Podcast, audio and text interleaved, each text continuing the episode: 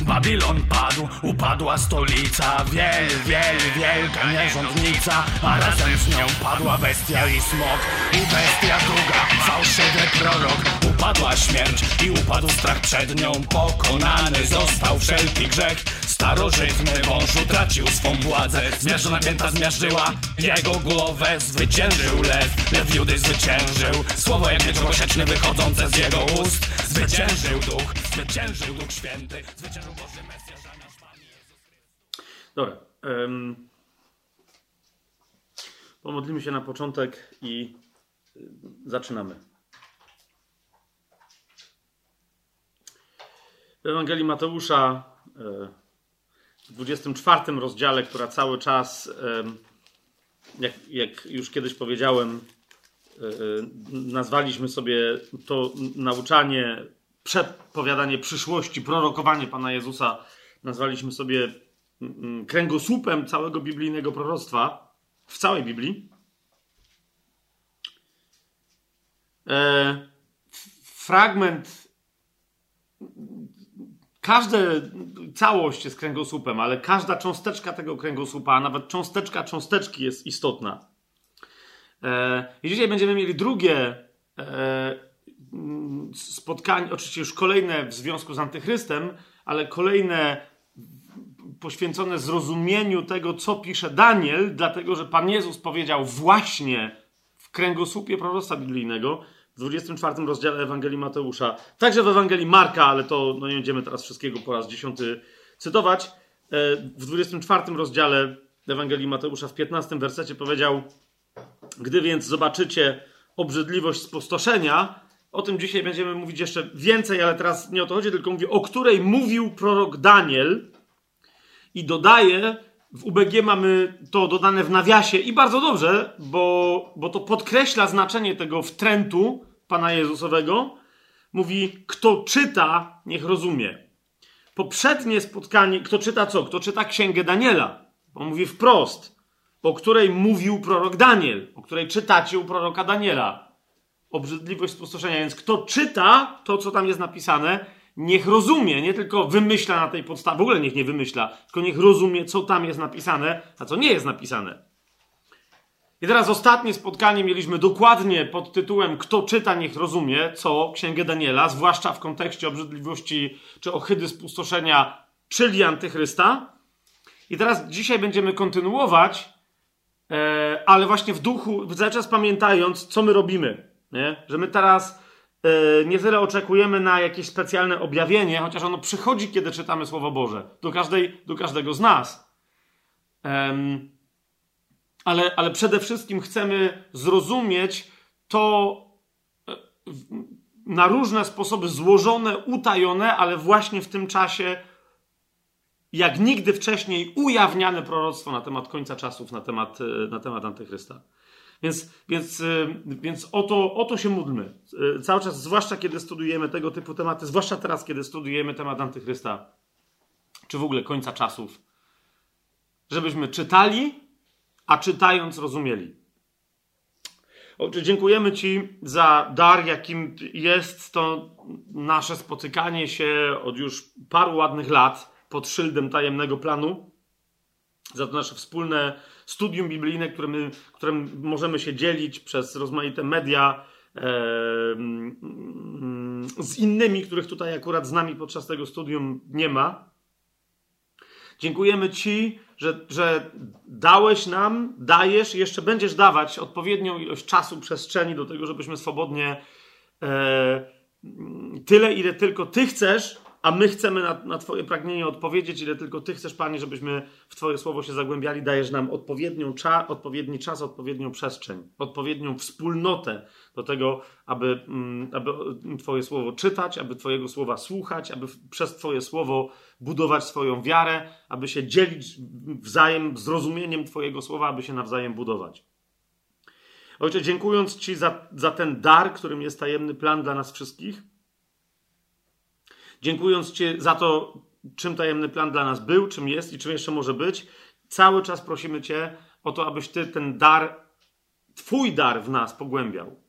Żebyś nam udzielał swojego świętego ducha na, na każde studium, ale zwłaszcza na takie jak to, wokół którego przez wieki narosły jakieś fałszywe interpretacje, które celowo diabeł atakował, żeby prawda nie wyszła na jaw, bo ona służy wszystkim, tylko nie jemu, bo jest kłamcą od zawsze.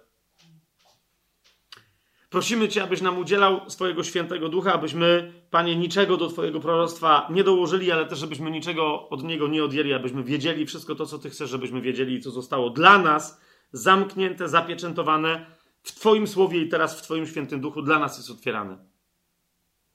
Prosimy Cię też, Panie, żeby każde takie studium e, było dla nas pobudzeniem do jeszcze większej, jeszcze głębszej, prawdziwej, nieobłudnej miłości do siebie nawzajem, do Ciebie, do braci i sióstr, do wierzących i do niewierzących, nawet do tych, którzy, którzy nas nienawidzą i którzy nas prześladują. Prosimy Cię, Panie, żeby, żeby to studium nie było tylko e, dla nas rozwojem jakimś intelektualnym, poszerzeniem wiedzy, ale żeby się przyczyniło w życiu każdej i każdego z nas do, do przyniesienia jak najobfitszego, jak najsmaczniejszego dla Twojego, Panie, podniebienia owocu. Amen. E, I jedziemy, bo wiecie, że tematy są poważne. Więc kontynuujemy temat. Gdyby ktoś teraz e, e, wskoczył w ten temat, na przykład odsłuchując tego nagrania, E, to przypominam, że to już jest które? Czwarte? Piąte z rzędu spotkanie poświęcone, czwarte poświęcone Antychrystowi, ale z całą pewnością drugie poświęcone lekturze Księgi Daniela w kontekście e, postaci, którą już wiecie dobrze, że raczej potocznie niż nie nazywamy antychrystem. Więc lektura drugiego rozdziału, lektura siódmego rozdziału już jest za nami. Ja tego nie będę powtarzał do pewnych rzeczy, natomiast będę się odnosił. I jeżeli ktoś by miał czegoś nie zrozumieć, to wtedy dobrze byłoby, żeby wrócił do poprzedniego naszego studium, do poprzedniego wykładu i, i, i tam się zorientował, co w drugim, co w siódmym rozdziale się działo. Dzisiaj będziemy kontynuować lekturę, zwłaszcza rozdziału e, ósmego, e, oczywistą lekturę drugiej, lekturę drugiej części dziewiątego, jedenastego i dwunastego E, ale dzisiaj nie skończymy, dlatego że ta dzisiejsza nasza lektura, będziemy ją musieli. Dziś być może dla niektórych z Was e, się troszkę wyjaśni, czemu o pewnych tematach musieliśmy powiedzieć wcześniej. Czemu na przykład w ogóle musieliśmy mówić o ogólnych zasadach e, i szczególnych rozumienia, rozumienia biblijnego proroctwa itd., tak itd. Tak Bo dzisiaj się zderzymy z pewnymi problemami, które dla że się tak wyrażę, pilnego studenta tajemnego planu nie są żadnymi problemami, ale e, całkiem możliwe, że już się spotkaliście z tymi problemami jako bardzo poważnymi teologicznymi problemami e, w kościele w ogóle. Nie? Albo jeżeli się z nimi nie spotkaliście, to się prawdopodobnie z nimi e, spotkacie i to będzie dokładnie problem takiej natury, jak jak ten, z którym się spotkali Tesaloniczanie, na który Paweł odpowiadał im, przypominam, czy nie pamiętacie, jak wam mówiłem. Nie? To, y, zwłaszcza to dzisiejsze nasze studium będzie, y, jeżeli Paweł nauczał czegoś Tesaloniczan na temat końca czasów, na temat, y, na temat objawienia się człowieka grzechu, syna zatracenia, to y, pewnie te elementy, które, o których myśmy mówili e, w tym nauczaniu, miały miejsce, ale jeżeli miałbym z całą pewnością stuprocentowo powiedzieć, co z tego, z tych pięciu odcinków, zdaje się, jakie nam wyjdą na temat antychrysta, gdzie, kiedy to moje nauczanie, to nasze studium będzie prawie stuprocentowo, ze stuprocentową pewnością takim samym jak nauczanie Pawła, to jest dzisiaj. Nie? Bo z całą pewnością, jeżeli Paweł mówi, czy nie pamiętacie, że wam mówiłem, to musiał poruszać zwłaszcza ten jeden taki naczelny temat, którym się my dzisiaj zajmiemy. Nie? On się otóż pojawia, ten temat, e, bo jak pamiętacie, otworzymy sobie księgę e, Daniela. Ten temat, e, mm, problem pojawia się w ósmym rozdziale Mm, może się pojawić. Jeszcze raz, on się, według mnie to nie jest żaden problem, e, ale ponieważ w historii wielu teologów zrobiło z tego problem i dzisiaj wręcz całe kościoły i denominacje wyznają ten problem jako swój dogmat wiary. Rozumiecie? Dlatego musimy się tym zająć, żeby mieć jasność. Nie po to, żeby te kościoły czy te denominacje atakować, tylko żeby mieć jasność, co się tutaj dzieje. Nie? Nie ma dzisiaj akurat z nami Łukasza, ale on zdaje się dwa tygodnie temu właśnie mnie zapytał, czy będziemy ten temat poruszać, bo, bo y, to interesujące, że wielu protestantów ewangelicznie wierzących, biblijnie wierzących, ale mało znających e, się na proroctwie biblijnym e, chrześcijan, e, ma pod tym względem dokładnie takie samo wyznanie, takie samo rozumienie Biblii, jak na przykład teologowie rzymskokatolicy. Nie? I ja zdaje się dwa tygodnie temu o tym rozmawialiśmy, powiedziałem mu, że tak, to musimy absolutnie się tym, tym zająć, jest to, jest to w planie i to właśnie będziemy robić dzisiaj. Jaki to jest problem, kochani? Otóż w ósmym rozdziale, ostatnio e, z drugiego, a zwłaszcza z siódmego rozdziału, jak pamiętacie, Księgi Daniela, wyczytaliśmy, e, dowiedzieliśmy się, mówiąc absolutnie skrótowo, ja dopiero za, za tydzień będę e, podsumowywał całą naszą wiedzę na temat antychrysta w konkretnych punktach. Nie? Na razie tylko chcę, żebyśmy, wiecie, szczegółowe w miarę studium wspólnie odbyli, żeby, żeby potem wiedzieć skąd się jakie tematy biorą, żeby móc pewne cechy antychrysta e, oczywiste z całą pewnością, które, na które możemy wskazać, żeby móc sobie je zebrać w pewną listę. Ale to, czego się już dowiedzieliśmy, to, że istnieje de facto budowane przez postać, o której też już poświęciliśmy, e, o której też już sporo się dowiedzieliśmy, poświęciliśmy jej cały jeden e, z wieczorów naszych, tak? Czyli mm, chodzi mi o ducha antychrysta, nie o antychrysta, tak? Ta, te, te, ten ktoś, to dziadostwo, dowiedzieliśmy się, że buduje nie w jakimś miejscu na świecie, ale próbuje zbudować coś, co będzie oddziaływać na cały świat w historii ludzkich dziejów. Nie? W drugim rozdziale, jak pamiętacie, przy, y, przyglądaliśmy się Księgi Daniela, przyglądaliśmy się, bo da, e, nawet nie Danielowi, tylko królowi Nabuchodonozorowi zostało objawione, że e, to coś, co duch Antychrysta buduje, za, jakby wygląda z pewnego punktu widzenia, wygląda jak e, mm, posąg człowieka, który ma głowę i to jest początek tego imperium, które się będzie ciągnąć przez wieki. Uważajcie, aż do przyjścia Pana Jezusa. Bo to, bo to nie wiem, na, na ile myśmy to sobie wtedy mocno podkreślili, ale to jest od Nabuchodonozora aż do przyjścia Pana Jezusa. Nie? Głową złotą jest Nabuchodonozor, wyraźnie e, Daniel w Duchu Świętym mówi to Nabuchodonozorowi, a Antychryst wyjdzie, jak potem żeśmy ustalili, z pomiędzy palców tego posągu, z pomiędzy dziesięciu tych ostatnich królów, no i potem przyjdzie Pan Jezus. Więc to jest cały czas jedna ciągnąca się myśl, niektórzy mówią, no przez ostatnie 2000 lat jakoś e, e, gdzieś to cesarstwo rzymskie zniknęło, to tylko ostatnio napomknąłem i zaznaczyłem, jak pamiętacie, że wcale nigdzie nie zniknęło, tylko te nogi z żelaza się coraz bardziej zamieniają w stopy z żelaza i z ceramicznej gliny. Tak? Teraz w siódmym rozdziale dowiedzieliśmy się e, Księgi Daniela, że te poszczególne części tego, historycznie rzecz ujmując, tego posągu, czyli tego jednego imperium antychrysta, to będą poszczególne siły polityczne, imperia konkretne, historyczne, które zostały przedstawione nam pod postacią zwłaszcza e, trzech zwierząt. Pamiętacie, tak? No i rozumiemy, że to jest e, to jest Persja, potem Grecja, e, znaczy Babilon, Persja, Grecja i potem Rzym. Ale te trzy zwierzęta zwłaszcza, to jest Babilon, E, Persja i Grecja. I teraz e, o tyle to jest istotne, że nie tylko duch rzymski, i teraz, jak pamiętacie, szybko sobie przeskoczyliśmy do Księgi Objawienia, bo wiele osób e, popełnia już, już tam pewien błąd, mianowicie oddzielają wizję tych zwierząt, które następują po sobie, od wizji posągu. Nie? Gdy tymczasem to jest ta jedna i ta sama rzecz, tylko w ramach której Bóg pokazuje Danielowi różne dynamiki. Jest to, jest to jasne?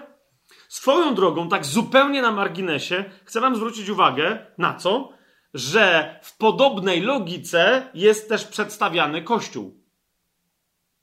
Okay? W podobnej logice Kościół jest przedstawiany albo w Biblii i, i, i postrzegany jako budowla, Nie martwa budowla, tak? ale jako budowla budowana na przestrzeni wieków. I w tym sensie budowlą diabelską jest ten posąg, ta figura de facto martwa, ale która, wiecie, ma być czczona i tak dalej, i tak dalej. Nie? My w Biblii mamy, mamy budowlę, dom Boży, świątynię Bożą, Kościół Boży. Tak? I z drugiej strony, kiedy jest jako istota żywa przedstawiane to dzieło diabelskie, to jest bestia, czy też po prostu zwierzę, a Kościół jest niewiastą, jest oblubienicą Chrystusa. Nie? Więc widzicie, że e, mamy e, diabła i dla niego e, ob, pseudo pa, pa, parodią groteskową, e, obrzydliwą, e, tak jak on próbuje sparodiować Boga swoją postacią, więc parodią oblubienicy Bożej jest właśnie to imperium ciągnące się przez wieki, począwszy od Nabuchodonozora, e, które, które przedrzeźnia oblubienicę. Tak? Okej. Okay. I teraz, więc my też, te, my też tych zwierząt nie możemy rozważać osobno, zwłaszcza kiedy czytamy w Księdze Objawienia, że dokładnie do tych zwierząt odwołuje się sam prorok, e, apostoł, ewangelista Jan. I on wyraźnie mówi, że bestia, czyli to zwierzę, tak naprawdę jest jedno, a ono ma cechy charakterystyczne poszczególnych, zwłaszcza tych trzech zwierząt, które są z osobna opisane w księdze Daniela. Mamy to? I to jest siódmy, to jest drugi, to jest siódmy rozdział. I teraz cały czas, kiedy czytamy e, drugi, siódmy rozdział i tak dalej, my się, my się zastanawiamy nad tym, nie, bo co nas to obchodzi, jak wyglądały, znaczy to, to nas akurat obchodzi, nawet jeżeli niektórych studentów Słowa Bożego trochę nudzą historie starożytne, bo właśnie niektórzy mówią, co nas to obchodzi. E, jasne, że nas interesuje historia postrzegana przez Słowo Boże, ale jednocześnie, żeby sobie móc pewne rzeczy wyobrazić, unaocznić, jak pewne rzeczy mogą wyglądać za chwilę dla nas, e, które wiecie, y, ludzie mówią, że daj spokój, przecież coś takiego jest niemożliwe, a potem jak się dowiadują, że tego typu rzecz, o której rozmawiamy, że Słowo Boże mówi, że ona dopiero nadejdzie, ale ona już miała miejsce w mniejszym wymiarze, wielokrotnie w historii, to są zdumieni. Jak to? Nie? Ludzie na przykład myślą, e, podam wam taki przykład, Mm, e, że zagłada Żydów, idea zagłady Żydów, Holokaustu, spalenia wszystkich Żydów od początku do końca, że jest ideą, z którą dopiero Adolf Hitler wystąpił. Już pomijam, że to w ogóle nie Adolf Hitler wystąpił, bo on, jeżeli z jakąś ideą oryginalnie występował, to żeby wysłać Żydów na Madagaskar, no i potem te różne inne historie, no nie żeby stworzyć dla nich jakąś tam enklawę, a to dopiero właściwie zaangażowani w ideologię religijną III Rzeszy ludzie typu e, Himmler, to oni dopiero stwierdzili, że nie, nie, nie, Żydów trzeba nie tylko, że zabić wszystkich, ale trzeba ich spalić w ofierze. Nie? Stąd idea Holokaustu i nie tylko strzelania. Wiecie, można byłoby przecież ludzi z tego narodu po prostu wziąć nawet nie do obozów, tylko po prostu, wiecie, kazać im wykopać dołu i ich pozastrzeliwać, tak? pozabijać w ten sposób, powi- powywieszać, podusić, no nie wiem, jakkolwiek, tak? Nie, tutaj chodziło o coś innego, żeby, żeby ich popalić, no nie, w całości, więc duszenie i potem palenie. A to było, e, no, no właśnie, a to trochę trwało, to było drogie. Trzecia Rzesza jako państwo socjalistyczne e, miało problem z tego typu kwestiami. Ale jeżeli ktoś mówi mi, że, a niektórzy mówią, że to dopiero Hitler z czymś takim wyszedł i trzecia Rzesza, no to, no to właśnie Biblia nam pokazuje, że ludzie, którzy powracali z ideą wybicia całego narodu wybranego, e, Izraela, to powracają w Biblii, no nie powiem, że co pokolenie, pewnie tacy, co mają takie pomysły, tak, ale tacy, którzy realizują te pomysły, no to wiecie, w zasadzie w Biblii co parę, paręnaście pokoleń. To jest jeszcze kwestia, jak ktoś rozumie pokolenie, ale nie? Księga Estery, jeżeli pamiętacie, jeżeli pamiętacie Mojżesza, jego historię to jest cały czas co? Wybić naród Izraela, wyplenić kogokolwiek, y, kto, kto, e, kto by po pozwolił mu się rozmnażać, e, żeby skończyć, znieść jego obecność na ziemi. Nie? Więc jeszcze raz, mm, przyglądnięcie się proroctwu biblijnemu, jak ono się realizuje w historii, dla nas jest ważne. Ale jeszcze raz, my tylko odnosimy się do tego o tyle O ile dziś będziemy się do tego odnosić. I teraz, kochani, tak czy siak, drugi, siódmy rozdział czytaliśmy w kontekście czego? No bo mówię, jest dla nas istotne y, Babilon, Persja, yy, Grecja, Rzym, wszystko gra, ale nas interesuje nie to, co było, tylko to, co nadejdzie. Niemniej, w ósmym rozdziale Księgi Daniela, w którym, jak pamiętacie, przedstawiłem wam e, fragment, który według mnie odnosi się do e, bezpośrednio do postaci antychrysta. Ok? Jak sobie otworzymy, e, jak sobie otworzymy ósmy rozdział.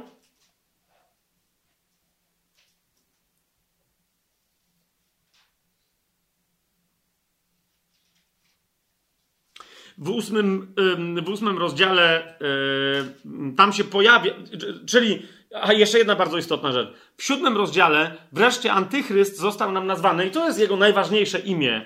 E, zwłaszcza u Daniela to jest w zasadzie, powiedziałbym, w zasadzie prawie, że jedyne jego imię. Nie? Bo tytuł księcia, czy jakiegoś przywódcy, czy władcy jest po prostu tytułem, ale prawie, że imieniem jest imię jakie? Mały róg albo rożek, nie? Który, który wyrośnie spośród dziesięciu y, innych rogów. Nie? I teraz chodzi mi o to, że w ósmym rozdziale ta postać się na powrót pojawia. Y, w ósmym rozdziale, w dziewiątym wersecie. Mamy tam napisane, z jednego z nich wyrósł mały róg, a ten bardzo wzrastał ku południu, yy, ku południowi, wschodowi i ku wspaniałej ziemi. I tak dalej, i tak dalej. Ja to zacytowałem.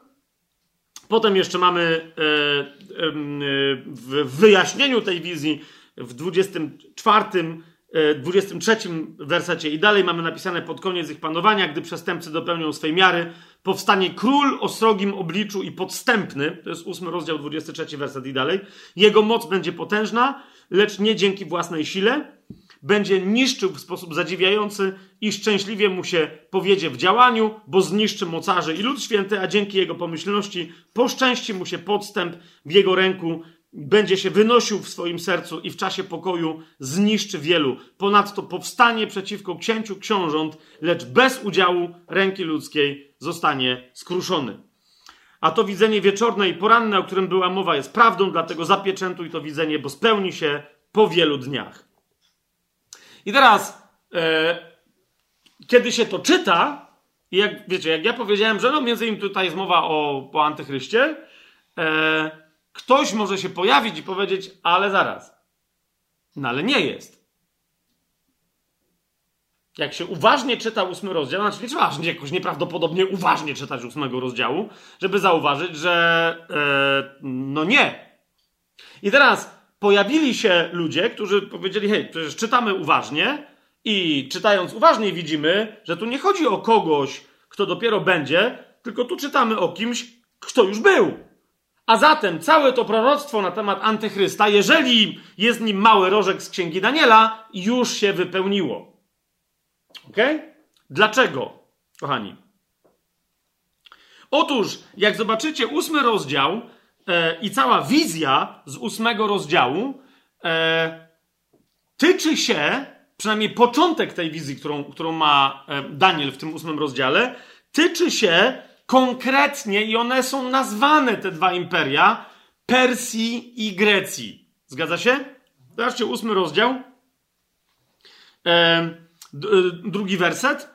Daniel pisze: Zobaczyłem w widzeniu, że jestem w pałacu Suza, który znajdował się w prowincji Elam zobaczyłem w widzeniu, że jestem nad rzeką Ulaj. To są też istotne informacje, ale nie na dzisiaj, nie na teraz, ale możecie sobie sami postudiować i pośledzić, o co tu chodzi z tymi odniesieniami geograficznymi i ich znaczeniami.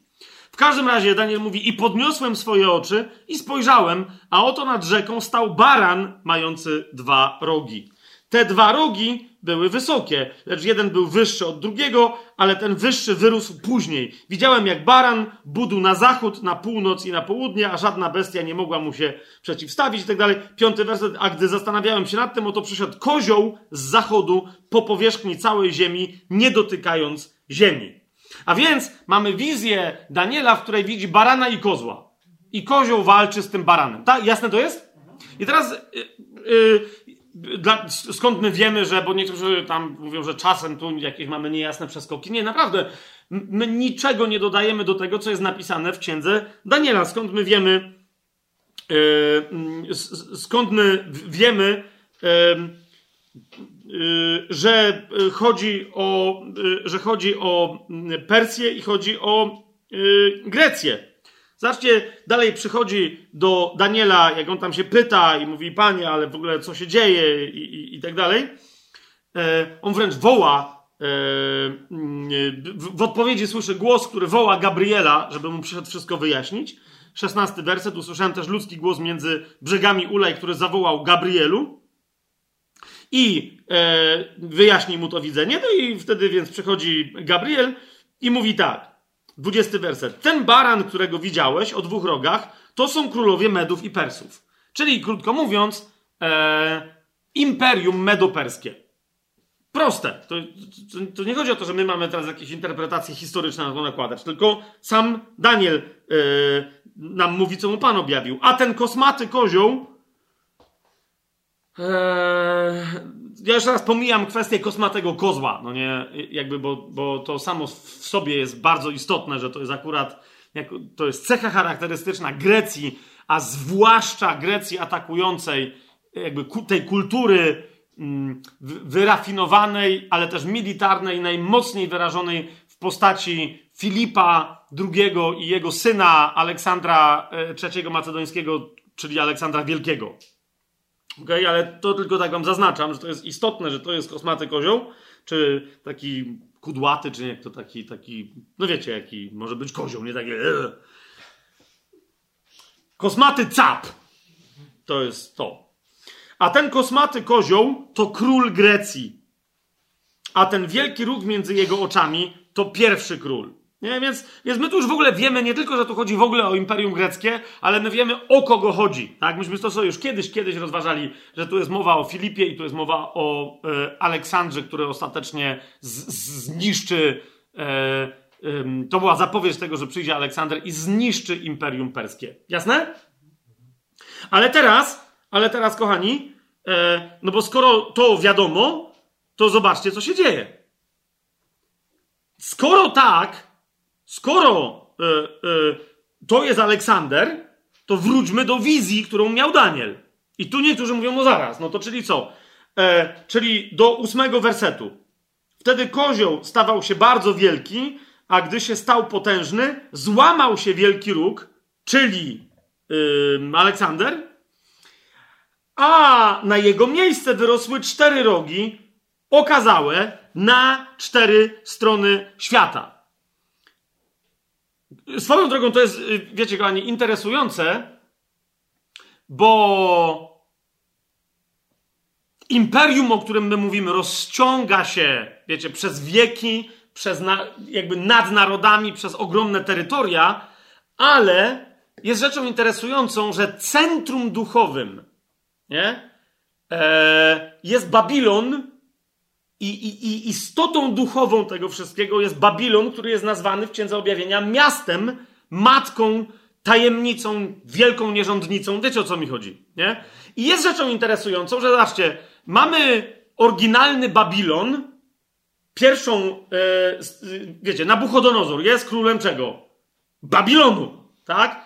I teraz, jak upada imperium babilońskie e, pod naciskiem medoperskim? Upada w Babilonie. Przyjeżdża Cyrus, jak pamiętacie, mówiliśmy sobie o tym troszeczkę, podstępnie wparowuje do Babilonu i Babilon jest zupełnie, mianowicie niezniszczony. Wparowuje tam Cyrus, kończy bodaj Dariusza z tego co pamiętam i tyle, jest po robocie, jest, jest po Persach, nie? Więc przewrót dokonuje się gdzie? W Babilonie. Teraz mało osób wie o tym, e, Biblia o tym w ogóle nie wspomina, ale jakby to jest oczywiste, nie? nie? Teraz nawet nie będziemy o tym mówić, ale dzisiaj sobie to nawet jeszcze sprawdziłem. Wielki Aleksander. Aleksander Macedoński. Przepotężny. Nie? W wieku 32 lat umiera gdzie? W Babilonie, w pałacu Nabuchodonozora. Obczajacie to? Czyli w momencie, kiedy, e, kiedy oni przejmują, e, Grecy przejmują wszystko od Persów, Ok? Niekoniecznie dzieje się to w Babilonie, ale potem to przejście z jednego rogu na cztery dokonuje się gdzie? Dokładnie tam, z powrotem w Babilonie. Nie? E, nikt się zresztą nie spodziewa, że Aleksander umrze i tam, rozumiecie, to 32 lata, to on dopiero zaczynał cokolwiek robić, a tu zanim zaczął, to już się wszystko skończyło. Nie? Ale to, to, to, to tak tylko zupełnie na marginesie i wtedy on mianuje tych swoich czterech królów. Jeżeli chcecie się temu przyjrzeć, bo tam to są, ich tam było więcej, ale ostatecznie e, to jest ciekawe, bo tam jak chcecie sobie sprawdzić historię po polsku e, ci mianowańcy, e, którzy mieli prawo do diademów władczych, nazywali się diadochami. Nie? Więc jak chcecie zobaczyć dokładnie, jak ta historia wyglądała, to myślę, że, że jak wystarczy wpisać, nie wiem, diadochowie Aleksandra albo coś takiego i to powinno w, w, w, w internecie tam się pojawić yy, historie z tym związane. I ich było więcej niż czterech, ale interesujące proroctwo mówiło o czterech, i my historycznie wiemy, że tak naprawdę tylko czterech miało jakiś sens, i potem dokładnie tak jak Daniel to przepowiadał, zanim w ogóle ktoś wiedział, że w ogóle kto to jest Aleksander Macedoński i tak dalej, dokładnie tak potem ich siła się kurczyła, aż zostało w zasadzie z nich dwóch najważniejszych. W każdym razie my tu mówimy o, o Kasandrze, o Lizymachu, no i oni potem jeden drugiego zeżarł, potem ten drugi też sczezł i tak naprawdę zostało tylko dwóch, czyli Seleukos i Ptolemeusz. Nie? I stąd mamy y, Ptolemaidów i Seleucydów później. Nie? Jakby takie dwa duże y, y, imperia. Teraz, y, ale chodzi mi o to, że zostały te cztery rogi i teraz sęk w tym, że dopóki trwają, zwłaszcza te dwa, tak? czyli, czyli imperia Seleucydów E, i to poptolemejskie, które zwłaszcza ze sobą e, się najmocniej zmagały, dopóty, co jest istotne, jest możliwe odczytanie dalszego proroctwa z ósmego, rozdzia e, z ósmego rozdziału. Rozumiecie, o co mi chodzi? Nie? Dlaczego? Ponieważ jest wyraźnie powiedziane, zobaczcie ósmy rozdział, ósmy werset, że kiedy złamał się ten jeden róg, czyli Aleksander, ósmy werset, na jego miejsce wyrosły cztery, czyli my już wiemy historycznie Kasander, Lizymach, Seleukos i Ptolemeusz, tak? Z jednego z tych czterech rogów, ok, wyrósł mały róg. Jasne to jest? I teraz niektórzy mówią, no dobra, dopóki my widzimy, no, po pierwsze, Czyli ten mały róg nie wyrasta z dziesięciu. Nie wiem, czy widzicie to. I my musimy naprawdę czy czytać Biblię, jak jest napisane. Tak? Wcześniej było napisane, że wyrasta z dziesięciu. Nie? Tu czytamy, że nie. No, i, I że z pomiędzy, jako jedenasty. Pamiętacie to? Jako jedenasty. Nie? A tu wyraźnie mamy napisane, że z jednego z tych czterech wyrasta. Nie? I w związku z tym niektórzy mówią, no, czyli tam te dziesięć, tu te nogi żelazne i tak dalej, to być może chodzi o to, że imperium greckie z tych czterech zamieniło się w dwa, imperium Seleucydów i e, ptolemaickie, i z, z jednego z nich wyrósł antychryst, no tylko, że my wiemy, że te imperia się skończyły. Potem przyszedł Rzym, wyjaśnił sytuację, przeszedł jak walec i się skończyło. Zatem, jeżeli miał kiedyś przyjść jakiś antychryst, to już wtedy przyszedł i to jest przeszła historia. Ok? Teraz z taką teologią i zaraz i my się będziemy musieli tym zająć, bo zaraz, bo tak tu jest napisane. I teraz najlepsze jest, wiecie co? Że ja się z tym zgadzam. Że dokładnie tak jest. W sensie mały róg już się pojawił, już był. Moja teza jest tylko taka, że ten mały róg to nie jest ten mały róg. To jest tamten mały róg. Ok? To jest ktoś, kto przyszedł w duchu antychrysta i zaraz będziemy sobie, wiesz, bliżej się przyjrzymy, żeby zobaczyć, jak sama Księga Daniela pokazuje antychrystów przychodzących w duchu antychrysta. Zwłaszcza jednego. Tak? Zwłaszcza jednego. Zwłaszcza jednego. Ale jak ktoś nie czyta uważnie, a bardzo na siłę chce coś zobaczyć już, to zobaczy. I teraz dokładnie tym się zajmiemy. Otóż widzicie, to jest jeden z elementów, Dlaczego to jest takie istotne? Czemu ja się tym tak ekscytuję? Bo e, w teologii, jak jeszcze, byś, jak jeszcze do tej pory nie wiedzieliście, to się teraz właśnie dowiecie, że wszystkich chrześcijan biblijnie wierzących, nawet inni chrześcijanie biblijnie wierzący, ale którzy e, nie wiedzą, co sądzić o tej jednej doktrynie biblijnej, wszystkich chrześcijan biblijnie wierzących, którzy uważają, że przyjdzie Pan Jezus na ziemię, I teraz mówicie zaraz, no to wszyscy biblijnie wierzący tak uważają. No okej, okay, tu jeszcze mamy, jak ktoś nie wierzy, że Pan Jezus wróci na ziemię, to w ogóle nie jest chrześcijaninem biblijnie wierzącym. Od tego zacznijmy, tak? Ale teraz chodzi o to, że niektórzy no okej, przyjdzie i tyle, żeby skończyć temat i to jest wszystko, nie? Otóż, kto uważa, że, tak jak mówi Biblia, w wielu, wielu, wielu, wielu, wielu, wielu miejscach, tak wielu, że aż ostatnio miałem nawet takie e, delikatne oświecenie, czy po prostu nie namówić tu siedzącego wśród nas jednego brata, żebyśmy wydali e, książkę, e, żeby wyjąć wszystkie fragmenty z Biblii. E, że w kontekście wszystkie rozdziały w Biblii, które mówią o nadchodzącym tysiącletnim królestwie. Nie? Mówię wam, że to by. Po prostu, żeby wydać taką wersję Biblia o tysiącletnim. Bez żadnych komentarzy. Tylko i wyłącznie od początku do końca Biblii, gdzie Biblia mówi o tysiącletnim królestwie i w jaki sposób. Nie? Niekoniecznie chronologicznie, tak żeby to wszystko było ze sobą po, powiązane. Ludzie się zdziwią, jak zobaczą, że jest ponad 100 rozdziałów, częstokroć w całości poświęconych e, królestwu, które dopiero nadejdzie. I to w taki oczywisty sposób, że one mówią o tym królestwie, które dopiero nadejdzie, że, no, bo po pierwsze, bo jeszcze takiego nie było, po drugie, że wyraźnie jest powiedziane, że to jest królestwo, z którym przyjdzie Mesjasz, kiedy wróci na ziemię. Nie? I teraz, ale o co mi chodzi? Bo teraz to jest istotna rzecz dla poważnych studentów Słowa Bożego. Otóż każdy, kto zna Biblię i wie, że tak będzie. Jeszcze raz mówię, no nie ma poważnego, wiecie, e, e, e, teologa, egzegety biblijnego, kto by nie wiedział, że tak jest w Biblii napisane. Tak? Nie zmienia to jednak faktu, że są całe denominacje, e, jeżeli ktoś na przykład Kościół rzymskokatolicki uważa za chrześcijańską denominację, no to to jest jedna z takich denominacji, która taki pogląd, że wróci Pan Jezus na ziemię i wprowadzi tysiącletnie królestwo na ziemi, a, czyli tak zwane millennium, tak? To jest tysiącletnie królestwo, e, żeby, rozumiecie, że stworzyć takie wrażenie, że no są różne koncepcje na ten temat, są różne koncepcje na ten temat, są bardzo różne koncepcje na ten temat. To, e, żeby zaznaczyć, że niby są różne koncepcje na ten temat, ludzi, którzy tak uważają, że Biblia tak mówi, że przyjdzie Pan Jezus i wprowadzi tysiącletne królestwo, nazywa się e, e, teologicznie premilenialistami. Czyli, że my uważamy, że jeszcze Kościół znajduje się w epoce przed milenium. Jest to jasne? Premilenialistami. Mam tu ze sobą akurat z zupełnie innego powodu, ale mi się przypomniało, że on też o nim pisze, bo to jeszcze będziemy cytować. Komentarz żydowski do Nowego Testamentu. Bardzo dobra rzecz, bardzo dobra rzecz.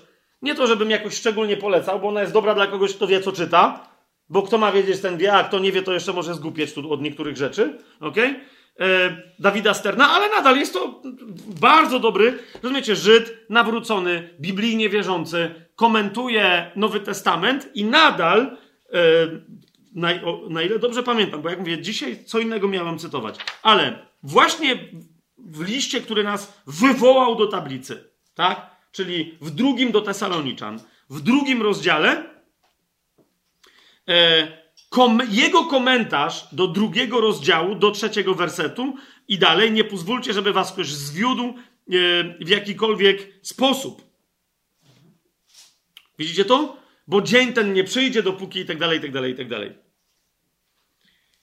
Eee, I teraz jego komentarz oddaje dokładnie, żebyście wy zrozumieli, że jest taki problem w chrześcijaństwie dzisiaj. I o to mnie też Łukasz pytał. Nie? Zobaczcie, sam Stern, który wie jak jest, jest mesjańskim Żydem, jest nawróconym Żydem, który wierzy na sposób biblijny, wierzy w Pana Jezusa, wyznaje go jako Mesjasza. Rozumiecie o co chodzi?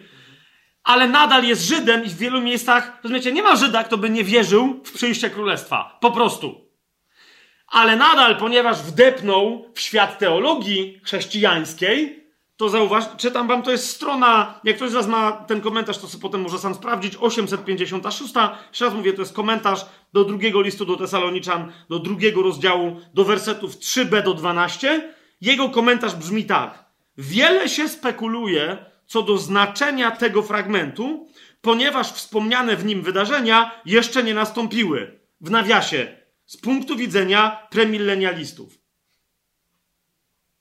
Ale zaraz, e, ale zaraz, ale zaraz. Jak, jak mówią e, moi ulubieni kaznodzieje e, przebudzeniowi z, z południa, e, z, z, południa Stanów Zjednoczonych. Wait a minute, wait a minute! Hold on! Holy Ghost! Hallelujah! Wait a minute! Bo zaraz, ale o czym on mówi? Jak to, jakie wydarzenia jeszcze, że nie nastąpiły z punktu widzenia premilenialistów? Ale o czym tu jest mowa? O tysiącletnim królestwie? Czy o przyjściu, zwróćcie uwagę, o przyjściu odstępstwa i o przyjściu człowieka grzechu, syna, syna zatracenia? Wiecie, co się dzieje? Jeżeli ktoś nie wierzy w to, że królestwo dopiero przyjdzie, to może jakby na zasadach pewnej, e, rozumiecie, rozciągnąć tę swoją teologię, że te królestwo już przyszło, a skoro tak, przed królestwem musi przyjść antychryst i odstępstwo, więc one też już przyszły, one już były. I teraz rozumiecie, biedny Stern, jako że mówi, nie, to dopiero przyjdzie. Z punktu widzenia premilenialistów. A ja, ja się nie wypowiadam, bo ja nie wiem, czy mam prawo się przyznać, że jestem premilenialistą. Dalej mówi, nie? Tesaloniczanie lepiej niż my wiedzieli, o co chodzi Szaulowi, ponieważ mówił im już o tych sprawach. Mimo to opinii na ten temat jest niezmiernie wiele, a każda przy tym mozolnie uzasadniona cytatami z pisma. To, że jakaś opinia jest uzasadniona mozolnie, nie znaczy, że jest słusznie uzasadniana. Rozumiecie, o co mi idzie?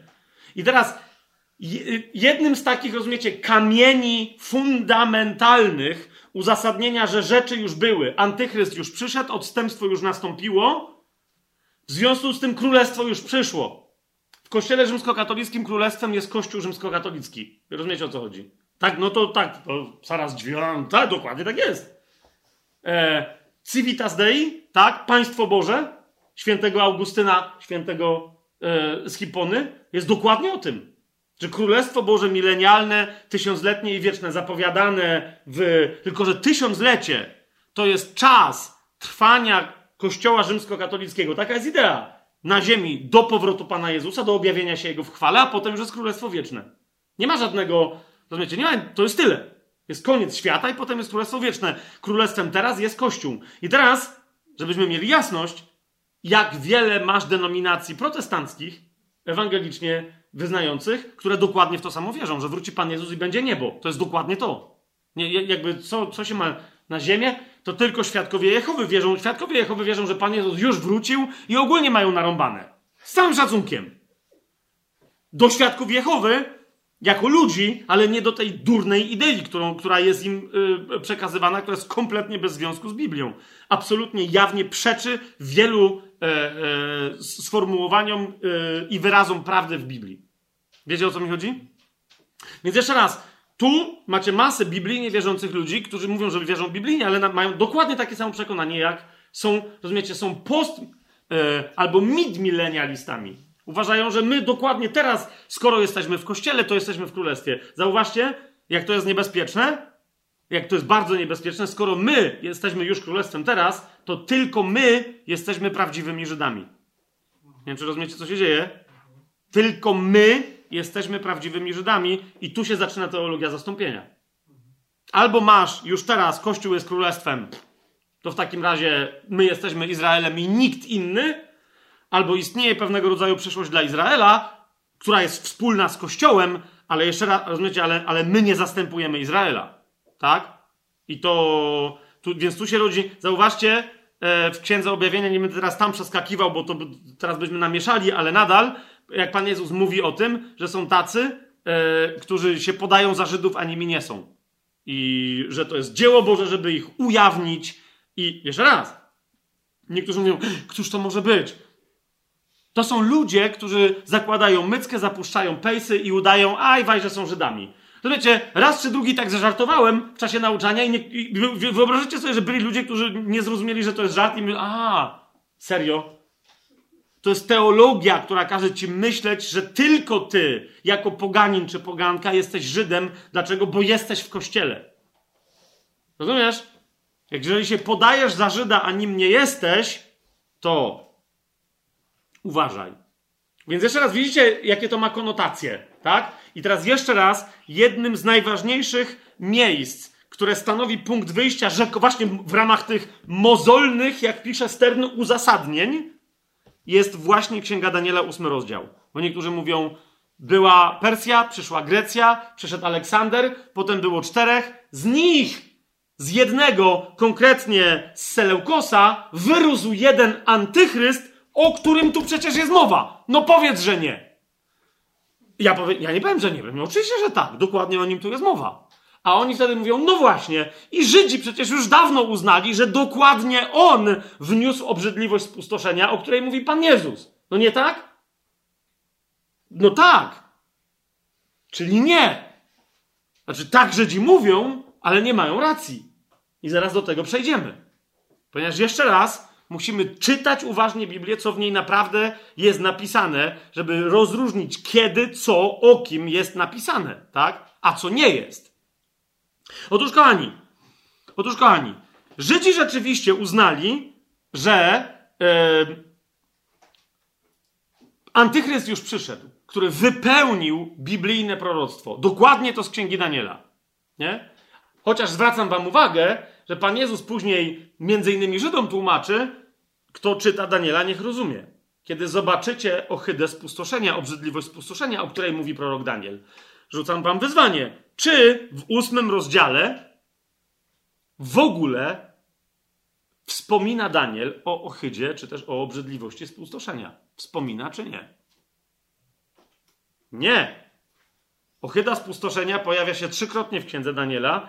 Pan Jezus wyraźnie mówi, że to ona jest cechą charakterystyczną tego ostatniego antychrysta, tego, że tak powiem, właściwego, tak? A w ósmym rozdziale o niej nie ma mowy.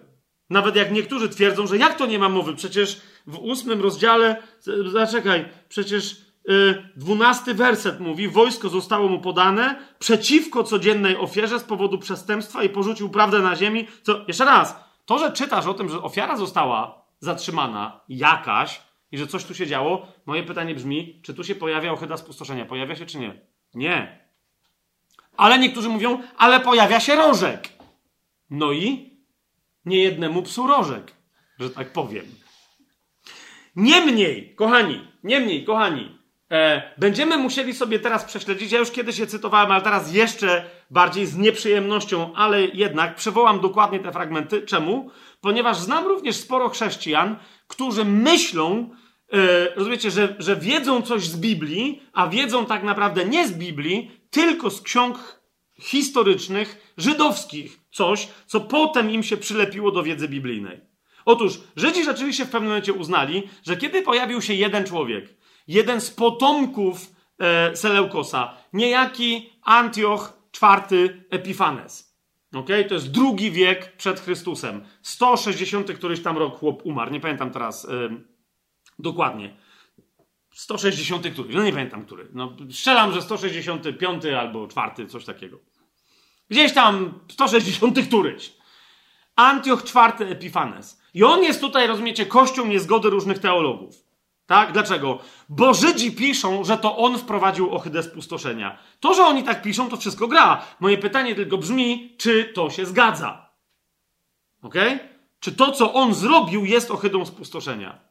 Jeszcze raz, myśmy ostatnio nieco sobie wspomnieli o tym, co zrobi antychryst, więc teraz zwracam wam serdeczną uwagę, proszę was, Przyjrzyjcie się tym tekstom, na które niektórzy, wielu teologów się powoływało i dalej się powołuje, i powiedzcie mi, czy te teksty, które mówią o tym, jak Żydzi widzą wprowadzenie, wprowadzenie ohydy spustoszenia przez Antiocha IV Epifanesa, wypełniają proroctwo biblijne Daniela. A nawet gdyby wypełniały, chociaż nie wypełniają, to czy wypełniają proroctwo biblijne, które później Pan Jezus jeszcze nam, wiecie, do, dokładnie przedstawia, tak?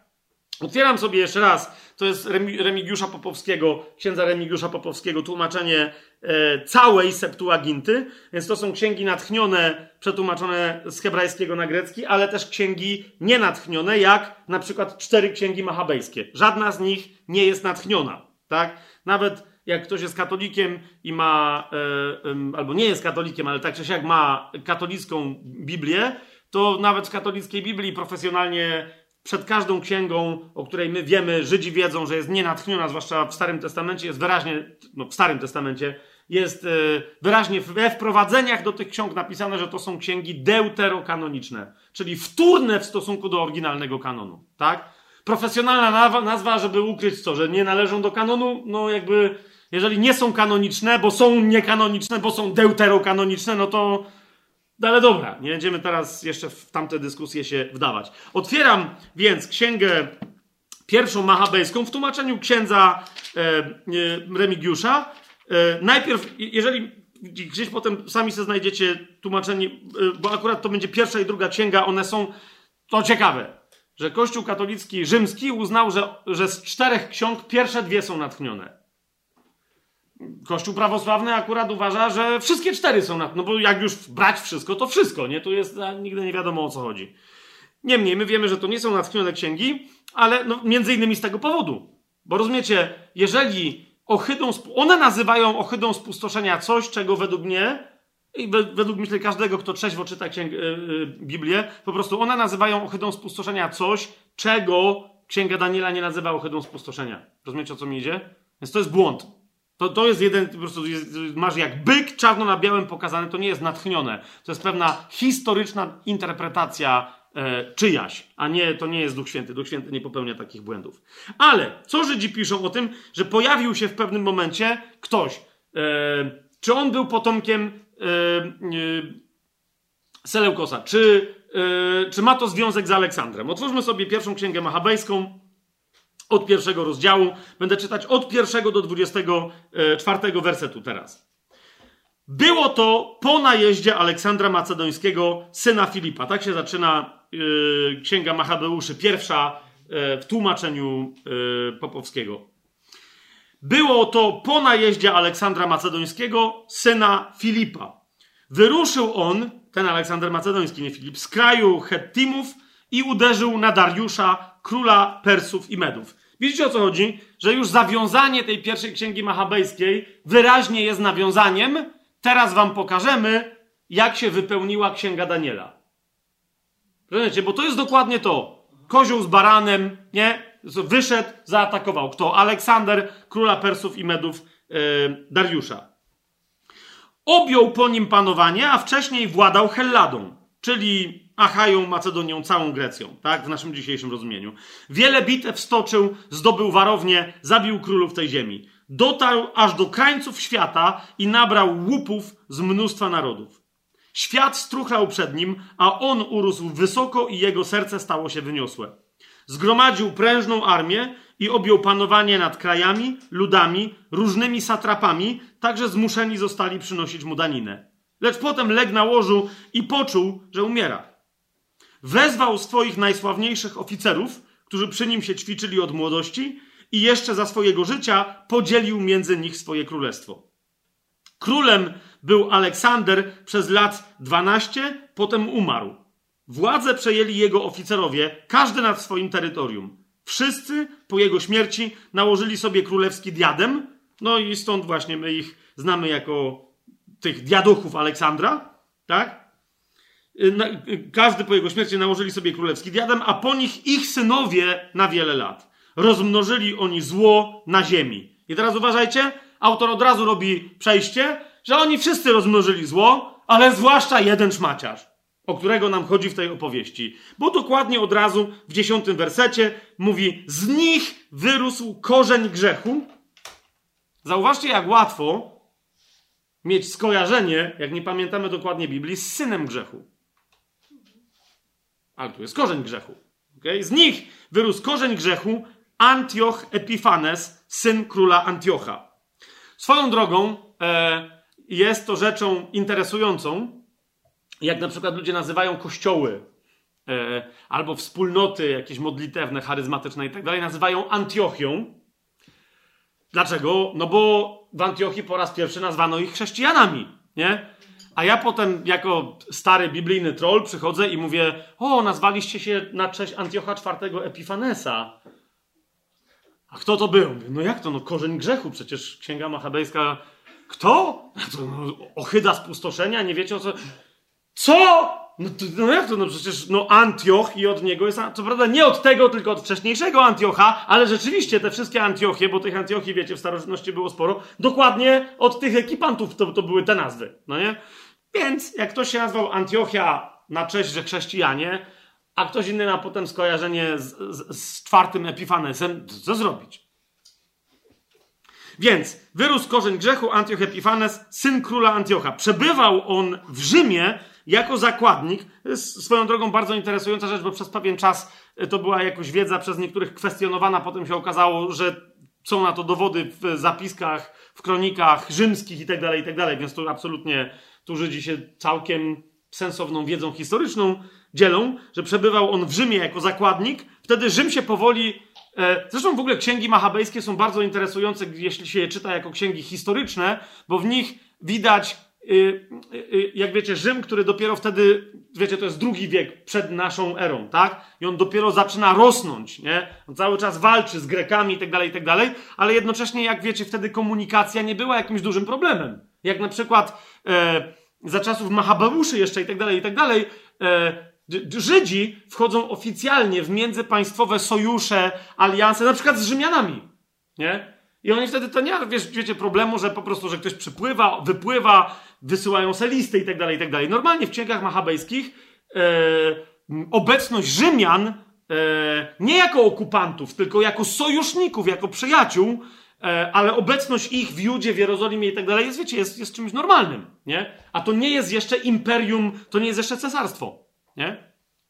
W takim rozumieniu, jak my, jak my postrzegamy Imperium Rzymskie, zwłaszcza od Cezara Augusta i tak dalej, i tak dalej. Nie? Więc on e, przebywał w Rzymie jako zakładnik, a władzę królewską objął w 137 roku panowania Helenów. I teraz co się dzieje? Mamy następujące, i teraz będę czytać dokładnie opisy, tylko te, które na, nas interesują, które są dowodem księgi machabejskiej, bo one się nie tyle koncentrują na tym, jaką to obrzydliwość spustoszenia wprowadził E, Antioch e, w Jerozolimie, tylko że e, jakby, mm, że, że bo myśl księg, ksiąg machabejskich, taka nieco utajona, ale nie do końca brzmi jak. Jeżeli antychryst już przyszedł, jeżeli jesteśmy już po ohydzie spustoszenia, to teraz tylko patrzeć, jak przyjdzie Mesjasz. Nie? Swoją drogą to była niegłupia myśl tak? W połowie drugiego wieku przed Chrystusem. To była niegłupia myśl. Tylko widzicie, jak ktoś w głupi sposób patrzy, to potem nie może zobaczyć, kiedy patrzy na coś, czego się spodziewał, że zobaczy. I nagle nie widzi, nie? Więc, ale jeszcze raz, oni, okej, okay, czyli wystąpili wtedy w Izraelu pewni łamiący prawo ludzie, czytam jedenasty werset z tej pierwszej księgi machabejskiej. Wystąpili wtedy w Izraelu pewni łamiący prawo ludzie i wielu uwiedli takimi słowami: Chodźcie, sprzymierzymy się z mieszkającymi wokół nas poganami, bo odkąd odsunęliśmy się od nich, spotkało nas wiele zła. Spodobała im się ta propozycja, niektórzy z ludu skwapliwie udali się do króla, a on dał im władzę do wprowadzenia porządków pogańskich. Według zwyczaju zatem pogan wybudowali w Jerozolimie szkołę gimnastyczną stąd w języku angielskim do dzisiaj na określenie sali gimnastycznej, klubu fitness i tak dalej masz fitness gym, czyli gimnazjum, tak? To jest to. To jest, to jest oryginalnie gimnazjum. Nie wiem dlaczego w pewnym momencie szkoły zaczęły się tak nazywać, bo to powinny być szkoły sportowe, no ale niech będzie, no nie? Yy, więc oni tu, oni zrobili yy, nie szkołę gimnastyczną, tylko gimnazjum, tak? Czyli po prostu fitness club zrobili ala Dlaczego to było e, chamskie i bezczelne? Bo tam, podobnie jak dzisiaj, na przykład e, wielu, którzy ćwiczy e, azjatyckie sztuki walki, w, pewnych odmianach, na przykład karate, przed każdym treningiem studiuje, nie, nie studiuje się, tylko oddaje się wręcz cześć, medytuje się postać założyciela szkoły. Nie? Więc jest plakat tego założyciela i wszyscy się jemu kłaniają, a jakby jego nie ma, tylko jest jego obraz. Więc jakby wiecie, hello, nie? Kiedyś zwróciłem na to uwagę jednemu człowiekowi, który mówił, że jest biblijnie wierzący i był zdziwiony. Mówi, że ale... Mówi, no ale wiesz, Gishin Funakoshi, coś tam, ja, no ale i co? To ty się nie jemu kłaniasz, a, a cała reszta komu się kłania, nie? To był dokładnie w takiej odmianie tam tego karate, że oni dosłownie przed każdym treningiem mieli medytację, medytowali jego postać, jakby chcieli, wiecie, wczuć się w jego ducha i tak dalej, i tak dalej, i dopiero potem zaczynali trening, nie? Więc oni wtedy w starożytności też tak robili, nie? Czyli te gimnazja były poświęcone bogom, poszczególne sporty były po, poświęcone różnym bóstwom, e, plus dodatkowo jeszcze, wiecie, to oni tam, umówmy się, wszyscy nago ćwiczyli, nie? A że tu trzeba było rozpropagować biznesowo również temat, no to jakby wiecie, szkoły były otwarte, były, wiecie, wejścia i tak dalej. Ludzie jedni ćwiczyli za pieniądze, a inni przychodzili płacić pieniądze, żeby oglądać ćwiczenia, a potem to prowadziło znowu, wiecie, do zawodów, kiedy gołe chłopy po prostu się naparzały, co w Izraelu nie bywało, tak? Więc rozumiecie, co się tutaj zaczęło, zaczęło wyprawiać. Wyzbyli się znaku obrzezania, no i to było dodat, właśnie to było to, tak? Założyli gimnazjum, zaczęli nago walczyć i to się jeszcze wtedy okazało, że wszystko było widać, więc widać było, czy jest znak obrzezania, czy nie ma. A tu nie ma. No i masz. Dodatkowe zepsucie obyczajów. Już nawet nie na, nawet na to, co patrzyli, tylko no końcówka tego samego wniosku, że tak powiem, nie?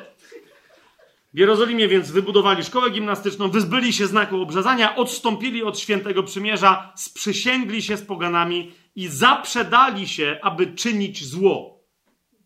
Kiedy Antioch uznał, że królestwo jest już odpowiednio przygotowane, postanowił objąć władzę także nad Egiptem, aby być panem dwóch królestw. To był właśnie jego, bo z tego co pamiętam, wtedy e, on był e, z, z rodu Seleucydów, ale e, do potomków Ptolemeusza należał Egipt, z tego co, co jeżeli dobrze pamiętam, więc on ich tam e, zaatakował. A no tak, mam to za chwilę napisane w księdze machabejskiej, przepraszam. E, wtargnął do Egiptu z ogromną ilością ciężko zbrojnych, z wozami bojowymi i słoniami, z konnicą i wielką armadą i stanął do walki z Ptolemeuszem, królem Egiptu. Ptolemeusz został przez niego zmuszony do odwrotu, sam uciekł, lecz padło wielu zabitych. Antioch zdobył w Egipcie miasta warowne i nabrał tam łupów. Po podbiciu Egiptu wycofał się Antioch w roku 143 i ruszył z powrotem przeciw Izraelowi. Wszedł do Jerozolimy z wielką liczbą ciężkozbrojnych, wtargnął zuchwale do sanktuarium. Widzicie, zbliżamy się do kluczowego momentu. Nie? Zdobył Jerozolimę, wszedł do sanktuarium. Ok? Wtargnął zuchwale do sanktuarium i zabrał złoty ołtarz, lichtarz z całym jego wyposażeniem, stół pokładny, kielichy, misy, złote kadzielnice, kotarę, wieńce, złote przeozdobienie fasady przybytku. Wszystko zagrabił. Zabrał też srebro, złoto i drogocenny sprzęt. Zabrał ukryte skarby, które znalazł. Zabrawszy to wszystko, odszedł do swojego kraju. I niektórzy powiadają, to jest spustoszenie. Tu, tu się dokonało spustoszenie. Ja się zgadzam, że się dokonało. Jest tylko pytanie, jeżeli Pan Jezus mówi, Daniel mówi o ohydzie, o obrzydliwości spustoszenia, to czy my możemy sobie swobodnie wiązać pewne wątki? Doszło do spustoszenia tutaj? Doszło. Czego? Miejsca świętego. Ale pojawiła się tu jakaś obrzydliwość? No nie, bo chłop wziął i poszedł. Nie? Patrzcie dalej. A jeszcze dopuścił się mordów i przemówił z wyniosłą pychą. Nastała wielka żałoba w Izraelu i w każdej ich osadzie. No więc doszło do opustoszenia, przemawiał wielkie rzeczy, przemawiał w pysze. Czy nie są to cechy antychrysta? Są to cechy, jak już mówiliśmy, ducha antychrysta. Ok? Ale ten ostatni antychryst, którego możemy powiedzieć, że po nim już nie będzie żadnego innego, żeby powiedzieć, że ten chłop, czy jakikolwiek inny, czy jakikolwiek inny, żeby powiedzieć, że to był ten, już więcej żadnego nie będzie, ok? Musi spełniać wszystkie cechy, o których mówi Biblia. Zgodzicie się? O, o których mówi o, o, których mówi proroctwo. Teraz w 41, w pierwszym rozdziale pierwszej księgi machabejskiej, w 41 wersecie i dalej czytamy, że tenże król, ten Antioch, nie wrócił do Jerozolimy, ale co zrobił?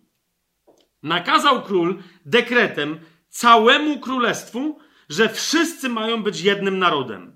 To jest kolejna cecha, zgadzam się, charakterystyczna dla tego ducha. Ale czytamy dalej i że każdy ma porzucić swoje obyczaje. Pamiętacie, że na końcu Antychryst przyjdzie, żeby zmieniać prawa, obyczaje, czasy itd., tak itd., tak nie? Ten też kazał porzucić swoje obyczaje. Wszystkie ludy z uległością przyjęły ten nakaz królewski. Także wielu z Izraela przystało na ten jego kult. Jaki? I tu jest wyjaśnione. Składało ofiary bałwanom i profanowało, no, profanowało szabat. Macie dodatkowe wystąpienie przeciwko prawu. Posłał król poprzez gońców pisma do Jeruzalem i do miast Judy z zarządzeniem, że mają przestrzegać obyczajów obcych tej ziemi. Że mają mianowicie usunąć z sanktuarium całopalenia. Niektórzy mówią, czyli została usunięta ofiara. Zgadza się? Okej. Okay. No tu nie mamy mowy, że została usunięta, ale że jest rozkaz, aby została usunięta. Okej. Okay. Czytamy dalej, że mianowicie mają usunąć z sanktuarium całopalenia i ofiary krwawe i płynne, znieść obchodzenie szabatów i uroczystości, zbezcześcić sanktuarium i święte sprzęty, postawić ołtarze, świątynie i idole, składać ofiary ze świń i z nieczystej zwierzyny. To już te świnie już by wystarczyły Żydom. Umówmy się, żeby jeszcze dodatkowo nieczyste zwierzęta. Zostawić swoich synów nieobrzezanymi, siebie samych skalać wszystkim, co nieczyste i nieświęte. Mieli zapomnieć o prawie i zaniechać wszystkich czynów zgodnych z nim, a kto nie postąpi według tego nakazu królewskiego, umrze. Z wszystkimi tymi nakazami wysłał pisma także do całego swojego królestwa. E, ustanowił nadzorców nad całym ludem i zarządził, aby miasta Judy, miasto po mieście, składały takie ofiary. Wielu z ludu przeszło na jego stronę, każdy przez odstępstwo od prawa, a więc macie, widzicie, wielkie odstępstwo. Nie? Wielkie odstępstwo w wyniku objawienia się człowieka e, grzechu syna zatracenia. Tak? Wielu z nich przeszło na jego stronę, każdy przez odstępstwo od prawa czynili zło w tym kraju, zmusili Izraela do chowania się po różnych kryjówkach. W piętnastym dniu miesiąca, y, on tu tłumaczy jako Haseleu, no bo tłumaczy z greki, chodzi o miesiąc Kislew, roku 145 król postawił na ołtarzu całopaleń i widzicie, tu mamy kluczowe sformułowanie. Interpretację teologiczną autora pierwszej i prawdopodobnie także drugiej księgi machabejskiej. W 15, y, w 15 dniu miesiąca Kisle roku 145 król postawił na ołtarzu całopaleń ohydę spustoszenia. Okay? Czyli on mówi, Antioch Epifanes dokonał tego, co zapowiadał prorok Daniel. On postawił ohydę spustoszenia. I dla wielu ta interpretacja jest, no, no to czego jeszcze? Żydzi przecież wyraźnie mówią, że tak jest. Teraz się dowiemy, czy Żydzi tak mówią, że tak jest. Autor pierwszej księgi machabejskiej w tamtym czasie uznał, no już nic gorszego się nie może wydarzyć niż to. Ok? On postawił ohydę ohydę e, spustoszenia. Także w przyległych miastach judzkich postawił bałwo, bałwochwalcze ołtarze, nawet przy bramach domów i na ulicach składali ofiary kadzielne, księgi prawa, jakiekolwiek znaleźli, podarli i spalili w ogniu. Jeśli u kogoś znaleziono jakąś przysięgę przymierza lub jeśli ktoś przestrzegał prawa, na śmierć go skazywał wyrok króla. Gwałt zadawali Izraelowi, kogokolwiek w miastach złapali i to miesiąc w miesiąc 25 dnia każdego miesiąca składali ofiary na tym bałwochwalczym ołtarzu, który został tu już nazwany ohydą, czy też obrzydliwością spustoszenia, który postawiono na ołtarzu całopaleń. Mamy to?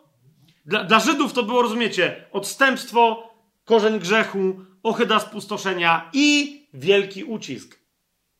Wielki ucisk. Ktokolwiek tego nie robił, musiał zginąć. Jeszcze raz, Oczywiście, że to jest duch antychrysta.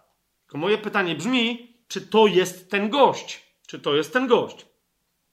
W drugiej księdze machabejskiej, którą sobie teraz otwieram, a jeżeli wy gdzieś tam śledzicie swoje e, e, jakieś źródła, to sobie też otwórzcie, otwórzcie. W drugiej księdze machabejskiej jeszcze czytamy uzupełnienia tego opisu. O co to mianowicie chodziło? One są dosyć interesujące. Nie, nie dlatego, żeby nam biblijną wiedzę poszerzały, ale co, że pokazują nam, co robi duch antychrysta. Zawsze. Okay? Więc w drugiej księdze machabejskiej, w piątym rozdziale, od 11 do 21 wersetu, mamy tak napisane. Że król, no tu chodzi o Antiocha Epifanesa, dokładnie tego samego, tak? Wycofał się z Egiptu, głęboko rozwścieczony i zajął miasto jak w działaniach wojennych. W sensie wrócił do Jerozolimy, bo tam gdzie indziej działał i go wnerwili Żydzi. Rozkazał żołnierzom ciąć bezlitośnie wszystkich, którzy wpadną im w ręce i mordować także tych, którzy schronili się po domach. Zgładzono wtedy wielu młodych i starych, młodzież, kobiety i dzieci, dziewice i niemowlęta. Przez te trzy długie dni zabitych zostało 80 tysięcy, 40 tysięcy w walce wręcz, a nie mniej niż zamordowanych zostało następnie także sprzedanych. Potem jeszcze tym nienasycony odważył się wejść do najświętszej na całej ziemi świątyni, no to wiecie gdzie. Mając za przewodnika Menelaosa, który stał się zdrajcą praw i ojczyzny, Nieczystymi rękami brał święte sprzęty, plugawił niepoświęconymi rękami to, co inni królowie złożyli dla wzrostu znaczenia, dla chwały i uczczenia tego miejsca i wynosił się w swoich myślach Antioch, nie biorąc pod uwagę tego, że Pan na krótki czas rozgniewał się na mieszkańców tego miasta za ich grzechy, że stąd pochodzi owo odwrócenie oczu Jego, w sensie Bożych oczu od tego miejsca. Gdyby nie zdarzyło się tak, że pętało ich wiele grzechów, to tak, jak było wtedy, gdy przez króla Seleukosa przysłany został Heliodor dla przeglądu skarbca i ten zaledwie by wszedł, zaraz wychłostany zaniechałby swojego zuchwalstwa. Pan jednak nie ze względu na to miejsce wybrał lud, lecz to miejsce wybrał ze względu na lud. Dlatego i to miejsce uczestniczyło najpierw w nieszczęściu ludu, a potem miało udział także w zesłanej pomyślności. Bum! Pierwsza istotna rzecz. Autor tej księgi, podobnie pierwszej jak i drugiej, wie, że na końcu już przyszła pomyślność. Moje pytanie brzmi: a przyszedł Mesjasz? Jakby wiecie, niektórzy nawet autorowi tej księgi wkładają w usta czy pióro w ręce słowa, których on wcale tu nie napisał ani nie wypowiedział. Ok? I czytamy dalej. Opuszczone, to miasto opuszczone z powodu gniewu wszechwładcy, potem pojednane z wielkim panem, znowu się podniosło do pełnej chwały. To, no, to nie jest Nowa Jerozolima. Tak? To jest 20, yy, w 21 wersecie jeszcze czytamy tak, więc Antioch wyniósł za świątyni 1800 talentów i prędko odszedł do Antiochii, uważając w swej pysze, że teraz ziemię uczyni żeglowną w morze drogą dla pieszych. Tak wyniosłe było jego serce. Więc był to pyszałek ewidentnie, ale coś tu nie gra. I jeszcze dalej czytamy, że kiedy go nie było, to, to było jasne, w jaki sposób on coś zrobił. Nie wiem jak wy, zrozumiecie, co sprawdzałem w różnych, w oryginale to czytałem. Według mnie z tego tekstu na, nawet jeżeli nie wynika, że nie zrobił tego osobiście, to nie wynika absolutnie, że zrobił osobiście. Nie? Daniel mówi wyraźnie, że ten, który przyjdzie i potem Pan Jezus to potwierdza, Nowy Testament to potwierdza, że on sam stanie się ohydą, obrzydliwością spustoszenia w miejscu świętym. A zobaczcie, co jest napisane na temat tego, jak postawił ohydę spustoszenia, obrzydliwość spustoszenia w miejscu świętym Antioch. To jest szósty rozdział drugiej E, drugiej księgi machabejskiej. Od pierwszego do dziewiątego wersetu będę w miarę dokładnie czytać. Niedługo potem król przysłał dostojnika ateńskiego, żeby odwiódł Judejczyków od obyczajów ojczystych, aby nie żyli według praw bożych. Sam przyszedł, czy kogoś przysłał? Przysłał. Specjalistę z Aten.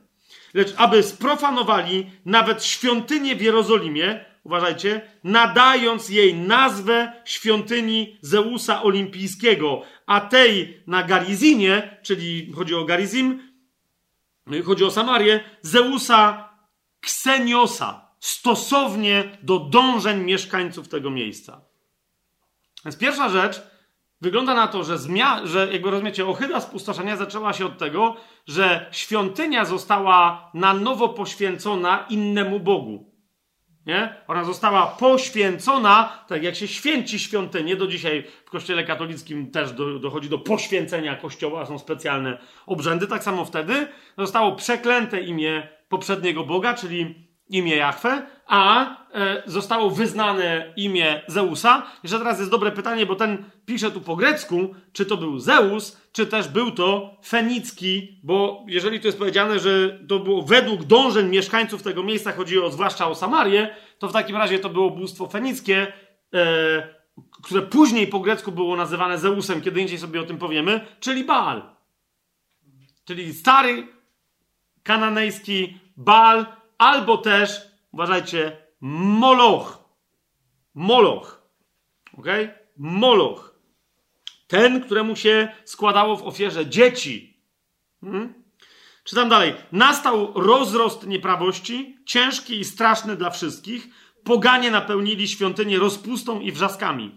Bawili się tam z ladacznicami i na terenie świątynnym zażywali przyjemności z kobietami. A nadto wprowadzali tam to, czego się nie godzi Ołtarz całopaleń pełny był ofiar niegodnych, niedopuszczalnych według prawa. Nie wolno było świętować szabatu, ani obchodzić tradycyjnych uroczystości, ani nawet przyznawać się do tego, że się jest Judejczykiem. Co miesiąc w dniu urodzin króla prowadzono ich pod gorzkim dla nich przymuszem przymusem na spożywanie części ofiar, a gdy przychodziły święta Dionizjów, zmuszani byli do brania udziału w procesji na cześć Dionizosa i do przystrajania się bluszczem. Za poduszczeniem Ptolemeusza wysłano dekret do sąsiednich miast heleńskich, aby w stosunku do Judejczyków, w sensie w tych innych miastach, yy, nie seleucyckich, yy, byli zmuszani do brania udziału w procesji Y, y, żeby tak samo wobec nich, y, wobec nich postępować. I teraz, wiecie, sęk w tym, że ludzie czcili, bo jeżeli oni spożywali ofiary co miesiąc z okazji urodzin, co miesiąc króla, to znaczy, że oni czcili jego jak bóstwo. Ok? Ale jego tam nie było. Jeszcze raz wam zwracam uwagę na to. Ok? Dalej, w drugiej Machabejskiej, w dziewiątym rozdziale, to są wszystkie rzeczy, które ja byłem w stanie znaleźć na ten temat bo, bo, bo jest to temat absolutnie ważki ze względu na, mówię, na te wszystkie błędy teologiczne, z którymi teraz się, mam nadzieję, że kulturalnie, ale jednak rozprawiamy. W dziewiątym rozdziale drugiej księgi Machabejskiej od czwartego do dziesiątego wersetu tak czytamy. Uniesiony gniewem, e, znowu Antioch Epifanes, uznał, że na Judejczykach wynagrodzi sobie zniewagę doznaną ze strony tych, którzy go przegnali. Dlatego rozkazał woźnicy, żeby przebył tę drogę nieustannym galopem, do Jerozolimy, żeby jeszcze raz zrobić tam, czyli to jest moment, kiedy Antioch się znowu wybiera do Jerozolimy, nie? Teraz nie wiem, czy pamiętacie, co na przykład Paweł mówi, dlaczego to jest tak istotne, jak będzie ostateczny antychryst zniesiony, jak miał być od samego początku, samym objawieniem się przyjścia pańskiego, nie? No to zobaczcie, jak jest opisany koniec Antiocha IV Epifanesa. On rzeczywiście chciał się wybrać do Jerozolimy, zaczął krzyczeć, gdy tam dojadę, zrobię z Jerozolimy. Swoją drogą zwróćcie uwagę, jaka tu jest ideologia. Jeszcze raz, przyjrzyjcie się na innego zawodnika, który w tym samym duchu występował, dokładnie w tym samym duchu, tak? Gdy tam dojadę, zaczął krzyczeć z pychą, zrobię z Jerozolimy zbiorowy cmentarz Judejczyków. Hmm? Zbiorowy cmentarz. Pan wszystko widzący, Bóg Izraela, ugodził go raną nieuleczalną i niewidoczną. Gdy tylko wypowiedział to zdanie, chwycił go we wnętrznościach ból nie do uśmierzenia i nieznośne rwanie w brzuchu. Bardzo słusznie, bo on torturował serca innych licznymi i wymyślnymi szykanami. Mimo to nie zrezygnował e, ze swojej buty, lecz jeszcze bardziej nadymając się pychą, rozpalał w sobie ogień gniewu przeciw Judejczykom. Nakazał jeszcze bardziej przyspieszyć drogę i doszło do tego, że spadł z rydwanu, który pędził z hurkotem. W tym groźnym upadku wszystkie członki jego ciała zostały poobijane. Ten, który niedawno w, na, w nadętych przechwałkach głosił, że nawet falom morskim może wydawać rozkazy i myślał, że potrafi zważyć na szalach ogrom gór, teraz spadł na ziemię i na noszach podtrzymywany był dla wszystkich świadectwem objawionej mocy Boga. Robaki się zalęgły w ciele tego bezbożnika, członki rozkładały mu się w bólach, i męce jeszcze za jego życia, i całe wojsko musiało z udręką wytrzymywać odór jego gnicia. Czy wam to wygląda jak natychmiastowe szczeźnięcie przy bezpośrednim objawieniu się chwały pańskiej? No, no, więc, no więc właśnie. Nikt już nie mógł nieść tego, któremu tak niedawno wydawało się, że gwiazd dosięga, bo tak nieznośny był ciężar jego cuchnięcia. Taka poezja, tutaj yy, nieco turpistyczna. I wreszcie w drugiej księdze machabejskiej, w dziesiątym rozdziale od pierwszego yy, do czwartego wersetu, co czytamy? Machabeusz i jego ludzie odzyskali z pomocą boską świątynię i miasto. Zniszczyli ołtarze na placu postawione przez obcoplemieńców, a także święte ich miejsca. Po oczyszczeniu przybytku zrobili inny ołtarz całopaleń. Wypalili kamienie z tych kamieni, wykrzesali ogień i złożyli ofiary. Pierwsze po, uwaga, dwuletniej przerwie. Jeszcze raz to podkreślę. Pierwsze po dwuletniej przerwie. Zwracam Wam uwagę, że mamy mowę o tym, że przerwa nastąpi na 3,5 roku, a nawet na samym końcu, tak, na samym końcu księgi E, jak sobie otworzymy księgę Daniela, tak, 12 rozdział, tam nawet, jak żeśmy się nad tym nieco zastanawiali, jest dodane jeszcze 30 dni, tak? A od tego czasu, kiedy zostanie zniesiona ofiara codzienna i będzie postawiona obrzydliwość spustoszenia, upłynie ile? 1290 dni, a nie dwa lata. Wiecie o co mi chodzi? Więc nawet jeżeli oni tam postawili coś, co ktoś sobie nazwał obrzydliwością spustoszenia, nie wypełnia yy, yy, proroctwa, o którym mówi Daniel. Daniel jakby to przeczytał, powiedział, ale nie nazywajcie tego obrzydliwością spustoszenia, bo ja jedną rzecz tylko tak nazwałem. Widzicie o co, o co chodzi? Super. Więc już kończymy te wszystkie cytaty. Yy, dlaczego? Bo jak ktoś mi mówi, że no, bo to niekoniecznie jest z historii znane, ale Żydzi wiedzieli, to jest to, co wiedzieli Żydzi. Ok? Żydzi nie wiedzą więcej niż to, co ja wam teraz przeczytałem. Po prostu. Jeżeli my coś wiemy z historii, ale, na, ale nadal, czy wiemy z historii, czy wiemy stąd, to nie jest Biblia. Ok? To nie jest Biblia. Hmm? Antioch IV Epifanes nie wypełnił, jeszcze raz powtórzę, nie wypełnił proroctwa biblijnego i nie był tym małym rożkiem. Niektórzy mówią, no ale zaraz, no ale jest wyraźnie, on wyrósł z tego czwartego rogu i tak. On, Antioch IV Epifanes, był małym rogiem, który wyrósł z jednego z czterech, ale nie jest tym małym rogiem, który wyrośnie z pomiędzy dziesięciu. Czy to jest jasne, co teraz powiedziałem? Nie? Jak niektórzy mi mówią, że ale to nawet niektórzy Żydzi się zgadzają, nawet ten bardzo delikatny rzecz, bo ja po to dzisiaj miałem ten komentarz, tylko mi się ten drugi przypomniał, tak? Ten bardzo delikatny, nie chcący się za bardzo spierać Żyd nawrócony. Dawid Stern, otwieram teraz w innym miejscu jego komentarz, kochani, mianowicie komentarz do yy, Ewangelii Mateusza. Jeżeli macie tę księgę, to sobie, tę księgę, to sobie otwórzcie. Ona w tym jego tutaj tłumaczeniu nazywa się yy, Matityahu, czyli Ewangelią Mateusza, tak? Dobra nowina według Matityahu. To jest komentarz, to jest strona 109. Ok? To jest y, komentarz do 24 rozdziału Ewangelii Mateusza, do 15 wersetu, gdzie, pamiętacie, Pan Jezus mówi, y, o czym Pan Jezus mówi, tak? W jego tłumaczeniu, kiedy więc ujrzycie obrzydliwość powodującą spustoszenie, o której mówił prorok Daniel, stojącą w świętym miejscu, niech czytelnik rozumie i tak dalej, i tak dalej. I teraz uwaga, czytam dosłownie, co Stern napisał, jaki jest jego komentarz. Okay? Jest następujący. Kiedy w 167 roku przed naszą erą Antioch IV Epifanes zdobył Jerusalem, wzniósł w świątyni ołtarz Zeusowi. By the way, nie wiem czy pamiętacie, ale Machabeusz, autor księgi machabejskiej pierwszej i drugiej, w zasadzie o tym nie pisze. O tym, żeby do... Rozumiecie? Że coś tam było postawione, a potem było powiedziane, że świątynia była e, poświęcona Zeusowi, ale o tym, że to był, że w środku stał posąg, rozumiecie? Nawet, ale okej, okay, Stern mówi, dobra, niech będzie, ale zobaczcie, jaki jest jego wniosek. Czyli mówi, Antioch IV Epifanes zdobył Jerusalem, wzniósł w świątyni ołtarz Zeusowi. I teraz uważajcie, wersety 1,54 i 6,7 z pierwszej księgi machabejskiej odwołują się do tego wydarzenia jako wypełnienia proroctwa Daniela. Zgadza się?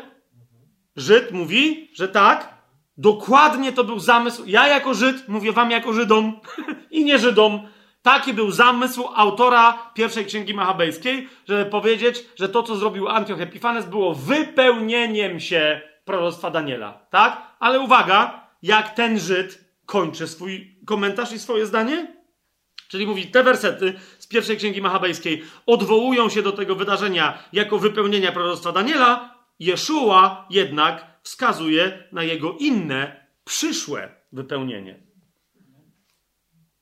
I jakby od tego chcę zacząć, że rozumiecie, ja rozumiem ludzi, którzy się powołują na Żydów, na ich znajomość pisma, na, rozumiecie, na księgi machabejskie, pierwszą, drugą, nawet trzecią, czwartą, nawet jakby piątą, szóstą znaleźli. Ale jeszcze raz, co Pan Jezus mówi w 15 wersecie 24 rozdziału i w 13, to jest 13 werset, czy 14 w, u Marka. Ewangelia Marka, 13, y, rozdział, 14 werset, tak? Gdy więc, co Pan Jezus mówi? Zobaczycie obrzydliwość spustoszenia. Więc mówi w czasie przyszłym do ludzi, dla których Antioch Epifanes jest już historią. Tak? Więc jest pytanie, jeżeli Antioch Epifanes wypełnił jakieś proroctwa, to o czym Pan Jezus mówi? A Pan Jezus mówi do Żydów, którzy już znali księgi machabejskie, co do nich mówi? Ja wiem, jaka jest wasza teologia. Że Antioch Epifanes był dokładnie antychrystem i teraz oczekujemy Mesjasza. Po pierwsze, nie rozpoznali Pana Jezusa, ale po drugie, on co powiedział? Antychryst dopiero przyjdzie i obrzydliwość spustoszenia dopiero zobaczycie. Ok? A wtedy dopiero nie będzie usprawiedliwienia, jeżeli ktoś nie rozpozna nadchodzącego Mesjasza. E, mamy jasność w tej kwestii? Kochani, jeszcze raz. Jeżeli Biblia mówi, że coś się zdarzy, ok? Przyjrzyjmy się dokładnie warunkom, jakie są przez Słowo Boże podane, żeby rozpoznać to wydarzenie. Jeżeli jeszcze takiego nie mamy, to znaczy, że to się jeszcze nie wydarzyło i wtedy wiemy, że mamy oczekiwać. Ok?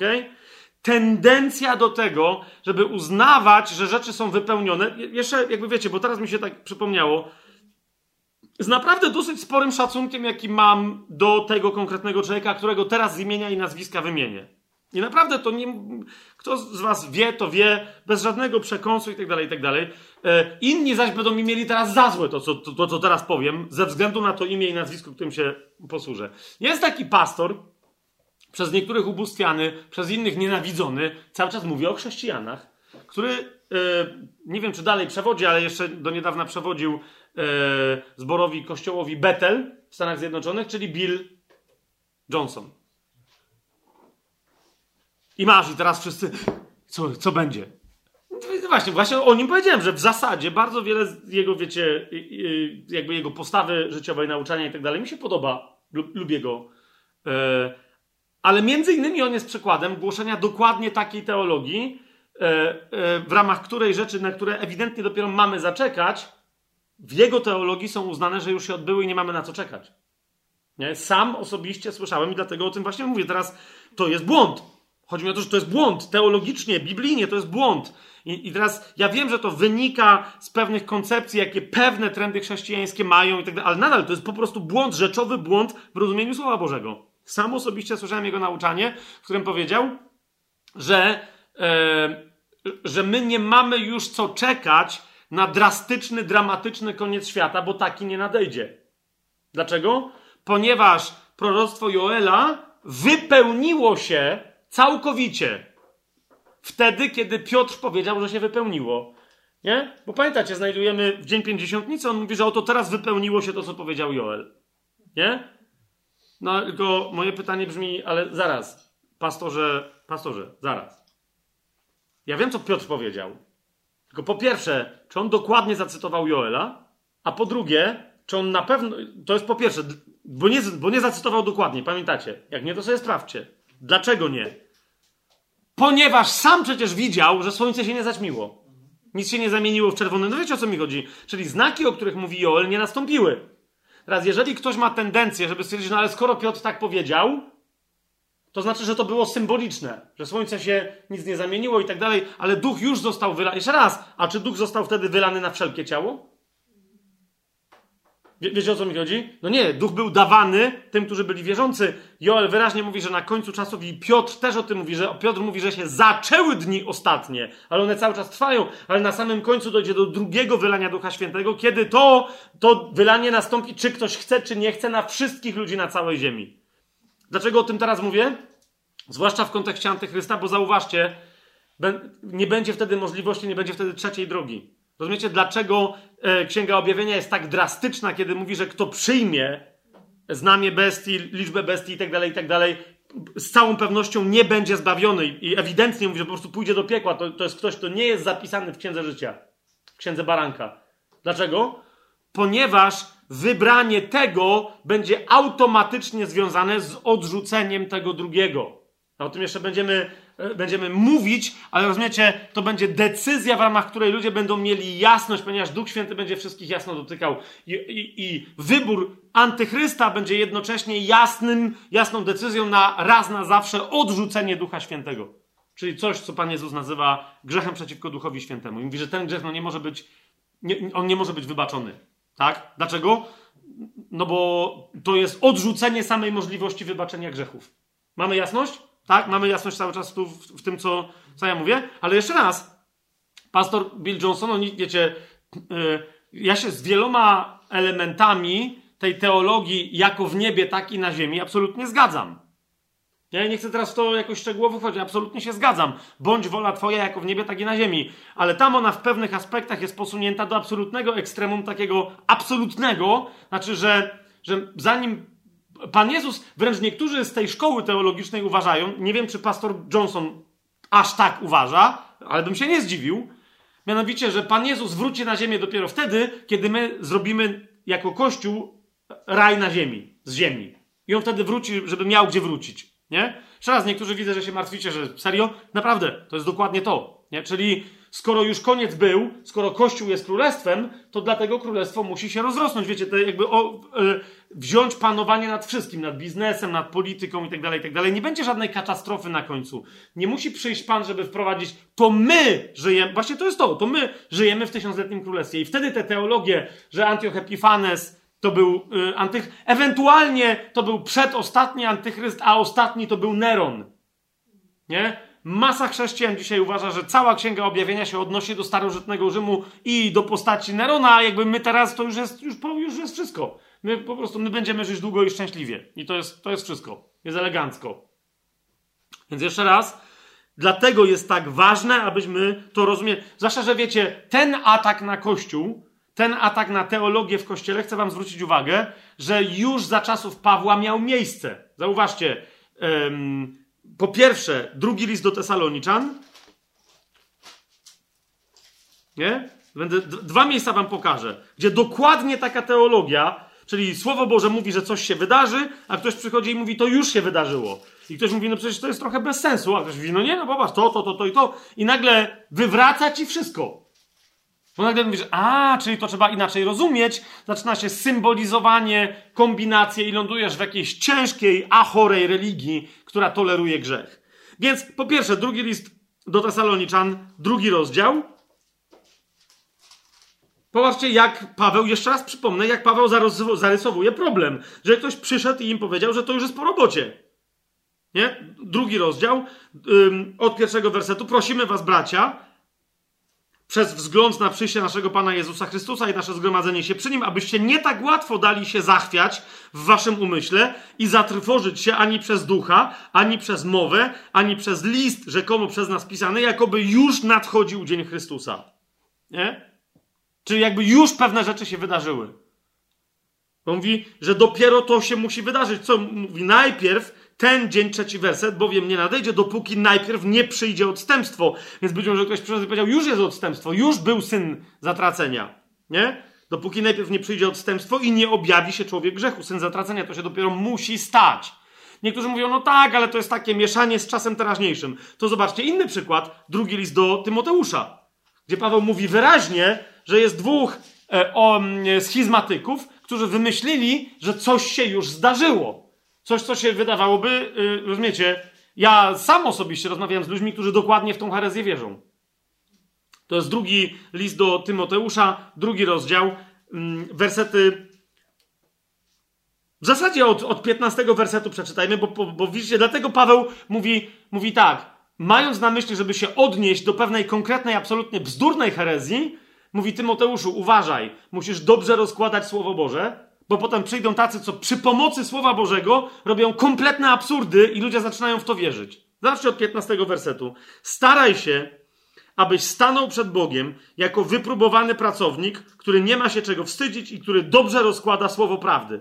Unikaj zaś pospolitej czczej gadaniny, bo prowadzi ona do coraz większej bezbożności, a ich mowa, tego typu mowa, szerzy się jak gangrena. I zobaczcie przykład. Do nich którzy szerzą taką mowę, taką pustą gadaninę, która potem ma bardzo złe skutki. Do nich należą Hymenaios i Filetos, którzy pobłądzili w sprawie prawdy, mówiąc, uważajcie, że zmartwychwstanie już nastąpiło i wywracają wiarę niektórych. Rozumiecie? W pierwszym kościele każda rzecz, jak nie możesz jej jakoś zaatakować, to mówisz, tak, my wierzymy w zmartwychwstanie, jako już takie, które nastąpiło. Zobaczcie świadków Jehowy dzisiaj jeszcze raz, nie? Nawet w ciągu tych ostatnich wykładów, co i róż e, powracają i mówią, ale jak to, dlaczego ja śmiem atakować, przecież to jest absolutnie biblijna prawda, że Pan Jezus już wrócił w 1914 roku, co ja pamiętacie, tu się pytałem Anię, kiedy to według Świadków Jehowy, no bo ona od nich się nawracała, kiedy to on, Pan Jezus już wrócił na ziemię, w 1914 i coraz, i dostajemy listy teraz, komentarze, maile, że jak to, no przecież, co to, my nie wiemy? To co to ze mnie za nauczyciel biblijny, że ja nie wiem, że Pan Jezus wrócił? Rozumiecie? Macie kolejną prawdę. Pan Jezus już wrócił. I teraz macie ludzi, którzy w to wierzą i myślą, że to oni w ogóle myślą, że są chrześcijanami. Są wprowadzeni w kompletny błąd. Więc jeszcze raz. Jeszcze raz. Mamy ósmy rozdział, kochani, księgi Daniela.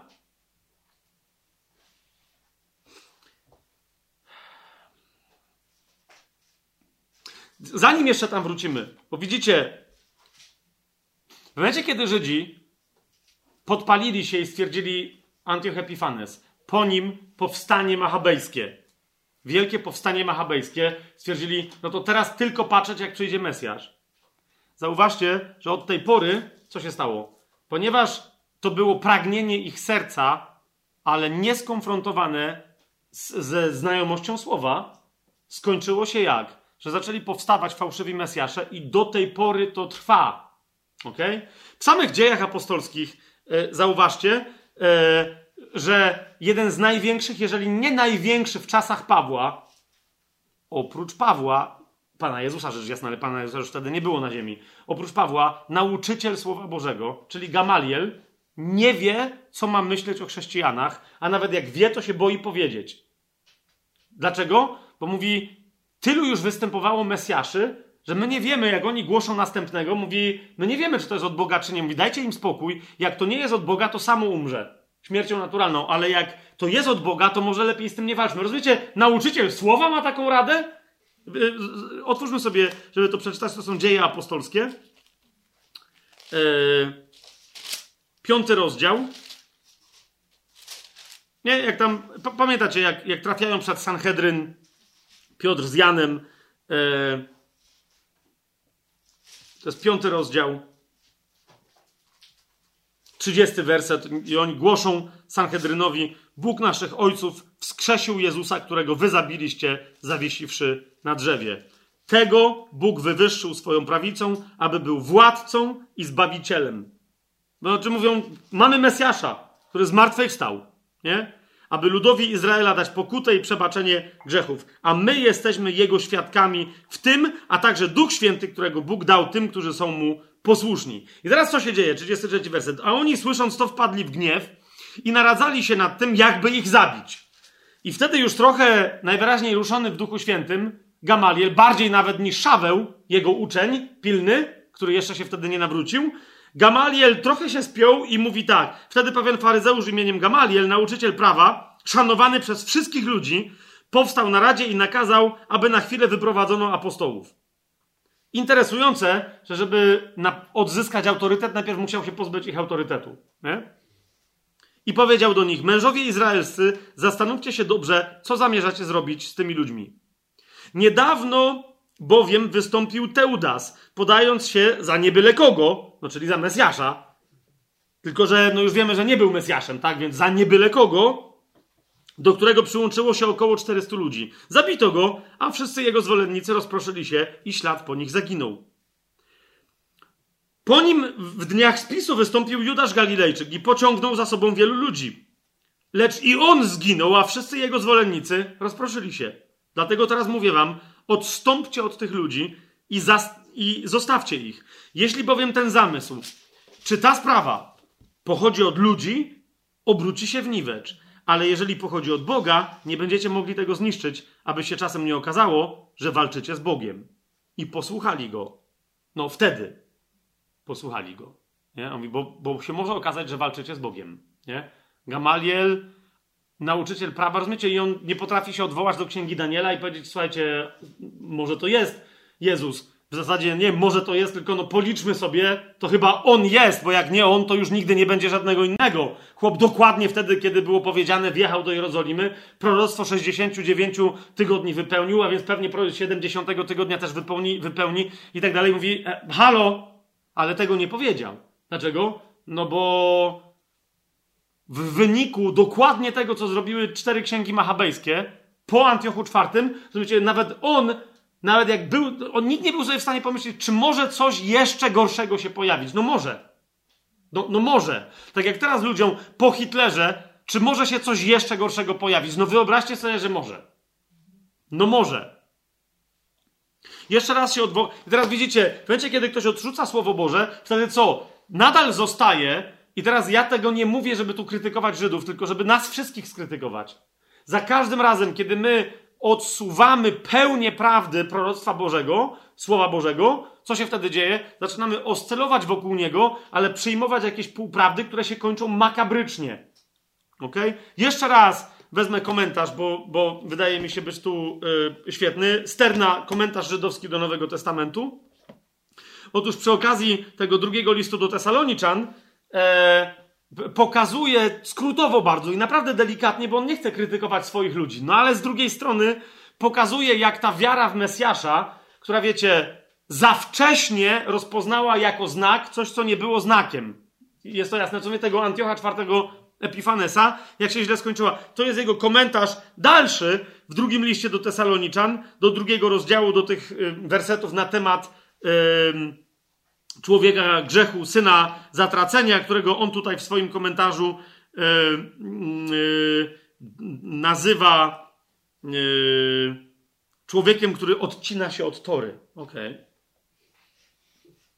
Ale w każdym razie on podaje przykład, mówi najpierw, że jakby było wiele takich na bazie Biblii, jak gdyby pomieszanych z folklorem żydowskim, Wiecie, czyli z czymś, co Żydzi uznali, że no skoro tak wielu nauczycieli Izraela to wyznaje i tego naucza, to to też musi być prawda, chociaż nie do końca widzimy to w Biblii. Jest to jasne?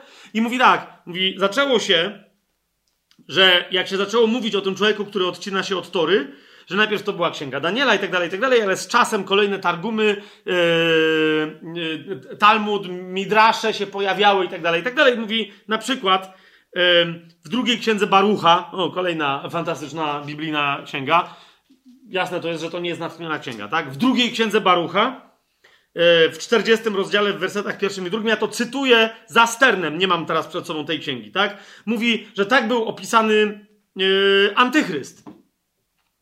Ostatni przywódca owego czasu pozostawiony będzie przy życiu. Pan Jezus, Słowo Boże, Paweł mówią inaczej, nie? Całe jego wojsko mieczowi zostanie wydane i będzie on związany i na górę Syjon go zabiorą, a Mesjasz mój osądzi go za wszystkie niegodziwe czyny jego i zbierze i przed nim ustawi wszystkie dzieła wojsk jego, a po tych rzeczach zgładzi go. Nie tak mówi Słowo Boże, nie? Ale Stern jakby troszeczkę, bez, troszkę delikatnie, a troszkę bezlitośnie mówi, że to wszystko fajnie, ale jakby w tym, wiecie, kolejny Mesjasz się pojawiał, mówił, no to jestem ja, no bo już przecież było, tak, kolejny Mesjasz, kolejnego kogoś nazywali Żydzi antychrystem, antymesjaszem, aż mówi, yy, że pojawił się w to, co się w średniowieczu działo, jakie wyobrażenia Żydzi mieli i tak dalej, w XIX, w XX wieku, on mówi, po Chrystusie, już w pierwszym wieku, pojawiła się postać w Targumie Jonatana, yy, okej, okay, yy, pojawił się niejaki antychryst, antymesjasz o imieniu Armilus, potem zwany Romulusem rzymskim. Okay? I on mówi, że ta postać ewoluowała, także w pewnym momencie było, wiecie, profesjonalni znawcy prawa, Słowa Bożego uważali, że to jest najwłaściwsze odwzorowanie antychrysta. Czytam wam teraz dokładnie. Post-talmudyczne midrasze zawierają naprawdę przerażający, tu jest trochę ironia, yy, Sterna, bo jeżeli to nie jest ironia, to nie wiem, on tu nie pisze nic w cudzysłowie, ale mówi post-talmudyczne midrasze zawierają naprawdę przerażający obraz antymesjasza. Na przykład w Pirkei Hamashiach jest on nazwany Satan Armilus, którego poganie zwą antychrystem. No prawie jak z tej kreskówki, co mi ktoś z was opowiadał, jak szatan serduszko, no nie? Satan Armilus. Uważajcie, jest taki biblijny opis tego szatana, serdu... Yy, Armilusa. Ma około 6 metrów wzrostu. Tak dla niepoznaki, żeby, wiecie, no nie, żeby było. Ma około 6 metrów wzrostu, wykrzywione, no rzecz jasna, i czerwone oczy. Podeszwy jego stóp są zielone i ma dwie głowy. Cały czas wszystko dla niepoznaki. Ten zdecydowanie niesympatyczny zielonostopy olbrzym podaje się, to jest komentarz Sterna, ja to tylko czytam, podaje się za Mesjasza i Boga, rządzi ziemią, zwołuje wojska całego świata przeciwko Izraelowi, bije się z dziesięcioma królami o Jerusalem, zabija y, Mashiacha ben Josefa. Zauważcie, nawet wszystko się zgadza, jakby nie, tylko patrzcie, co, się, co, tu się naplątało, tak? Więc zabija Mashiacha ben Josefa, a z zapłodnionego przez szatana kamienia ale pamiętacie, co myśmy ostatnio mówili? Nie? E, o tym, że przez kobiety aniołowie mieli dzieci. Jeszcze raz, to jest. Nie? A, a, a to potem jest przedstawiane jako ceramika. Jeszcze raz, zauważcie, i oni to mają w Midraszu, tylko jakie poplątanie. Więc szatan zapładnia kamień, w każdym z zapłodnionego przez szatana kamienia, e, z którego okazuje się, że to on się narodził, teraz robi obraz, któremu poganie mają oddawać cześć. Wszystko się zgadza. Widać, że nawet objawienie Janowe zaadaptowali w pewnym momencie, bo to już jest dawno po publikacji, że tak powiem, no nie? Ale Bóg pokonuje tego dwugłowego, zielonostopego, przerażającego zawodnika. Bóg pokonuje go w bitwie Goga i Magoga w dolinie Arbel i Mashiach ben Dawid przynosi wyzwolenie uciśnionemu Izraelowi. I tu dalej jeszcze czytam, y, Sterna mówi, te fantastyczne historie cieszyły się dużą popularnością wśród średniowiecznych yy, Żydów. Nie? I teraz ostatni fragment od niego czytam jeszcze raz. Hmm? A propos, niegodziwość i hybris tyranów, takich jak Hitler czy Stalin, zostały trafnie przewidziane w rozmaitych miejscach Nowego Testamentu, takich jak choćby to, jak drugi list do Tesaloniczan, drugi, drugi rozdział ale on mówi, ale każdy, kto uważa, że oni coś wypełnili, włącznie z tym on mówi, że nawet jeżeli ktoś uważa, że papieże rzymscy to wypełnili, nie? Każdy, kto uważa, że proroctwo to znalazło wypełnienie na przykład w papieżu, w sposób oczywisty wczytuje w oryginalny tekst tylko swoje antykatolickie uprzedzenia, nic więcej. Jest to jasne? Jest to jasne? Jeszcze raz, bo, bo ludzie wszędzie widzą, wiecie, jak nie Mesjasza, to przynajmniej antychrysta. To co ja mówiłem, nie? Barack Obama, Wcześniej to był Bill Clinton, wcześniej byleby nie był zbyt republikańskim prezydentem amerykańskim, no nie? Więc jeszcze raz, jeszcze raz. Hmm? Kochani, Antioch rzeczywiście, czwarty Epifanes, przyszedł w duchu antychrysta, ale nie jest tym właściwym yy, antychrystem. Czy proroctwo z ósmego rozdziału odnosi się do niego? Tak, do pewnego momentu. Okay? do pewnego momentu i dlatego, rozumiecie, nawet nie znając oryginalnych języków, ale mamy, mając dzisiejsze narzędzia, które swoją drogą prorok Daniel przewidywał, że się pomnoży wiedza tak, że pewne rzeczy będą możliwe, żeby zbadać nawet dla tych, którzy jej nie mają. Nie? To jest jedno z proroctw Daniela właśnie. Kochani, e, my potrzebujemy sprawdzać, jak wygląda oryginalnie tekst. Zaraz wam też pokażę, jak ja, rozumiecie, ja z hebrajskim tutaj prędzej Ania tu siedzi i ona by się pewnymi rzeczami zajęła, ale nawet Ania wam powie, że czytanie księgi Daniela, nawet jak się zna język hebrajski, jest mocno nerwowe. Bo tamten albo to nie jest hebrajski taki paleohebrajski, nic wspólnego ze współczesnym hebrajskim, a nawet to jest taki aramejski momentami, który, który gramatycznie zwłaszcza w ogóle nie przypomina hebrajskiego, nie wiadomo co przypomina, no nie? Ja tylko powtarzam to, co mi ludzie mówili, którzy się na, na hebrajskim naprawdę dobrze znają. I mówią, o człowieku, nie? Księga Daniela, widać, że chłop był w Babilonie. To jest babiloński język, babiloński język, nie? Ale mimo tego są tam słowa kluczowe, które babiloński czy nie babiloński są dosyć zrozumiałe. I tak, kochani, jak sobie otworzymy wreszcie, nie? Po tych moich, zauważcie, tych wszystkich opowieściach dzisiaj, czytaniu jakichś ksiąg, które nie są biblijne, i, wiecie, przy niektórych waszych spojrzeniach, ale kiedy wreszcie Biblia? To jeszcze raz, e, nie będzie, jak sądzę, żadnej innej możliwości, żebyśmy o tym tak szeroko mówili, a spotkacie się, musicie się spotkać, zwłaszcza rozumiecie, wobec tego, co się już teraz na świecie dzieje, co już podnoszą się te rozmowy, tematy i tak dalej, i zobaczycie, jak wiele osób będzie konstruować teologię nie na bazie Słowa Bożego. Nie? Nie na bazie Słowa, tylko dokładnie tych historii, które wam teraz, e, które wam teraz przeczytałem i będą cytować Bóg wie co. Więc sobie księgę Daniela. Otóż, kochani, absolutnie to, co powiedział Daniel, dokładnie, zresztą tak zupełnie jeszcze na marginesie wam jedną rzecz powiem, e, jak, jak mnie fascynują ludzie, którzy są takie komentarze, e, nawet jeszcze sprzed parunastu lat, paru dziesięciu, sprzed 150 lat i tak dalej. E, ludzi, którzy, historyków, którzy zaczęli się zajmować Biblią, niewierzących, którzy próbowali coś tam podważać. Rozumiecie, jak czytają Księgę Daniela, a znają dokładnie historię Persji, Grecji, zwłaszcza tego, co się działo między Persją a Grecją, to jest świetnie znana historia, nie? To każdy, werset po wersecie, nie? W ósmym rozdziale, ale zwłaszcza w jedenastym rozdziale Księgi Daniela, tak precyzyjnie pokazuje historię, zwłaszcza tych czterech władców po Aleksandrze i tego, co się tam później miało dziać, że rozumiecie, mówią, no przecież to jest oczywiste, że, że to jest napisane później. To jest tak dokładny opis, co nie trzeba, jeżeli tylko znasz tamtą historię, czytasz to i problem dzisiaj polega na tym, że, że my w większości nie znamy tej historii, nie? Ale ona jest znana. Więc kto zna tę historię, czyta i mówi, to jest to, to jest to i nagle takie, zaraz, ale to jest, to nawet nie brzmi jak proroctwo, po prostu ktoś tu pewnym poetyckim językiem opisuje coś, całe historie nieco bardziej złożone, ale opisuje bardzo precyzyjnie. Ten tu przeniósł się geograficznie, kto miał jakie wojsko, kto był jakiej płci, kto z kim się ożenił, kto za kogo wyszedł za mąż. Rozumiecie? I werset po wersecie jest dokładnie historia. E, najlepsze jest, że jak potem taką, taka osoba się dowiedziała, że no tak, tylko rozumiesz, że są odpisy tego tekstu, są dowody na to, że ten tekst istniał zanim się to stało, to wtedy nagle dostają takiej śpiączki intelektualnej na zasadzie nie, to jest niemożliwe, to nie. To są na pewno sfałszowane rzeczy, bo, bo rozumiesz, ten tekst biblijny jest tak precyzyjny, że albo to jest proroctwo, którego się nie da podważyć, albo to musi być podruba, nie ma żadnej innej możliwości. Tylko, że my mamy historyczne dowody archeologiczne na to, że to nie jest podruba. Po prostu.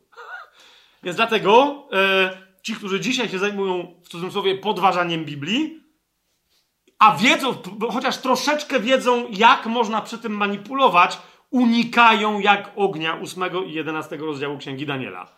Bo możesz niechcący kogoś nawrócić, nie? Jak ktoś powie, właśnie! Haha! Tu żeśmy przyłapali Żydów i chrześcijanie wierzą, że to jest natchniona księga, a to było napisane później i wielkie mi proroctwa i nagle ząg. O kurde, to są proroctwa. Tak precyzyjne. Mhm. Jak cała reszta Księgi Daniela. Otwórzmy sobie e, tą ósmą, e, ósmy rozdział Księgi Daniela i przyjrzyjmy mu się uważnie. Otóż, kochani, Księga Daniela opisuje nam w ósmym rozdziale od trzeciego wersetu przejęcie władzy.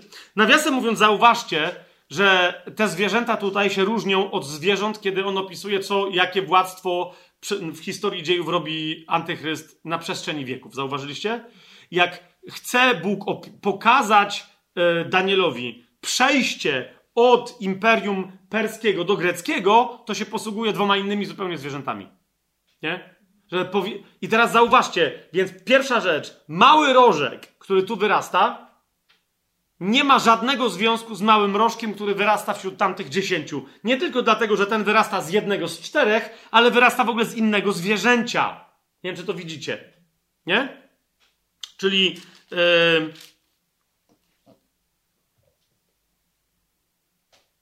w siódmym rozdziale, dla porównania, zobaczcie, w siódmym rozdziale, w siódmym wersecie i dalej. Potem widziałem w nocnych widzeniach, oto czwarta bestia, straszna, przerażająca i bardzo silna, mająca wielkie żelazne zęby.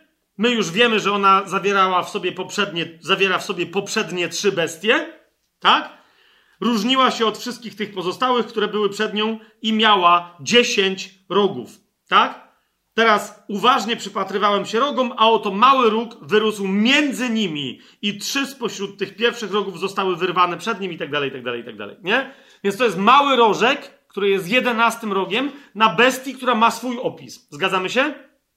Teraz ten mały róg, który jest, yy, który reprezentuje ducha antychrysta, który zapowiada to, co kiedyś zrobi ten właściwy antychryst na samym końcu czasów, jest opisany zupełnie inaczej. Zauważcie. Ósmy rozdział, siódmy werset.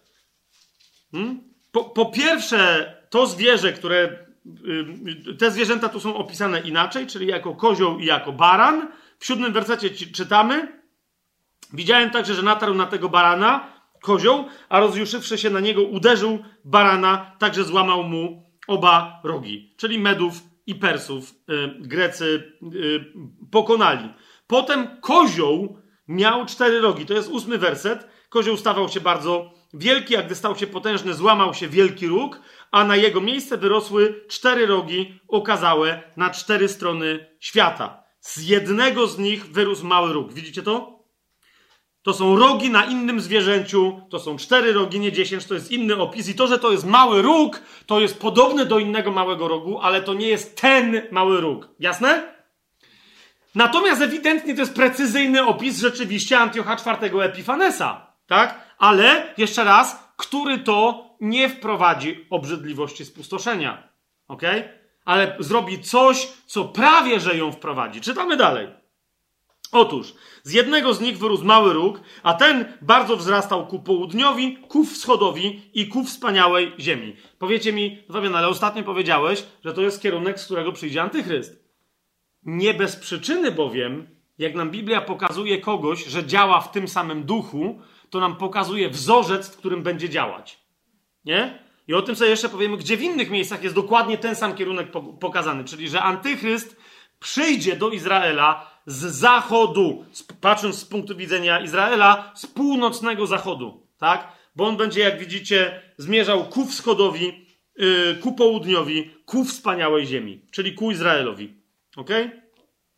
Wzrósł aż do wojska niebieskiego, zrzucił na ziemię część wojska oraz gwiazd, podeptał je, wzniósł się nawet aż do księcia tego wojska i przez niego została odjęta codzienna ofiara. Tu jest mowa dokładnie o tym, co, zrobi, co robił Antioch Epifanes, co opisują księgi machabejskie, o tym, y, jak on postępował y, nie z aniołami bożymi, ale z tym, pamiętacie, jak sobie o tym mówiliśmy, co było nazywane zastępem niebieskim, czyli z bóstwami. Nie? E, z gwiazdami, które reprezentowały poszczególne bóstwa. Bo on rzeczywiście rozmaite te bóstwa obalał e, i wywyższał się, że, że może tak robić i one mu nic nie zrobią e, za, za karę za to. Także wojsko, dwunasty werset czytam, także wojsko zostało mu podane przeciwko codziennej ofierze z powodu przestępstwa i porzucił prawdę na ziemi, a cokolwiek czynił, powodziło mu się. I zauważcie, tu jest koniec opisu. Zauważyliście to? To jest koniec opisu. To jest mały rożek Antioch IV Epifanes. Czy on się znajduje w proroctwie biblijnym? Jak najbardziej. Czy on jest tym antychrystem, który jest właściwym małym rogiem, jedenastym, który wyrasta pomiędzy dziesięcioma? Nie, nie jest. Ale czytamy dalej, bo musimy czytać bardzo uważnie, tak? Wtedy usłyszałem jednego ze świętych mówiącego, a inny święty zapytał tego, który mówił: Jak długo będzie trwać widzenie? O codziennej ofierze i przestępstwie spustoszenia, a świątynia i wojsko będą poddane na podeptanie. To tutaj zwracam Wam uwagę, nie ma obrzydliwości spustoszenia. Ok? Jest coś bardzo podobnego, ale nie obrzydliwość. I powiedział do mnie, aż do 2300 wieczorów i poranków. Widzicie, że to jest zupełnie inna liczba. Ona się zgadza z tym, co robił Antioch Epifanes, ale nie z tym, co się będzie działo na końcu czasów. Mamy jasność? Kolejny, y, zupełnie inny model. Gdy ja, Daniel, patrzyłem na to widzenie i pytałem się o jego znaczenie, oto stanął przede mną ktoś o wyglądzie mężczyzny. Usłyszałem też ludzki głos między brzegami ulej, który zawołał Gabrielu, wyjaśnij mu to widzenie. I przyszedł do mnie, gdzie stałem, a gdy przyszedł, zląkłem się i padłem na twarz. I powiedział do mnie: Zrozum, synu człowieczy, bo to widzenie spełni się w czasie ostatecznym. No masz, niektórzy mówią, no to zaraz, no to, to jest Antych Epifanes i ono się spełni w czasie ostatecznym. Więc, żebyśmy zajarzyli, co się tu wyprawia, bo, bo to jest właśnie ten wspaniały, chociaż niektórzy mówią, że dramatycznie upierdliwy hebrajski język e, księgi Daniela z Babilonu. Musimy przeskoczyć sobie troszeczkę dalej. Nie? Mianowicie do, do 23 wersetu 8 rozdziału. Dlaczego? Ponieważ, ponieważ e, w. Albo jeszcze, okej, okay. przeczytajmy to, co tłumaczy Gabriel, żebyście zobaczyli, co, jakim. Dlaczego Daniel, który był bardzo mądry i znacznie lepiej rozumiał język, którym się posługiwał, bo napisał tę księgę niż my, tak? Zobaczcie, jak Gabriel mu tłumaczy, co się dzieje, bo on mu on mówi, miał pewne widzenie. Baran, coś tam, mały rożek i teraz mówi, to się tyczy czasów ostatecznych. Okej, okay, czytajmy po kolei. Gdy mówił do mnie, osiemnasty werset, zapadłem w głęboki sen, leżąc twarzą ku ziemi. Wtedy dotknął mnie i postawił na nogi i powiedział, oto oznajmię tobie, co się będzie dziać, kiedy skończy się gniew, bo koniec nastąpi w czasie oznaczonym. Ten baran, którego widziałeś, o dwóch rogach, to są królowie Medów i Persów. Zgadza się? Cool. Ten kosmaty kozioł to król Grecji, a ten wielki róg między jego oczami to pierwszy król. A to, że został złamany, a powstały cztery inne w jego miejsce, oznacza, że cztery królestwa powstaną z jego narodu, ale nie będą miały jego potęgi. Czyli te cztery królestwa, o których e, żeśmy sobie mówili: Kasander, Lizymach, e, Ptolemeusz i mm, Seleukos. Tak? Tak? Ale nie będą miały jego potęgi. I tu mamy ten 23 werset, a pod koniec ich panowania, gdy przestępcy dopełnią swej miary, powstanie król o srogim obliczu i podstępny. I niektórzy mówią, no, czyli to jest ten mały rożek? No właśnie nie. Widzicie? Nauczanie Gabriela tutaj jest jakie? Miałeś widzenie o małym rożku. On w wielu, wielu aspektach będzie reprezentować tego właściwego małego rożka na końcu czasów. Ale tu, w tym zdaniu, w 23 wersecie, Gabriel robi przeskok czasowy, nie? Bo w widzeniu nie ma przeskoku. Z jednego z czterech rogów wyrasta mały róg. Antioch IV Epifanes. Dalej jesteście ze mną? Natomiast tu, czego my w tłumaczeniu nie widzimy, ok? Anioł Gabriel robi przeskok do końca czasów. Okay? Skąd my to wiemy? Otóż, kochani, on mówi w Daniela 8:23 pod koniec ich panowania. Takie mamy tłumaczenie w UBG. Widzicie, nie? Macie jakieś inne tam tłumaczenia może pod ręką?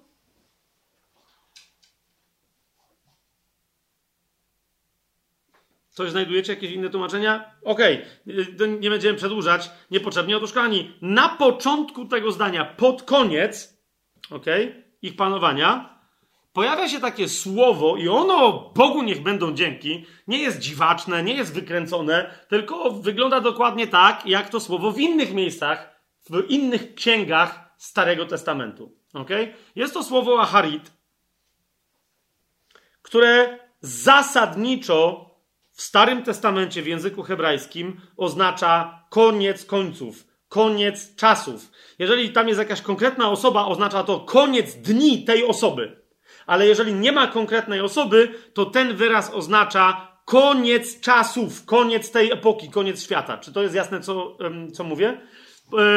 I teraz, nawet jak ktoś nie zna hebrajskiego, tak? Ja y, nigdy z siebie za większego specjalisty niż jestem nie, nie bardzo chcę robić, e, więc sam również musiałem sobie przestudiować ten wyraz. Ale jeszcze raz, jak zobaczysz w konkordancji dowolnego rodzaju taki wyraz, prześledzisz go, zobaczysz, jakie są właściwe znaczenia innych miejsc, w których dany wyraz się pojawia, to możesz odkryć, co naprawdę ten wyraz oznacza. Ok? I otóż, co się dzieje, kochani. Najpierw znajdujemy ten wyraz. Otwórzmy sobie księgę rodzaju, czyli pierwszą księgę mojżeszową. To jest pierwsze zastosowanie. Teraz niekoniecznie chodzi mi o to, że prawo pierwszego zastosowania jest bardzo istotne i tak dalej, ale rzeczywiście ono w Biblii bardzo, bardzo często się zgadza, że tak jak po raz pierwszy dane słowo jest zastosowane, to to jest właściwe, podstawowe znaczenie tego wyrazu. Nie? Ale nie o to mi chodzi. Chodzi mi o to, że niechcący, szukając znaczenia tego wyrazu, możesz znaleźć proroctwo na temat końca czasów, które prorok mówi, że jest proroctwem na temat końca czasów, i nawet w tym proroctwie niechcący możesz znaleźć chłopa, którego szukamy, który nie wiemy, czy jest chłopem, bo nie wiemy, czy jest człowiekiem, czyli antychrysta. Co? To jest 49 rozdział Księgi Rodzaju. A chodzi nam tylko o to, żeby sprawdzić, cóż oznacza słowo taharit. 49 rozdział Księgi Rodzaju, pierwszy werset, to jest pierwszy raz, kiedy się ten wyraz w ogóle w Biblii pojawia. Nie? I teraz zauważcie, jak mamy to przetłumaczone. Potem Jakub wezwał swoich synów i powiedział: Zbierzcie się, a oznajmię wam, co spotka, co was spotka w waszych ostatnich dniach. Przepraszam was najmocniej. Nie wiem, czy widzicie, bo, bo macie zapewne wszyscy UBG. Który wyraz tu jest dodany? W waszych. Więc w jakich dniach? W ostatnich. Nie co was spotka w waszych ostatnich dniach, ale co spotka kogo? Wasze pokolenia. Bo zauważcie, że tu jest 12 pokoleń Izraela, do których Jakub, yy, do których Jakub Izrael prorokuje. Widzicie to? Więc to jest niezwykle interesujące, co chłop tutaj gada. Nie?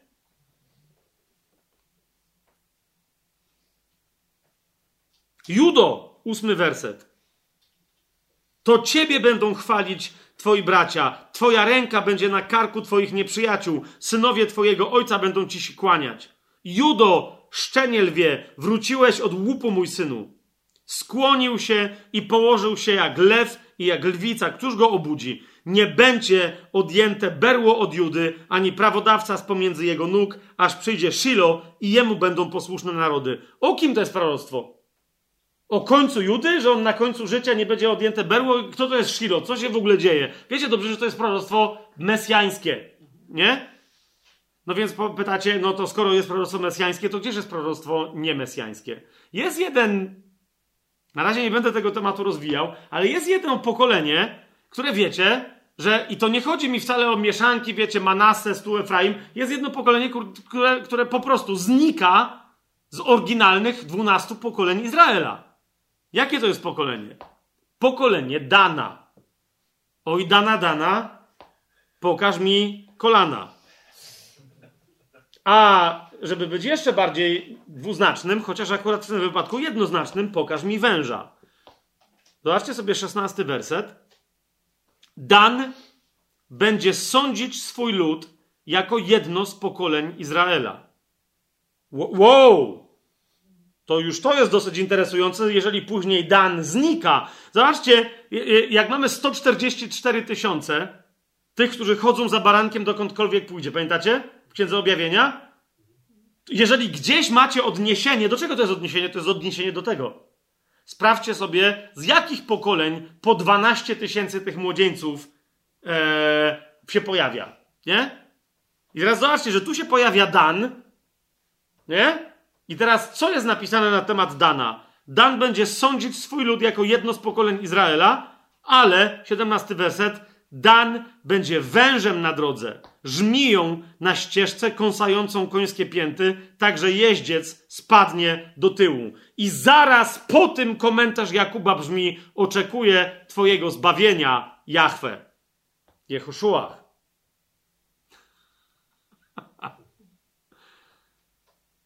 Kopiecie?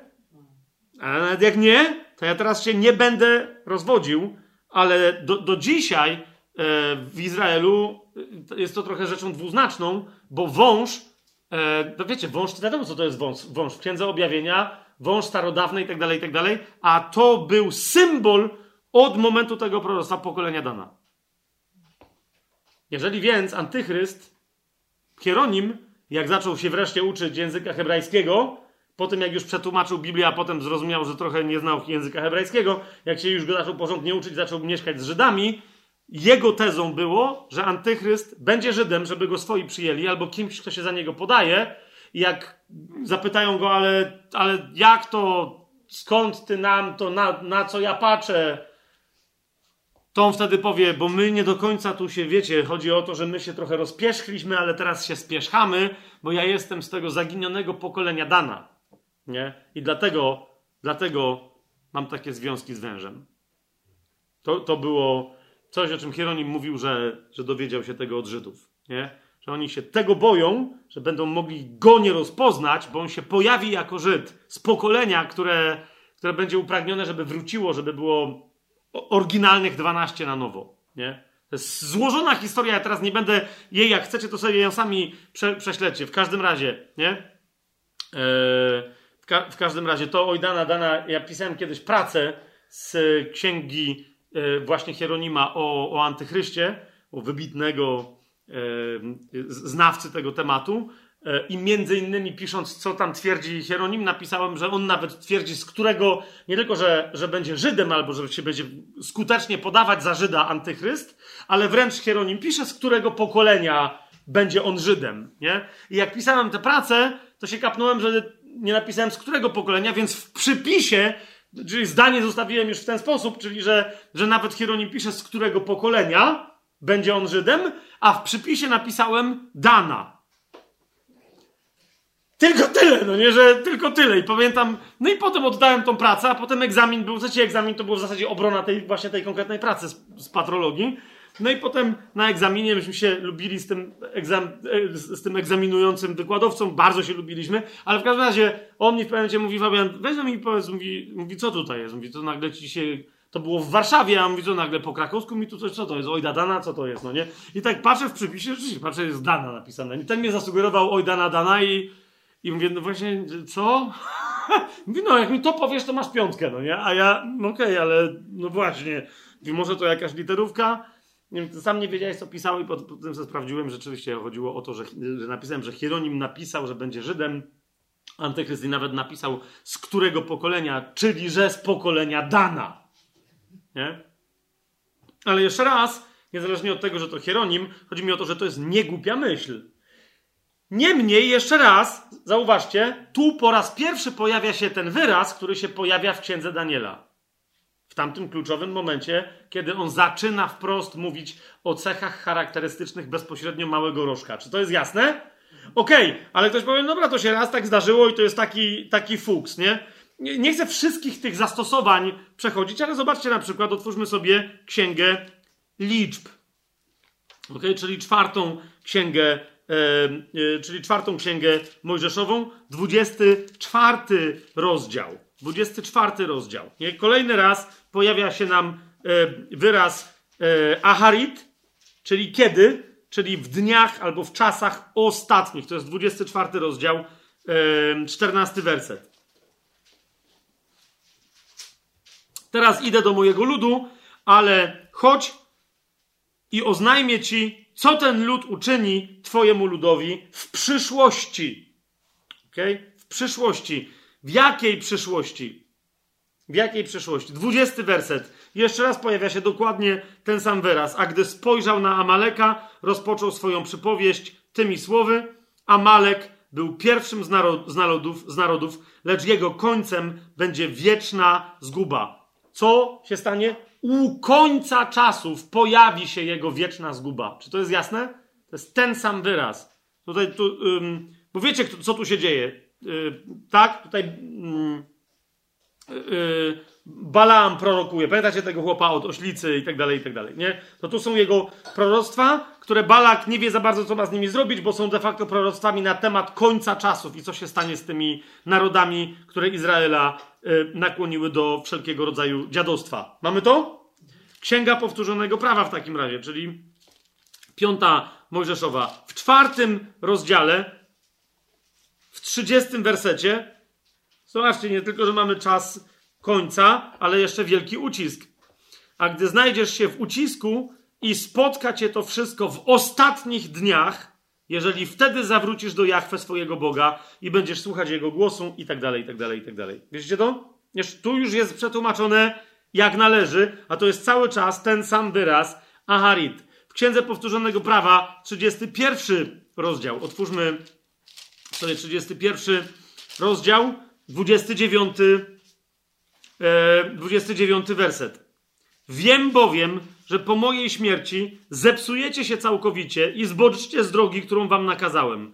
I spotka was nieszczęście w ostateczne dni, gdyż będziecie czynić to, co złe w oczach Jahwe, drażniąc go dziełem swoich rąk. Spotka was nieszczęście w ostateczne dni, albo w dniach ostatecznych, tu jest jeszcze raz to samo Aharit. Widzicie to? Nie? Chodzi oczywiście, to jest proroctwo, e, jedno z takich ukrytych, ale wprost mówiących o tak zwanym e, mm, e, kłopocie Jakubowym. Tak? Dalej, e, Księgę przysłów sobie otwórzmy, żebyście zobaczyli, bo jeszcze raz mówię, są inne tutaj zastosowania, ale nie chcę teraz przez to wszystko przechodzić, możecie sobie to sami prześledzić, zwłaszcza, że często to jest wyraz, w którym jest mowa o końcu dni konkretnej osoby, nie?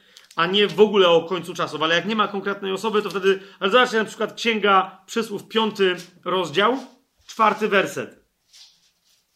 Trzeci i czwarty werset. Mowa jest, mowa jest o kim? O kobiecie nierządnej, która nakłania do zdrady. Widzicie to? Widzicie to? Teraz dlaczego to jest y, istotne? Bo y, opis jej brzmi, jak dla mnie, jak proroczy opis nierządnicy babilońskiej. Wargi obcej kobiety ociekają miodem, a jej usta gładsze są niż oliwa, ale jej koniec, a tutaj mamy dokładnie to, Aharit, jej ostateczne dni są gorzkie jak piołun, ostre jak miecz obosieczny. Do, dokładnie do tego miecza obosiecznego jest co przy, przy, porównywane następnie w Nowym Testamencie. Tylko i wyłącznie Słowo Boże. Jest ostre jak miecz obosieczny. Księga e, List do Hebrajczyków na przykład. Kojarzycie? A piołun, oczywiście miecz ten obosieczny będzie wychodził ostry z ust Słowa Bożego, kiedy przyjdzie na ziemię. Nie? A piołun jest również bardzo konkretnym zjawiskiem, które się, powie, e, które się dokona na ziemi, kiedy spadnie z nieba coś, co będzie nazwane gwiazdą piołun. To jest dokładnie ten piołun. To jest dokładnie nie, ta nazwa. Ale tutaj znowu jest interesujące, bo jeżeli Aharit to są czasy ostateczne, to jest pytanie, co to za nierządnica tutaj i, yy, yy, yy, i kogo ona kusi i kto jest tym synem, do którego w piątym rozdziale zwraca się autor mówiąc, synu mój, zważaj na moją mądrość i nakłoń twojego ucha ku mojemu rozumowi. Nie? Jeżeli mądrość tu przemawia, to do kogo, do kogo, e, do kogo ona mówi? Pierwszy raz, zrobię teraz bardzo daleki przeskok, ale po drodze jest mnóstwo powiązań, więc taki skok z szarfą, że się tak wyrażę, przewleczoną już przez odpowiednie złote i srebrne oczka, to, to jest przemowa do przezwyciężcy, do każdego przezwyciężcy z Księgi Objawienia. Dalej. Eee, otwórzmy sobie Izajasza. Okay? Żeby już przeskoczyć do tego, jak tym słowem posługują się prorocy. Tylko i wyłącznie w kontekście czasów ostatecznych. Tak? Przykład u Izajasza, drugi rozdział, drugi werset. Stanie się kiedy? Aharit, czyli w dniach ostatecznych, że góra domu Jahwe będzie utwierdzona na szczycie gór i wywyższona ponad pagórki i wszystkie narody popłyną do niej. Kiedy się to stanie? Aharit. To się do, do, rozumiecie? To jest konkretny czas. A więc kiedy wszystkie inne momenty, kiedy nie ma mowy o konkretnym człowieku, jakimś nie ma konkretnego zastosowania, tylko jest ogólne zastosowanie, to jest ten czas. Okay? To jest moment, kiedy góra domu Jahwe wywyższa się ponad wszystkie inne góry, czyli właściwy koniec historii, koniec tej epoki, koniec tego świata. Amen? I teraz tylko szybciutko, tak, bo już nie będę, bo sobie możecie sami to sprawdzić, ale przeskoczmy do księgi Daniela. Ok? Gdzie w księdze Daniela pojawia się ten wyraz Aharit? No już wiadomo, że w ósmym rozdziale, w 23 wersecie, no bo przecież dlatego, żeśmy zrobili wycieczkę, co znaczy ten wyraz, nie? Czyli zobaczcie, ósmy rozdział, 23 werset, nie pod koniec ich panowania. Tak? Tylko zobaczcie, co się dzieje. Istnieją cztery królestwa, z których później powstaje, pamiętacie, powstają żelazne nogi, tak? A więc władcy, którzy, którzy się będą ciągnąć, ciągnąć i ciągnąć. Aż do kiedy? Aż do końca czasów. Ok? I tu mamy w 23 wersecie Aharit, a na, w dniach ostatecznych ich panowania. Czy to jest jasne? Tu mamy ten przeskok. W dniach ostatecznych ich panowania. Teraz, kochani, gdzie się pierwszy raz pojawia ten wyraz Aharit? W dziewiętnastym wersecie. Powiedział do mnie, Gabriel, oto oznajmię tobie, co się będzie dziać, kiedy skończy się gniew, bo koniec nastąpi w czasie oznaczonym. To jest dokładnie to. Ok? Teraz ci powiem, jakie to ma znaczenie dla czasów ostatecznych. Czy to jest jasne, co tutaj Gabriel mówi? Miałeś pewne widzenie, ono się zrealizuje w konkretnym historycznym czasie teraz, tak? Ale wynik tego działania, że Aleksander będzie mieć czterech następców i później ta władza, która zostanie tylko, że tak powiem, zagarnięta i zamieniona w żelazną bestię przez Rzym, ona będzie trwać aż do końca czasów. Nie? I na końcu czasów, pod koniec tego ich panowania, które wyniknie z tych czterech królów, po aleksandryjskich, 23 werset, w dniach ostatecznych, w czasach ostatnich, kiedy przestępcy dopełnią swojej miary, to jest dodatkowy jeszcze, znaczy nie tylko w, w, szerokim czasie dni ostatecznych, ale kiedy ci, którzy będą źli, staną się najgorsi, jak to jest możliwe. Ok? Wtedy powstanie w tym samym duchu, co mały rożek z tego czwartego rogu, powstanie ktoś, kto jest zwany królem o srogim obliczu i bardzo podstępny. Widzicie to? Yy, oczywiście niektórzy mówią, no to srogie oblicze oznacza jego charakter. Owszem, bo ono mówi o tym, że on jest podstępny i o tym, że jest srogi, okrutny i tak dalej, i tak ale według mnie, jak sobie następnie w przyszłym tygodniu przyjrzymy się innym fragmentom, według mnie tutaj jest też mowa o cechach fizycznych wyglądu twarzy antychrysta. Okay? I to srogie oblicze, yy, język hebrajski, ten dziwny hebrajski Księgi Daniela, pewną rzecz nam, yy, pewną rzecz nam tutaj sugeruje. Okay? Kochani, żeby jeszcze tylko zakończyć temat tego wyrazu Aharit, E, on się również w księdze Daniela pojawia w 10 rozdziale, w 14 wersecie. Dokładnie ten sam wyraz, żebyście mieli jasność, że, że po prostu on robi przeskok do czasów ostatnich. 10 rozdział, 14 werset.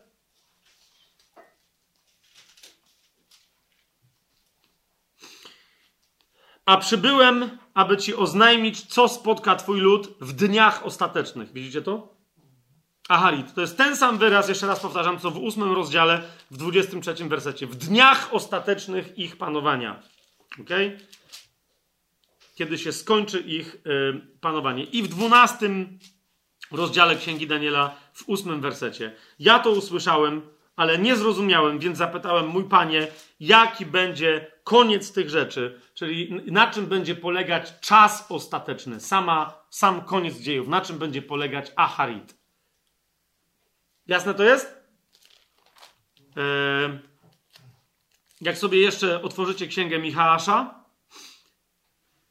e, bo po Danielu to jest interesujące, że już prawie nikt się nie posługuje tym wyrazem. On się może jeszcze dwa, trzy razy potem w Biblii pojawia. Nie, nie pamiętam teraz, ale między innymi e, u Michała w czwartym rozdziale, w pierwszym wersecie. Zauważcie, cały czas e, prorocy mają takie rozumienie tego wyrazu. Aharit.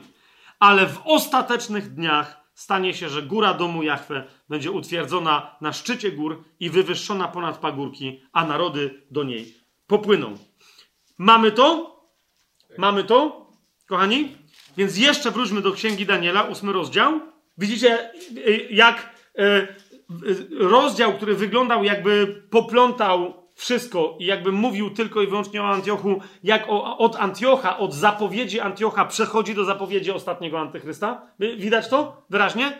Jeszcze raz, a no tłumaczenie mamy jakie, jakie mamy, 23 werset. Plus jeszcze chcę wam jedną rzecz zaznaczyć, jak pamiętamy o tego typu kwestiach, zauważcie, w czasach ostatecznych panowania, które się zacznie od tych czterech królów, które się jeszcze czym będą charakteryzować? Kiedy przestępcy dopełnią swojej miary. Kiedy przestępcy się uprzestępczniczą tak, jak to jest tylko możliwe. Kojarzy się wam coś? Księga Objawienia, 22 rozdział. Księga Objawienia, 22 rozdział, 11 werset. Nie będę teraz jeszcze robił dodatkowo teraz przeskoków lingwistycznych, gramatycznych i tak dalej, jak co wygląda w Septuagincie, jak co wygląda tutaj, ale rozumiecie, to jest jeden z tych fragmentów, który wyraźnie nawiązuje do, ósmej, do ósmego e, rozdziału 23 wersetu Księgi Daniela. Nie tylko. To jest 22 rozdział Księgi Objawienia, 11 werset. Kto krzywdzi, niech nadal wyrządza krzywdę. Niech się dopełni krzywda. Rozumiecie o co chodzi? Kto plugawy, niech się nadal plugawi. Kto sprawiedliwy, niech nadal będzie sprawiedliwy, a kto święty, niech się nadal uświęca. A oto ja przyjdę wkrótce, a moja zapłata jest ze mną. Nie? Więc jeszcze raz wróćmy do, e, do księgi e, Daniela. Tu, tu widzimy w księdze objawienia sam Pan Jezus nawiązuje jeszcze raz, to nie jest jedyny raz, kiedy on nawiązuje do księgi Daniela, ale że tak powiem, przemawiając do nas z nieba, wyraźnie nawiązuje między innymi do tego ósmego rozdziału 23 wersetu. Nie?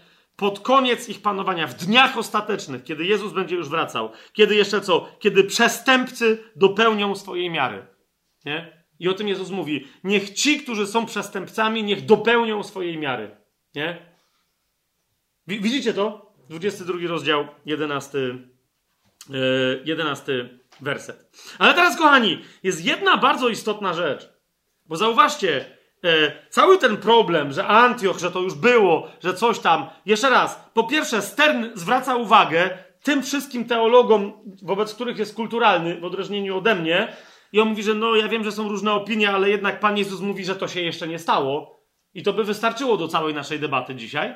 Tylko, że my jesteśmy poważnymi studentami Słowa Bożego i, i, i musi, wy jesteście w każdym razie poważnymi studentami i macie cierpliwość do mnie, że wchodzę w takie szczegóły, ale jeszcze raz, e, jednym z owoców jednak pozytywnych mojego przez wiele lat bycia, e, obracania się, wiecie, w kręgach teologicznych, katolickich, biblijnych itd., itd., e, są między innymi, rozumiecie, rozmowy w różnych gremiach tak zwanych ekumenicznych i tak dalej, i tak. I po prostu słyszałem masę teologów biblijnych, katolickich, protestanckich i tak.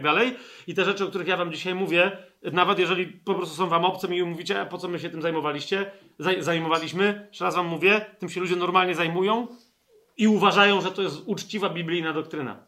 Żeby wierzyć, że Antioch Epifanes to było to, już więcej nikogo nie będzie, yy, więcej nikogo nie będzie, nie? Nawet Hitlera nie uważają za tak złego, jakim był Antioch Epifanes, a to jest zupełne, według mnie, zupełne nieporozumienie. Niemniej, jeszcze jak się przyjrzymy temu, co Pan Jezus mówi, bo on po pierwsze mówi, że to dopiero przyjdzie, to zauważcie, Pan Jezus mówi, kiedy zobaczycie, czyli 24 rozdział, 15 werset Ewangelii Mateusza lub 13 rozdział, 14 werset Ewangelii Marka, mówi co? Kiedy zobaczycie co? Ohydę spustoszenia albo obrzydliwość spustoszenia. Kiedy zobaczycie obrzydliwość spustoszenia? Wtedy, mówi, to wtedy wiedzcie. Nie? Wtedy uciekajcie w góry. Ale mówi, kto czyta, kto czyta, jak czytacie u proroka Daniela, u nikogo innego, w żadnym, nie w księdze pierwszej Machabejskiej. Nie? Kto czy... Jeszcze raz, ja teraz się trochę nabijam, a trochę nie, bo Jezus to mówił do ludzi, dla których, dla niektórych, wielu z nich istotniejsza była na przykład dla tak zwanych zelotów. Jeden z apostołów miał przydomek wręcz zelota, tak? Partyzantów. Dla nich istotniejsze były księgi machabejskie niż Daniel. Rozumiecie, bo, bo co Daniel ich do czego zachęcał? Żeby siedzieć w Babilonie i nic nie robić? Chyba Habejczycy walczyli. Było powstanie, było ogień. Teraz my będziemy walczyć z Rzymianami, kapujecie? Dało się z Grekami, to my teraz z Rzymianami. Więc, on do nich kto czyta, tak jak czytacie u proroka Daniela. Kto czyta, niech rozumie. Więc kochani, tu nam się pojawia druga kwestia i od razu zaznaczę, że ta druga kwestia jest kwestią kluczową. A więc w ósmym rozdziale, jak widzicie, antychryst nam się pojawia, ale dopiero w 23 wersecie, zaznaczony przez wyraz aharit w czasach ostatecznych. Natomiast później, bo niektórzy powiadają, e, no dobrze Fabian, fajnie, elegancko sobie poradziłeś, dziewiąty rozdział jeszcze byśmy przebrnęli, ale w jedenastym rozdziale z powrotem, w jedenastym rozdziale z powrotem mamy do czynienia z historią starożytną. I, I do właśnie w 11 rozdziale jest precyzyjnie opisane e, poszczególne ruchy e, między Persami, Grekami, potem samych Greków i tak dalej, i tak dalej. Znowu, one nie oznaczają tego, co dopiero nadejdzie. One precyzyjnie opisują to, co już było. Ok? Ale ja na to odpowiadam jak najbardziej tak. Tylko na szczęście w 11 rozdziale, jak i w 9, jak i w 12 mamy już to, o czym Pan Jezus powiedział, żeby na to zwracać uwagę. Co mianowicie? Obrzydliwość, która sieje spustoszenie. Ok? A Pan Jezus jeszcze raz, 24 rozdział Ewangelii Mateusza, 15 werset mówi, kiedy ujrzycie obrzydliwość spustoszenia. Te, o której pisze Daniel. Daniel posługuje się tym określeniem obrzydliwość, która sieje spustoszenie, czy która dokonuje spustoszenia, Paweł, e, Daniel się tym określeniem posługuje zaledwie yy, trzykrotnie, ok?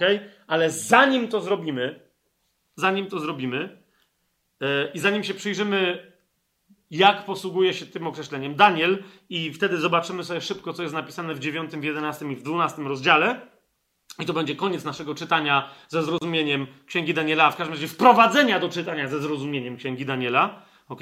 To jeszcze raz, bo ktoś mi zadał pytanie, że czemu ja tak szybko zrobiłem definicję obrzydliwości spustoszenia, to nie jest takie oczywiste, że obrzydliwość yy, to jest czczenie bożków. Yy, jeszcze raz, bo my musimy być bardzo precyzyjni, gdy chodzi o słowo. Obrzydliwość spustoszenia, w ogóle obrzydliwość Biblii, ten wyraz, o którym my teraz mówimy, tak? którym się posługuje Daniel, nie oznacza bożka samego w sobie, bo ktoś tam znalazł jakieś bożki i mówi, to jest inny wyraz. Oczywiście, że tak. Hmm? Żeby być jeszcze bardziej precyzyjny, to obrzydliwość oznacza oddawanie czci bożkom, a nie bożka, który chce, żeby mu oddawać cześć. Czy to jest jasne? Więc obrzydliwością może być na przykład składanie ofiary bożkowi, Ale nadal sama ofiara też nie jest tą obrzydliwością. Bożek jest, jest, jest syfem, ofiara jest syfem, ale to, że jest człowiek, który się kłania Bożkowi albo składa temu Bożkowi ofiarę, to jest obrzydliwość. Czy to jest jasne? Ok? Dobra. Przyjrzyjmy się szybciutko, jak widzi obrzydliwość ten konkretny wyraz, znowu jeszcze raz, e, język hebrajski. Więc znowu, szybciutko. Księga Powtórzonego Prawa, 29 rozdział. Ja nawet nie pamiętam, czy to jest pierwsze zastosowanie. Może to jest pierwsze, nie pamiętam. Sobie notatki robiłem, nie pamiętam. Ale jeszcze raz mówię, to nie chodzi o pierwsze zastosowanie, tylko żeby zobaczyć typowe zastosowanie tego wyrazu. Obrzydliwość. W jakim kontekście pojawia się ten wyraz. I wtedy nam się łatwo pojawi, wiecie, definicja. To jest 29 rozdział Księgi Yy, księgi, powtór- księgi powtórzonego prawa, przepraszam. Poznaję. Ja powiedziałem co? A, a sam sobie powiedziałem księgi rodzaju, ok. W głowie. Więc księga powtórzonego prawa, 29 rozdział. Hmm? W 29 rozdziale mamy takie wersety. 16-17 werset. Wy bowiem wiecie, jak mieszkaliśmy w ziemi Egiptu i jak przechodziliśmy wśród narodów, które minęliśmy. I widzieliście ich obrzydliwości i posągi z drewna i kamienia, ze srebra i złota, które są u nich. Widzicie to? Obrzydliwości to jest co innego niż same te idole. Tak? Okej. Okay. Więc teraz mamy pierwszą królewską. Jeszcze raz tak, żeby sami sobie możecie potem prześledzić ten wyraz pojedynczej liczbie, w, w mnogiej. Ale zobaczcie, jak y, większy, wszyscy autorzy biblijni E, posługują, ludzcy, jak, jakim się posługują e, znaczeniem tego wyrazu. To jest pierwsza królewska, jedenasty rozdział. Czwarty i piąty werset. Gdy bowiem Salomon się zestarzał, jego żony skłoniły jego serce ku innym bogom. Tak? Widać decyzję pewną w sercu? Okej. Okay. Jego serce nie było więc doskonałe wobec Jahwe, jego Boga, jak serce Dawida, jego ojca. Salomon bowiem poszedł za Asztartą, boginią Sydończyków, i za Milkomem, obrzydliwością Ammonitów. Widzicie to? Tu w tym wypadku poszedł za nim, yy, to jest, czyli yy, tu znowu nie chodzi o to, że, po, że poszedł za figurką, ale za całą religią. Okay? To jest obrzydliwość yy, Ammonitów. Jasne? To jest to, co się robi E, a czego wyrazem są figurki, ale to nie musi być figurka, bo, bo on mógł wzywać imienia tylko tego Boga. Rozumiecie, razem z tymi żonami i składać ofiary na wyżynach, jak to e, w, w, w e, księdze, w księgach królewskich czytamy. Nie? W siódmym wersecie to samo jest tutaj bardzo bliskie zastosowanie. Wówczas Salomon zbudował wyżynę dla Kemosza, obrzydliwości Moabu, na górze naprzeciwko Jerozolimy oraz dla Molocha obrzydliwości synów Amona. Widzicie to? Są dwie obrzydliwości. I on teraz uczcił te obrzydliwości, całe te religie w taki konkretny sposób, ale można je było uczcić jeszcze inaczej. Jasne? Dalej. Druga królewska. Otwórzmy sobie drugą królewską, żeby tutaj być blisko 23 rozdział drugiej księgi królewskiej. To jest 23 rozdział 13 yy, werset. Król splugawił wyżyny, które stały przed Jerozolimą po prawej stronie góry zatracenia i które zbudował Salomon, król Izraela, dla Asztarty, obrzydliwości Sydończyków, dla Kemosza, obrzydliwości Moabitów i dla Milkoma, obrzydliwości synów Amona. Widzicie to? Tu jest to wszystko po prostu sprowadzone. E, czyli są konkretne bóstwa, one mają konkretne asztarta, no pamiętacie, te wszystkie gaje, te wszystkie figury z drewna i tak dalej, i tak dalej, ale e, mm, obrzydliwością jest cały kult z tym związany. Tak? 24 e, werset będziemy mieli to samo. Jozjasz usunął również czarowników, wróżbiarzy, posągi, bożki i wszystkie obrzydliwości, które widziano w ziemi Judy i w Jerozolimie. Widzicie to? Czyli yy, mamy odróżnione czarowanie, wróżbiarstwo, posągi i bożki. Od czego? Od całej reszty rzeczy, które się robi, kiedy się dokonuje kultu religijnego fałszywego. Widzicie to? to i, I inne, yy, wszystkie inne obrzydliwości. Ok? Usunął. E, Izajasz. Zobaczcie, ciekawy, jak, jak tym językiem, jak, jak tym wyrazem posługuje się taki prorok jak e, ewangelista Izajasz. Okay? Izajasz w 66 e, rozdziale takiego porównania dokonuje. To jest 66 rozdział, trzeci wers, werset. I on tam mówi o ludziach, którzy normalnie składają ofiary Bogu jak należy, według przepisów prawa, ale ze względu na to, co mają w sercu, dokonują zupełnie fałszywego e, obrzydlistwa, właśnie. Ten, kto zabija wołu na ofiarę, to jakby zabił człowieka. Kto zabija na ofiarę barana, to jakby ściął głowę psu. Kto przynosi ofiarę, to jakby ofiarował krew świni. Kto pali kadzidło, to jakby błogosławił bożkowi. Lecz jak oni wybrali sobie swoje drogi i ich dusza ma upodobanie w tych obrzydliwościach. Widzicie to? Czyli patrzcie, oni robili normalne rzeczy, przepisane prawem. Składali właściwe, judaistyczne ofiary w świątyni. I teraz, a Pan mówi, że to są obrzydliwości. Dlaczego? Ponieważ oni Jego traktują jak fałszywego bożka, więc to, co On nie jest, nie? Ale, ale to, co oni chcą Jego nakłonić do jakichś swoich rzeczy przy pomocy tych ofiar, to nie jest oddawanie Mu czci, tak jak On chce być czczony. Widzicie to?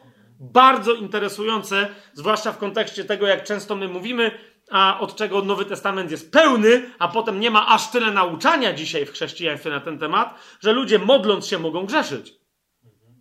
Nie? Że, że uprawiając e, chciwość w chrześcijaństwie, w chrześcijańskich zborach Biblii niewierzących, mówią, my nie mamy żadnych bożków. Natomiast tu są ludzie, którzy oddawali cześć Bogu tak, jak On napisał, że chce, ale mieli serce tak zboczone, że dokonywali obrzydliwości. I to się, to się może dziać śpiewając Halleluja, chwała Panu, czy, czytając z Biblii i słuchając nauczania biblijnego w zborze. I nadal ktoś może to wszystko robić tylko po to, żeby Boga obrazić, bo ma obrzydliwość w swoim sercu. Czy to jest jasne? Hmm? E, przeskoczmy szybciutko dalej, do Jeremiasza, bo na jeszcze jeden aspekt chcę wam zwrócić uwagę. Nie? E, to jest czwarty rozdział. Jeremia, Jeremiasz posługuje się, domyślacie się, że jak ktoś lubi posługiwać się wyrazem obrzydliwość, to jest na pewno Jeremiasz. I tak jest. Chociaż Ezechiel nie mniej, no ale Ezechiel też w swoich działaniach proroczych był nieco obrzydliwy, jak niektórzy powiadają. W każdym razie jedno tylko zastosowanie chcę wam zwrócić uwagę, bo, bo tego jest mnóstwo, no może nie jedno, może, może parę, ale nie wszystkie. Okay? Czwarty rozdział Jeremiasza, pierwszy werset. Jeżeli chcesz wrócić, Izraelu, mówi Jahwe, to wróć do mnie. A jeżeli usuniesz swoje obrzydliwości sprzed mojego oblicza, to już nie będziesz się tułał. Widzicie, to jest dokładnie to słowo, to samo zastosowanie. W siódmym rozdziale, w trzydziestym wersecie, Pan przez Jeremiasza mówi: Synowie Judy bowiem czynili zło przed moimi oczami, mówi Jahwe. I teraz zwróćcie uwagę na to. Ustawili swoje obrzydliwości w tym domu, który jest nazwany moim imieniem, aby go zbezcześcić. Czyli gdzie? W świątyni. Więc jak niektórzy mówią, że to dopiero antychryst coś tam zrobi, i, I, w związku z tym pojawia się teologia, że no właśnie, skoro Antioch Epifanes to zrobił, to było tak rzadkie historycznie, że to on musiał być tym antychrystem, to jeszcze raz, gdzie jaki Antioch Epifanes, a gdzie Jeremiasz? Rozumiecie? To jest jeszcze przed, yy, przed niewolą babilońską. I co? Pan mówi przez Jeremiasza, że to jest dokładnie to, co oni robili w świątyni jerozolimskiej. Zresztą pamiętacie u Ezechiela są opisy tego, jak oni mieli masę fałszywych bóstw w samym środku świątyni jerozolimskiej. Pamiętacie? Jak nie, to, to, to sobie y, łatwo można znaleźć. Bo zobaczcie u Jeremiasza w 16, y, e, u Jeremiasza w 16 rozdziale, werset, y, werset 18. Pan mówi, najpierw odpłacę im podwójnie za ich nieprawości, i za ich grzechy, za to, że zbezcześcili moją ziemię trupami swoich obrzydliwości i napełnili moje dziedzictwo swoimi ohydami. Co to są trup, trupy ich obrzydliwości? To jest, to jest obrzydliwa rzecz, ale musimy sobie jeszcze jednej rzeczy powiedzieć. Prorocy o niej, yy, o niej mówią, że to jest jedna z najbardziej bolesnych dla Pana w sercu Bożym. Yy, w sercu Bożym y, spraw. 32 rozdział Jeremiasza sobie sobie mm, otwórzmy. 33 werset i dalej będę czytał. Obrócili się do mnie tyłem, mówi Pan, a nie twarzą. I chociaż ich nauczałem z wczesnym wstawaniem i nauczaniem, oni jednak nie słuchali, aby przyjąć pouczenie. Umieścili swoje obrzydliwości w domu, nad którym jest nazwane moje imię, aby go zbezcześcić. I patrzcie dalej. Zbudowali wyżyny Baala w dolinie syna Hinum, aby przeprowadzić swoich synu, synów i swoje córki przez ogień ku czci Molocha, czego im nie nakazałem, nie przyszło mi nawet na myśl, aby czynić taką obrzydliwość i Judę przewodzić do grzechu. Rozumiecie? Macie inny e, spektakl mm, e, diaboliczny, to jest oddawanie dzieci w ofierze. Okay? Oddawanie dzieci w ofierze jest dla mnie absolutnie zdumiewające. E, jak e, nawet czarno na białym widząc dzisiejszą, e, wiecie, ruchy tak zwane pro-choice, że niby za wyborem, anty, e, proaborcyjne i mówią, że tutaj jest matka i tak dalej, a dziecko to jeszcze nie jest dziecko, to nie jest żyjąca istota i okej, okay, okej. Okay. Jest to interesujące w takim razie, bo jeżeli życie się definiuje, wiecie, ja czasem rozmawiam z tymi ludźmi i, i nie mogę tego zrozumieć, że zaraz, to, czyli to nie jest żyjąca istota? To czemu to rośnie? Wiesz o mi chodzi? No, no jakby to jest taka definicja, nie? To, żyje, tam umiemy rozpoznać, że coś żyje. To może być, kurde, świnka morska, ale ja widzę, że to jest mała świnka morska, ślepa, ale widzę, że to żyje, albo że jest martwe, to łatwo dosyć ocenić. Druga świnka morska oceni, czy ta świnka morska jest żywa, czy martwa. Rozumiecie, o co mi chodzi? Więc my to wiemy, to żyje, tak? Więc, jeżeli ktoś mi przeczy, że to jeszcze... Nie, my nie wiemy, czy to żyje. Serio? To jak to rośnie? To się, to się nabudowuje matematycznie? Co, co się tam wyprawia? Więc to żyje. A jeżeli to żyje, to, to jest drugie pytanie, jakie to jest życie? Ludzkie czy nieludzkie? Rozumiecie, bo całe te dyskusje, że ale czy to jest dziecko, czy to jest coś... Jeszcze raz, czy ktoś ma prawo odbierać życie ludzkie? To takie sobie pytajmy, pytanie zadajmy. Wiecie, o co mi idzie? Czy jest jakieś coś, co uzasadnia kończenie gwałtowne, zabójcze życia ludzkiego? Podaj mi przykład. Chyba, że to nie jest życie, albo chyba, że to nie jest życie ludzkie. Rozumiecie? To nie ma nic do tego jakby sprawa, że Bóg, czy to, to, to ktoś może być w ogóle niewierzący. Ale, ale, nadal musi się zgodzić, żeby zabić dziecko w łonie matki. Może nie nazywać go dzieckiem, niech chce nazwie jak chce. Niech sobie nazwie, że to jest jak coś, co żyje życiem ludzkim. To jest moje proste pytanie. Kto ma prawo przerwać życie ludzkie? To jest tylko tyle. Nie? Idźmy dalej uzasadnienie jest jakie, że no dobra, no okej, okay, okej, okay, lepiej tego tak nie nazywać. Czemu? Dla dobra matki, dla dobra rodziców, bo to są często młodzi ludzie, bo to są e, ludzie, którzy mają przyszłość i tak dalej. Rozumiecie? Czyli idea jest jaka, że trzeba to coś złożyć w ofierze czyjegoś komfortu życia. Ja już pomijam, że ten ktoś dla komfortu uprawiania seksu sam mógł skorzystać, zwłaszcza jak jest niewierzący, to nie wiem, z jakiejś e, antykoncepcji, tak? Na litość boską. Więc nie stać go było na komfort wydania, tam, wydania. Przecież dzisiaj przy tych wszystkich programach profesjonalnych dla młodzieży i nie dla młodzieży, to, to rozumiecie, niektórzy mają po 200 nieużywanych prezerwatyw, po prostu bo są obsypani w szkole i, i w ośrodkach rozmaitych młodzieżowych i tak dalej, za darmo tymi wszystkimi rzeczami. Ok? Ale potem się okazuje, że ok, komfort. I teraz co jest naj, najgorsze w tym wszystkim? Że jak się przyjrzysz, czemu ktoś składał ofiary, rozumiecie, bo oni wtedy nie udawali, że to nie są dzieci. Nie? Rzadko kiedy się zdarzało, żeby ktoś wyjmował komuś z łona, ale to były pierwsze cesarki, tak nawiasem mówiąc. Wiecie, czyli rozcinanie matek, żeby wyjąć e, płód z, e, z jej złona i po prostu i żeby go zabić. Ale jeszcze raz, rozumiecie, dla nich to było nieważne skąd jest dziecko. No, nie, inne dzieci się urodziły i miały dwa lata, pięć, dziesięć, dopóki takie dziecko było pod, władą, pod władzą rodzica, oni przecież rozumiecie, oni nie udawali, jakby to nie, że a, bo tu wiesz, łono, nie łono, coś tam, tylko pff, nadal to jest moje.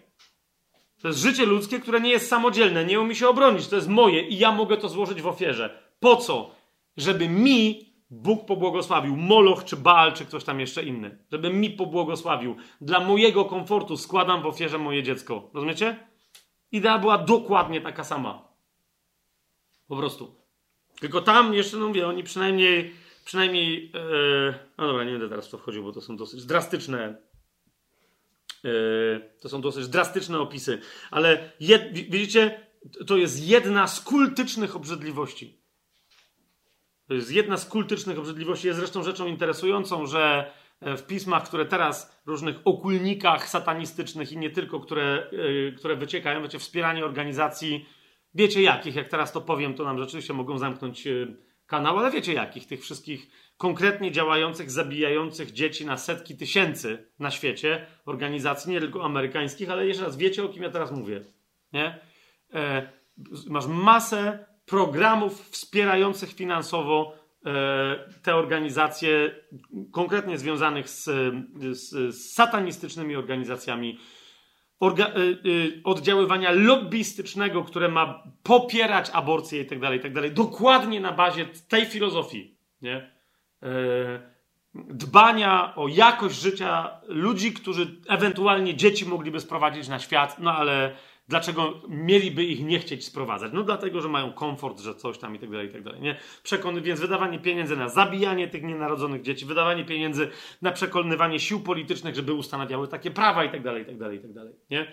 I stoją za tym, są, mówię, przyjdzie taki moment i będziemy to, po prostu będziemy to ujawniać, bez żadnych, yy, niezależnie od tego, jakie będą tego konsekwencje, już niedługo na tajemnym planie, yy, konkretne pisma, rozkazy, yy, rozumiecie, yy, a nawet obrzędy, które mają wspierać, typu posty satanistyczne, e, modlitwy satanistyczne, składanie ofiar e, diaboliczne, rytualne.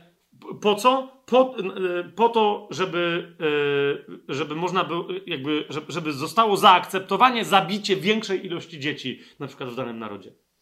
Nie?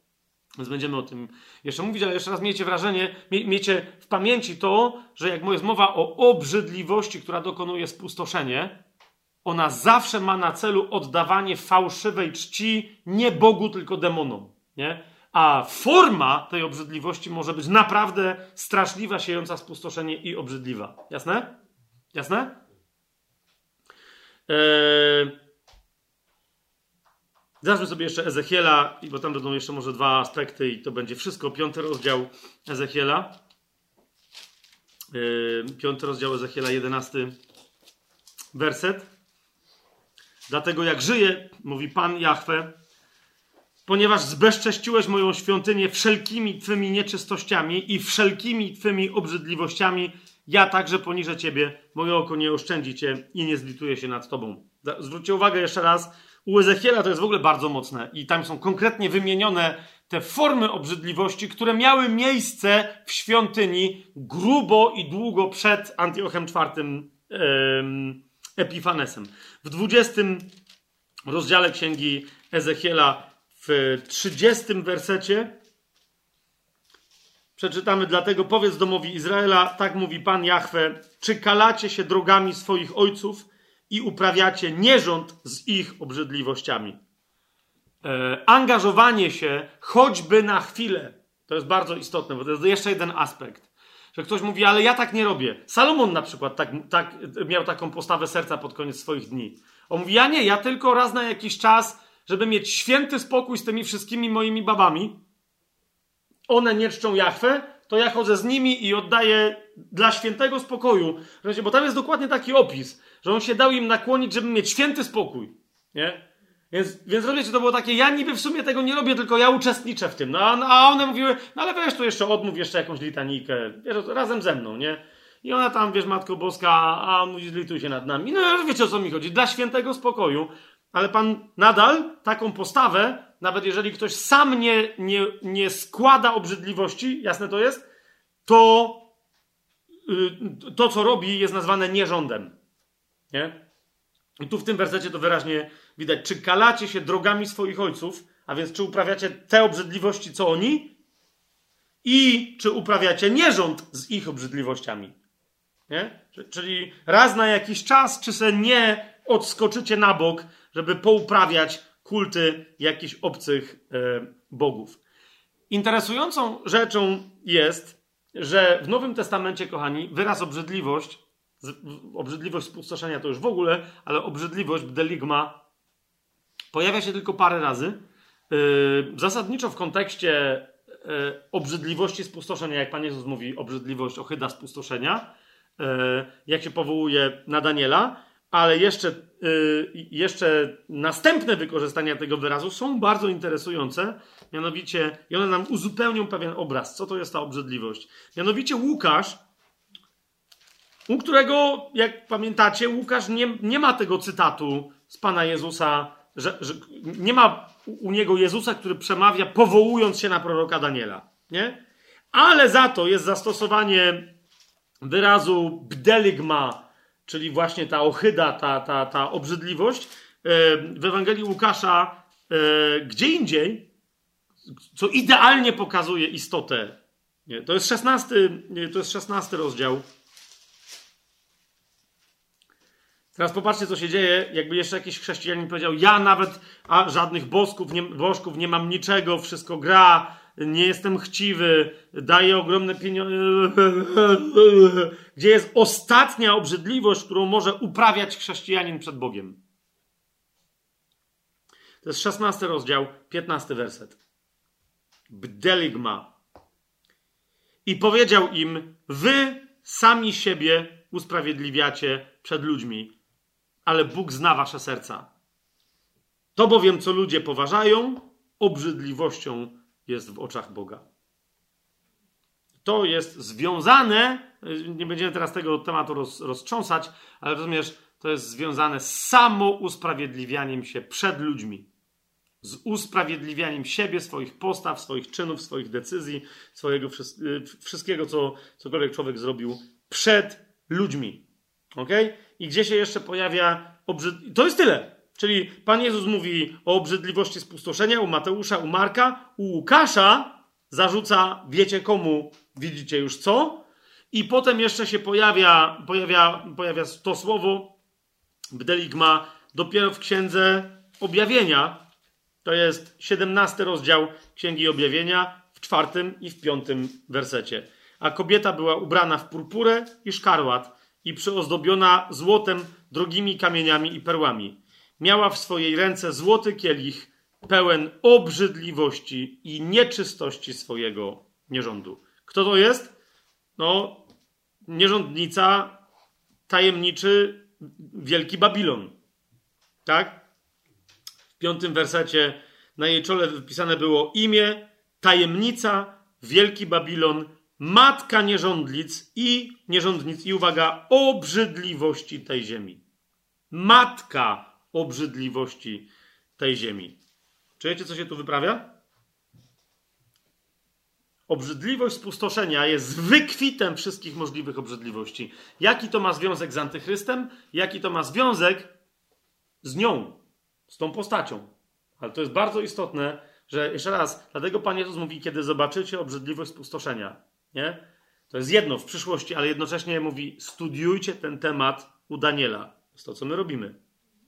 Okay, w 21 rozdziale, w 27 wersecie, pamiętacie, jak mówiłem dzisiaj, że grzech przeciwko Duchowi Świętemu to jest po prostu odrzucenie Boga, odrzucenie usprawiedliwienia, które przychodzi od Niego i zdecydowanie się w związku z tym na samo usprawiedliwienie, czyli na wieczne piekło.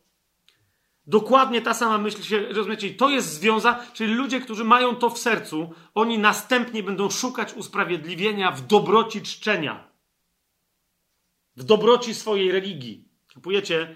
Każda religia, dlatego chrześcijaństwo nie jest religią. Czemu? Bo opiera się na usprawiedliwieniu, które przychodzi z zewnątrz, które przychodzi od Boga, a nie na tym, co człowiek robi. To jest jasne? Każda, istotą każdej religii jest fałsz polegający na tym, że ty swoimi działaniami możesz się usprawiedliwić w obliczu Boga. Po prostu to jest to. To jest obrzydliwość. Nie? I teraz, jak ty potem tę obrzydliwość robią, aż po, a, robisz, aż po najgorsze rzeczy, rozumiecie, że ludzie sobie palenie dzieci w piecu Molocha uzasadniali. Oni byli, rozumiecie, że takie działanie oni usprawiedliwiali, jeszcze uważali, że to działanie usprawiedliwia inne ich działania. Nie? Mamy napisane w 21 rozdziale, i to będzie y, koniec takiego krótkiego przeglądu słowa obrzydliwość w Nowym Testamencie. 21 rozdział, 27 werset jest powiedziane o Nowym Jerusalem, y, o naszym przeznaczeniu ostatecznym, y, o naszym przebywaniu z Panem w Jego chwale, że tam, to jest 27 werset, nie wejdzie nic nieczystego, Zauważcie, żadna z rzeczy nieczystych, ani kto, ani nikt, kto popełnia obrzydliwość i kłamstwo. Widzicie to? Nikt, kto popełnia obrzydliwość i kłamstwo, tylko ci, którzy są zapisani w Księdze Życia Baranka. Ktoś, kto popełnia obrzydliwość, jest jasne, że jak przyjdzie obrzydliwość spustoszenia na końcu i powie: Jestem Bogiem, proszę mi się kłaniać, to jasne, że ludzie się temu czemuś ukłonią, bo przecież to jest dokładnie to, do czego są tresowani we wszystkich innych obrzydliwościach.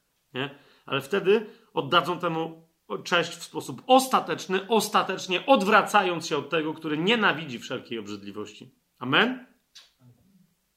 I teraz, kochani, otwórzmy sobie księgę Daniela i zobaczmy, bo Pan Jezus powiedział, że kiedy zobaczycie obrzydliwość spustoszenia, o której czy, czytacie u proroka Daniela. Więc wreszcie przeczytajmy, gdzie to u niego czytamy. Czytamy u niego w trzech rozdziałach, które są dla nas kluczowe, które mówią właśnie o antychryście, ale dokładnie tam, gdzie mówią o obrzydliwości spustoszenia. Mamy to? Dzisiaj skończymy e, wprowadzenie do uczciwej lektury Księgi Daniela za poruczeniem e, Pana Jezusowym. Więc dziewiąty rozdział Księgi Daniela, dwudziesty siódmy werset. Okay? Jest powiedziane o antychryście, że on o tym ostatecznym. I teraz jego cechą charakterystyczną jest wprowadzenie obrzydliwości, która sieje spustoszenie. To je, I jest napisane tak, że on utrwali przymierze z wieloma przez jeden tydzień. Tutaj chodzi o tydzień lat, czyli o siedem dni. Tak? A w połowie tego tygodnia sprawi, że ustanie ofiara spalana i ofiara z pokarmów, a przez mnóstwo obrzydliwości uczyni spustoszenie aż do końca i wyleje się to, co postanowione na tego, który sam ma być spustoszony. Okay? Więc jest powiedziane, że, będzie na, że on namnoży obrzydliwości, e, które uczynią spustoszenie. Teraz dalej się dowiadujemy, że z tych obrzydliwości jedna będzie absolutnie najbardziej e, mm, po prostu będzie abominacją, Swoją drogą to jest łaciń, po angielsku ta obrzydliwość spustoszenia to jest e, abomination of desolation, tak? Więc to, to jest słowo abominacja polskie tutaj też pasuje, ale wolę obrzydliwość czy ochyctwo, bo to każdy wie o co chodzi, że to jest wiadomo, że kupa z masłem i z robakami i ogólnie cuchnące ścierwo i, i, i trup i żygi, tak? To jest mój komentarz do religii. i jej ostatecznego y, wykwitu. Tu jeszcze mamy tylko zaznaczone, że te, że te y, one się namnożą, te obrzydliwości. Drugi raz, i teraz co jest bardzo istotne, bo kochani, w dziewiątym rozdziale, tu szybciutko skończymy sobie dziewiąty rozdział, zobaczcie jaki jestem szybki. e, bo w dziewiątym rozdziale zasadniczo to jest swoją drogą genialna nauka, ale ona nas teraz y, nie, nie dotyczy, dlatego że my się my rozważamy tam y, postać antychrysta. To jest zasadniczo modlitwa Daniela. Ale właśnie w dziewiątym rozdziale, w wyniku modlitwy Daniela, Daniel otrzymuje to sławne, przesławne proroctwo o 70 tygodniach. Tak? To jest dziewiąty y, rozdział od 24 wersetu czytamy: 70 tygodni wyznaczono nad Twoim ludem i Twoim świętym miastem na zakończenie przestępstwa, na zgładzenie grzechów i na przebłaganie za nieprawość, na wprowadzenie wiecznej sprawiedliwości, na opieczętowanie widzenia i proroctwa oraz na namaszczenie Najświętszego. Krótko mówiąc, na przyjście Mesjasza, rozwiązanie wszystkich y, ludzkich kłopotów. Mamy jasność? Jest 70 tygodni, ale z których 69 tyczy się jednego okresu, a jeden zupełnie innego. Dlatego wiedz i zrozum, to jest 25 werset, że od wyjścia nakazu o przywróceniu i odbudowaniu Jerozolimy aż do księcia Mesjasza będzie 7 tygodni i 62 tygodnie. To jest czyli ile? 62 i 7, 69 tygodni lat. Czyli 69 razy 7 lat. Ok? Od kiedy? Mamy tutaj od yy, wyjścia nakazu o przywróceniu i odbudowaniu Jerozolimy. Myśmy o tym zaś mówili przy okazji Księgi Daniela, całe proroctwo, nie? Okej. Okay. Jak to jest istotne, jak to jest żywotne dla... Yy, Ania, podasz mi, yy, jak tam podejdziesz do tamtej półki, widzisz tam taką niebieską buteleczkę? Tak, i obok niej nie tą buteleczkę, obok niej jest takie czarne pudełeczko. O, i o to pudełeczko mi chodzi. Buteleczka jest mojej żony. I to są chyba jakieś perfumy czy coś, a mnie chodzi o to. Nie? Oczywiście teraz to jest trochę inne porównanie, bo, bo te, ten właściwy dekret, o który Danielowi chodzi, to nie jest dekret Cyrusa, ok? E, ale, ale to Cyrus zapoczątkował e, przez swoje pierwsze ogłoszenie powrót Żydów do e, Izraela, odbudowanie Jerozolimy i potem odbudowanie świątyni. Czy to jest jasne? I teraz, rozumiecie, oni to świetnie wiedzą. Oni to świetnie wiedzą, nie, że to się wtedy stało. I oni wiedzą, że na końcu, y, y, y, kiedy, kiedy już będzie wszystko dobrze, oni będą z powrotem mieli świątynię. Nie? To jest ten sławny, ja nie wiem, czy to kiedyś pokazywałem, e, to co ja nazywam szeklem świątynnym. Niektórzy mi tam zarzucali, że nie, nie, to jest tylko medalion, który, no okej. Okay.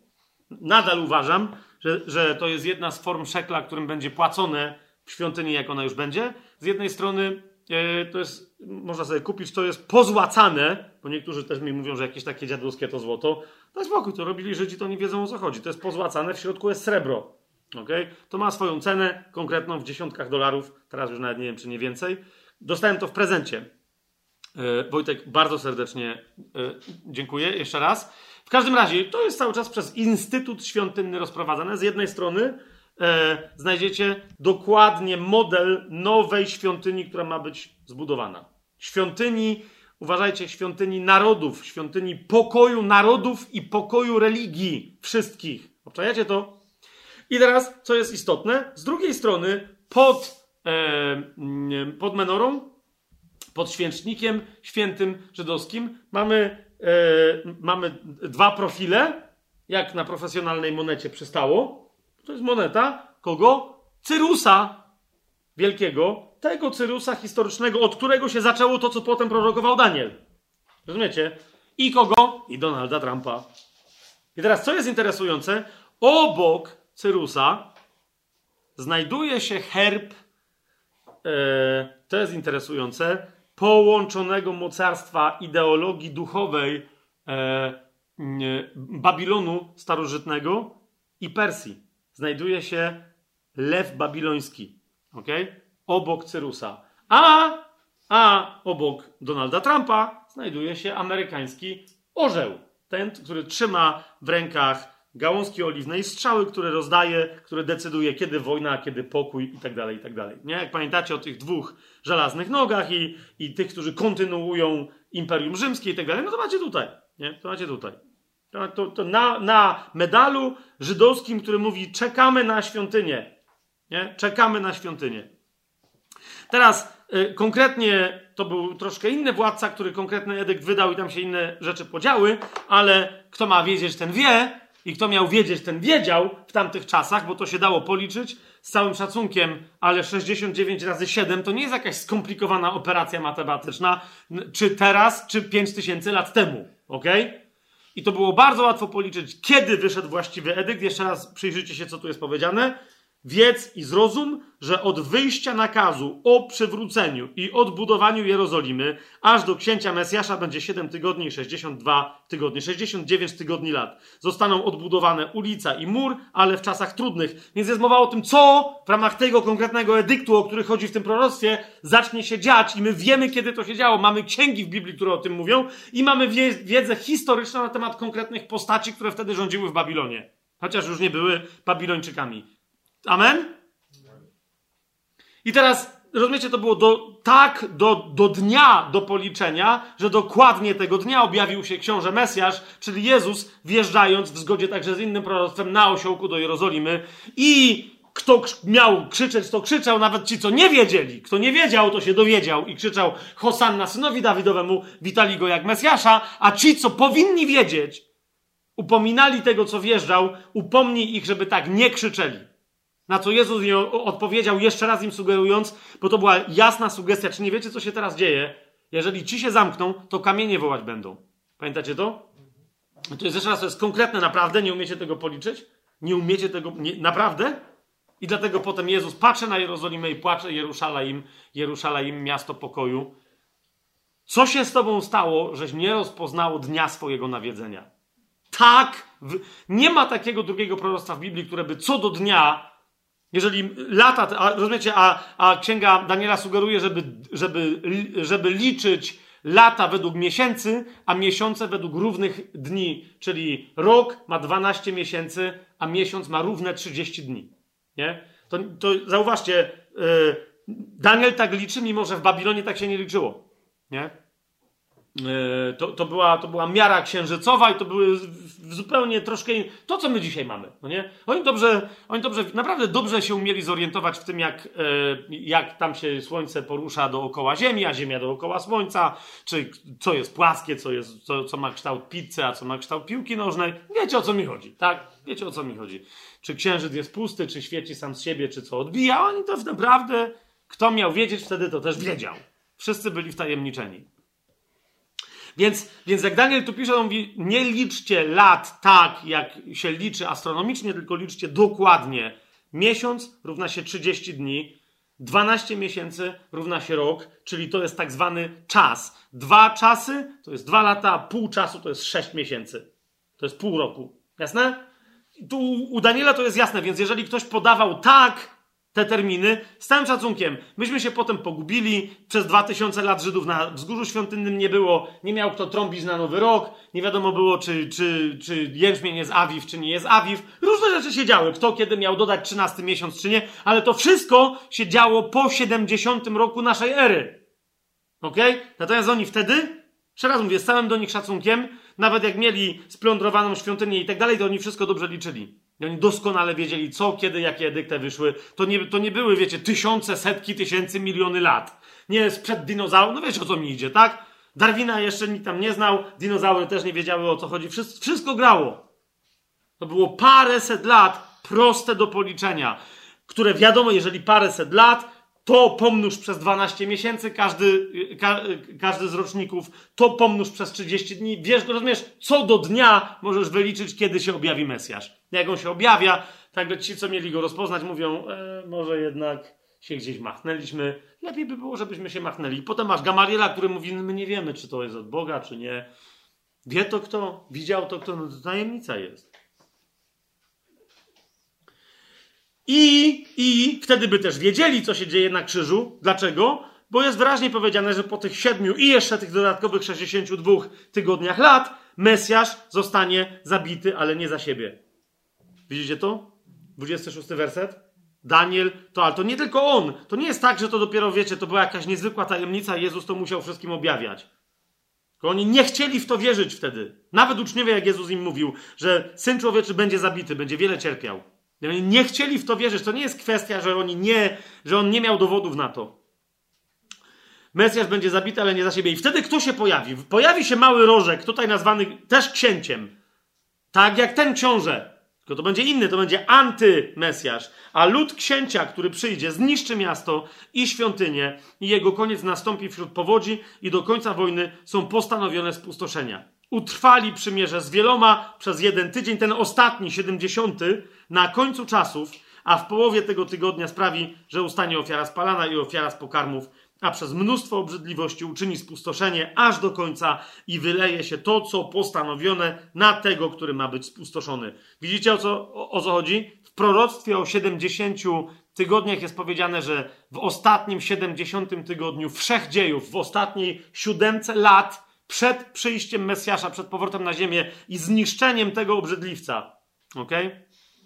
pojawi się właściwa ochyda, yy, ochyda spustoszenia. A Mesjasz, który wtedy przyjdzie, musi być tym Mesjaszem, który wcześniej został zabity, dosłownie odcięty od życia, od tego świata i tak dalej, ale nie za swoje grzechy, tylko za co? Za to, o czym jest mowa w 24 wersecie. Na zakończenie przestępstwa, na zgładzenie grzechów i na przebłaganie za nieprawość. Widzicie to? To, on, to jest to. On to zrobił. To, to był e, ben Yosef, a przyjdzie jako Ben Dawid. Ale to jest jeden i ten sam. Został odcięty, a potem sam się przytnie. A jak już się przytnie, to, ten, to tamtego też. Jak dotnie, to, to go wytnie. Że skończę. Księga Daniela, jedenasty rozdział, bo dziesiąty, sami widzicie, że ma taką trochę narrację, te wszystkie walki między zwierzchnościami, te demony zwierzchności Persji, Grecji tam się nie mogą pogodzić, nie chcą, żeby Daniel się dowiedział, co się miał dowiedzieć.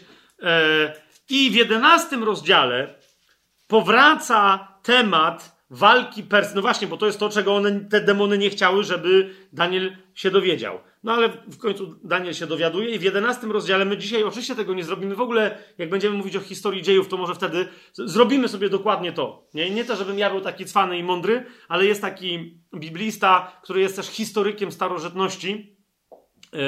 Yy, jest wielu takich ale jest jeden taki, który zrobił fantastyczne porównanie wtedy yy, po prostu sobie od niego to przeczytamy, czyli dokładnie czyta 11 rozdział, werset po wersecie, yy, jakby mówi, co się wtedy działo u Seleucydów, u tam Ptolemeusza, u kogoś, co dokładnie, to dlaczego, bo według niego to jest 11 rozdział, dlaczego historyk czytając to, który zna zwłaszcza tamten okres, mówi, nie no, to jest niemożliwe, żeby ktoś, kto jest do... To by musiał być cud, gdyby ktoś to napisał wcześniej. Bo to jest tak szalona historia, rozumiecie, zmagających się de facto jednego królestwa, podzielonego na cztery części, potem na dwie, potem coś, potem tam są różne. A tu jest dokładnie, rozumiecie, powiedziane, kto ile lat, co, czy to była kobieta, czy to był mężczyzna, gdzie panował, gdzie przeszedł, jakie wziął wojsko, czy się dostał tam flotą, czy, czy lądem i tak dalej, i tak dalej. Jasne? Ale znowu, w ramach tej całej historii, ok, mamy. E, co? Daniela 11 rozdział, 31 werset.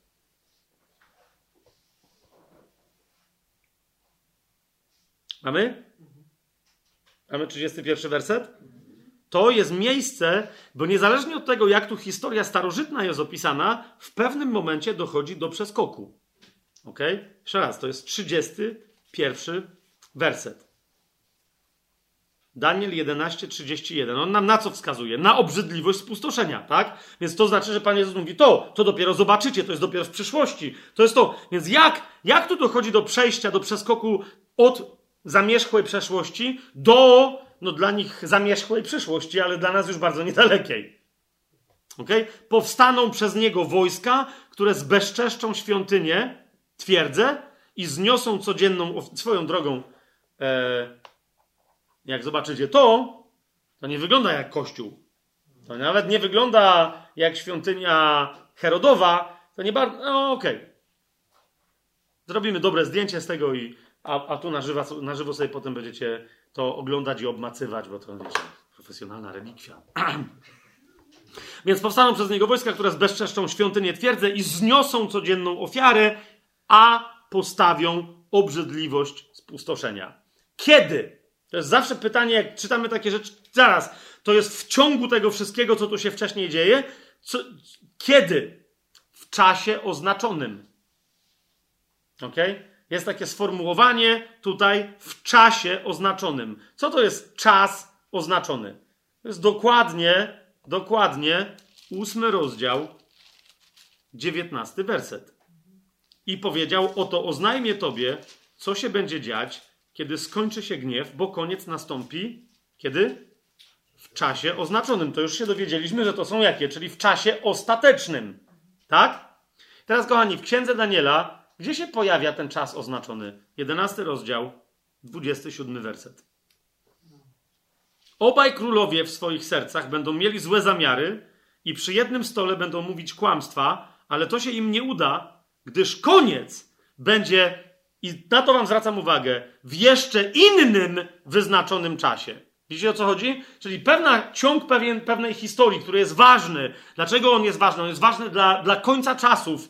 W, w ramach wzorca on się już odbył w, w następstwie tego stworzenia tego imperium, które zapoczątkował Aleksander Wielki. Jest to jasne? I to jest opisane w 11 rozdziale do tego momentu. Tym się na razie nie zajmujemy, ale tu mamy kluczowy przeskok, który nam mówi, ale w pewnym momencie będzie to miało znaczenie. Oni będą myśleli, że coś porozwiązują, ale nie rozwiążą, ponieważ to nastąpi dopiero w czasie oznaczonym. Jakim? Innym czasie oznaczonym. Jaki to jest inny czas oznaczony? No czas ostateczny. Tak? Patrzcie, co się dzieje. Obaj królowie i tak dalej, ale im się nie uda, gdyż koniec będzie w czasie innym, w, w, w jeszcze innym, wyznaczonym czasie. Potem powróci do swojej ziemi z wielkim bogactwem. Tu już domyślamy się, że to był ktoś i znowu ktoś będzie. Tak? Powróci do swojej ziemi z wielkim bogactwem, a jego serce zwróci się przeciwko świętemu przymierzu. Tak będzie działał i wróci do swojej ziemi. Kto? Antioch Epifanes. Nie? Ci dwaj tego nie rozwiążą. Ten będzie mieć to w swoim sercu, tego samego ducha, ale wróci do swojej ziemi. Potem będzie przerwa między 69 a 70 tygodniem. I co? 29 werset. W czasie wyznaczonym wróci i skieruje się na południe. Kto? Ktoś. To, to będzie daleko dalej w przyszłości. Jak Księga Objawienia mówi, że, że kogoś nie było, że kogoś nie ma, że był, ale go nie ma, ale znowu będzie. Tam, tam, tadam, tam. Tam, tam, tam, tam. 29 werset. W czasie wyznaczonym wróci i skieruje się na południe, ale nie powiedzie mu się tak, jak za pierwszym i drugim razem. A no właśnie.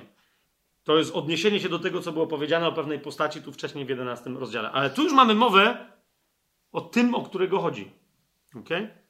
I jeszcze raz zwracam Wam uwagę, jakby jeszcze była wątpliwość, że tu chodzi o co to jest oznaczony czas. Zobaczcie 35 werset. Spośród tych rozumnych, świętych, niektórzy padną, aby byli doświadczeni, oczyszczeni i wybieleni, aż do czasu ostatecznego, bo to jeszcze potrwa aż do czasu wyznaczonego, którym jest właśnie ten czas ostatni. Nie? Jeszcze raz macie zaznaczone, że od 20, e, od 27 wersetu jest mowa cały czas, jest przeskok do czasu ostatecznego, w którym święci będą upadać pod naporem kogo? Tego, o którym jest mowa od wersetu 29. Jest to jasne? a jego cechą charakterystyczną jest, czyli co jest o nim powiedziane? W czasie wyznaczonym wróci i skieruje się na południe. Ale nie powiedzie mu się tak jak za pierwszym i drugim razem. Czyli będzie miał podobne plany jak tamten poprzednik. Wiele, wiele, wiele wieków wcześniej, tak? Przeciwko niemu bowiem wyruszą okręty z Kitim. My już wiemy, co to jest Kitim, także z Księgi Machabejskiej, czyli z e, kierunku Cypr, czyli, czyli z Europy greckiej helleńskiej. Okay? Będzie przygnębiony, wróci i rozgniewa się na święte przymierze. Tak będzie działał. I znowu wróci i zawrze porozumienie z tymi, którzy opuścili święte przymierze. Gdzie? Kto ma wiedzieć, ten wie. Tutaj. Tutaj. To będzie to święte przymierze na 7 lat zawarte. A powstaną przez niego wojska, które zbezczeszczą świątynię i zniosą codzienną ofiarę, a postawią obrzydliwość spustoszenia. Kiedy? Jak minie 3,5 roku. Tak? Bo o tym już wiemy z proroctwa o 70 tygodniach z 9 rozdziału. Amen? Jesteście dalej ze mną, czy za bardzo lecę? Bo ja chcę dzisiaj się z tym wszystkim zmieścić, że jesteśmy prawie, prawie na, prawie na samym końcu. No nie? Jeszcze mam tylko cały 12 rozdział i to żartuję. Naprawdę jesteśmy już u samego końca. Więc dalej tych, którzy będą postępować niegodziwie przeciwko przymierzu, splugawi pochlebstwem, ale lud znający swojego Boga umocni się i będzie działać i tak dalej, i tak dalej, i tak dalej. Cały opis aż w zasadzie do końca 12 rozdziału, dlatego powiedziałem, że nie będę e, tego czytać, to jest opis, który się już odnosi tylko i wyłącznie do czasów ostatecznych, ostatnich i do walki antychrysta ze świętymi. Czy to jest jasne? Więc co tu dokładnie jest napisane, jakie cechy stąd możemy wyciągnąć?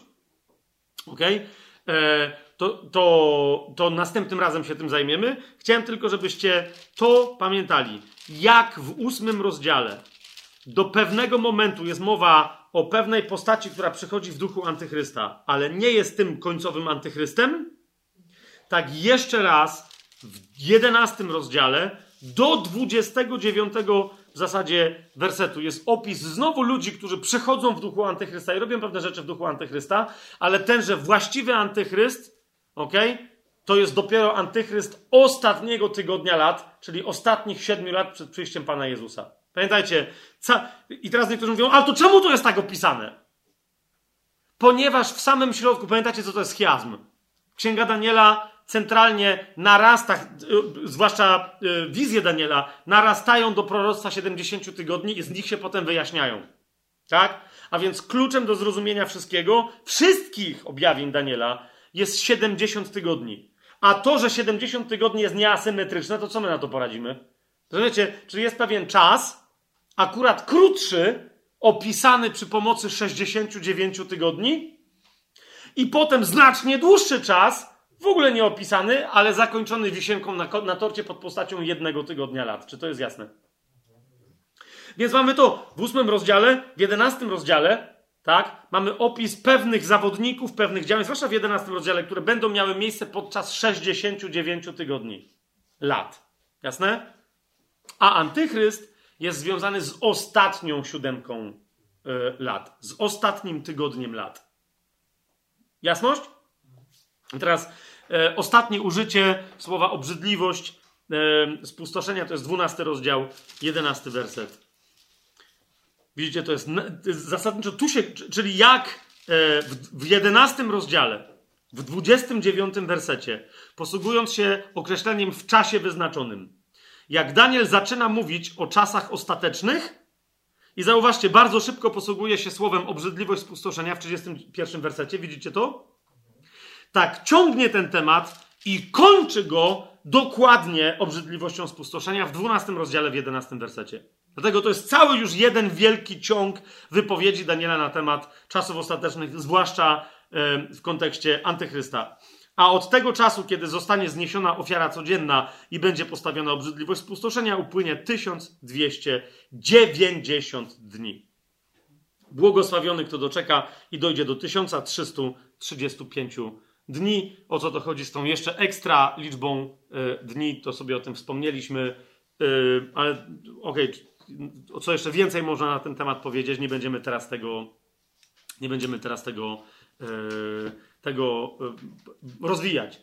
Jeszcze wrócimy do księgi Daniela, ale będziemy już w przyszłym tygodniu sięgać do innych tematów, dlatego że w przyszłym tygodniu wreszcie, jak mamy te wszystkie tematy, czy wy widzicie, dlaczego musieliśmy się zająć tą kwestią, e, czemu ktoś widzi w księdze Daniela rzeczy, które już się ponoć dokonały? Jeszcze raz pamiętajcie o tym ósmym, jedenastym rozdziale, kiedy jest mowa o kimś, o różnych ludziach, ale zwłaszcza o, o kimś, o Antiochu Epifanesie, który przyszedł w duchu antychrysta, ale to nie był jeszcze ten ostateczny antychryst. Nie? Tu jeszcze raz, bo macham tą płytą i znowu mi ktoś pytał, pytał o, o, o co chodzi z, tym, z, tą, z tą płytą jeszcze raz, to yy, nie, nie, będzie na razie tego nauczania na tajemnym planie. Ale chodzi mi o to, że, że yy, to jest nauczanie o pastorze Dietrichu yy, tu na okładce nie jestem ja, jak ktoś mi zarzucił, że Błaszkiewicz wychodzi z kościoła, to jest Adolf Hitler. Tak? Według mnie, nie tylko według mnie, ja też na tym nauczaniu, które e, tu jest nagrane, o tym znacznie więcej mówię, Adolf Hitler był ostatnim małym rożkiem przed już tym ostatnim, ostatnim właściwym małym rożkiem. Nie, nie będzie już takiego antychrysta jak Adolf Hitler, dopiero ten, który przyjdzie na samym końcu i to będzie już bardzo niedługo. Okay? To jest przedostatni przed ostatnim. Jasne? Teraz dlaczego y, cały czas do tego się odwołuję, zwłaszcza, że mamy nauczanie o, o antychryście? Ponieważ y, wiedza o tym, kim będzie antychryst to jedno, a wiedza o tym, jak walczyć z duchem antychrysta to drugie. Nie, nie musiał doczekiwać Bonhoeffer, pastor Bonhoeffer, e, do antychrysta właściwego, żeby mieć śmiertelne starcie z duchem antychrysta e, uosobionym przez Adolfa Hitlera. Jest to jasne, co mówię? Nas ten temat też dotyczy, nawet jeżeli będziemy pochwyceni. E, przyszłym tygodniu kończymy sezon i kończymy wszystko, e, kończymy temat, e, kończymy wszystko, kończymy temat antychrysta, kończymy obydwa listy Y, do Tesalończyków, ale myślę, że zrobimy jedno ekstra bonusowe spotkanie należące do tego jeszcze sezonu. A więc będzie trzynaste spotkanie, kto ma wiedzieć, ten wie. Trzynaste spotkanie na jako bonusowe spotkanie należące do tego sezonu, poświęcone tematowi pochwycenia, ponieważ Pan mnie napomniał, że kiedy ja jeszcze chcę o pochwyceniu gadać? I wtedy, czy ja czasem nie chcę, dokładnie taka była moja rozmowa z Duchem Świętym, że no będzie tam coś i Duch Święty mi zapytał, czy ja czasem nie chcę wylądować w takim miejscu, że powiem że a, to była okazja przy listach do Tesaloniczan, ale tu nie skorzystaliśmy, to już nie ma, nie? Zwłaszcza, że tam są, tam są dopiero kontrowersyjne tematy ja będę musiał wreszcie powiedzieć, co ja naprawdę myślę, a nie tylko, co można myśleć i jak to wypowiem, to troszeczkę, nie chodzi mi o to, że się boję tego, co myślę, tylko nie wiem, czy jeszcze dodatkowo jeszcze z tym chcę dolewać oliwy do ognia, a Duch Święty mówi dolewaj, więc no to, czyli prawdopodobnie nie jako początek czy następne, to będzie też trzynasty sezon, nie? Ty, czyli zrobimy takie, będzie trzynasty sezon, okej, okej, okej, w każdym razie następny temat po Antychryście to będzie przynajmniej jeden wykład, ale cały poświęcony zagadnieniu pochwycenia, bo wręcz docierają do mnie teraz wiadomości, że w ogóle nie ma ani takiego słowa, ani takiego terminu, ani takiej koncepcji w Biblii. Z całym szacunkiem, ktoś się musi nauczyć czytać. Więc być może, że, że to będzie lekcja, jak się nauczyć czytać, żeby przeczytać słowo pochwycenie w, w, w Biblii. Ale wracam tutaj.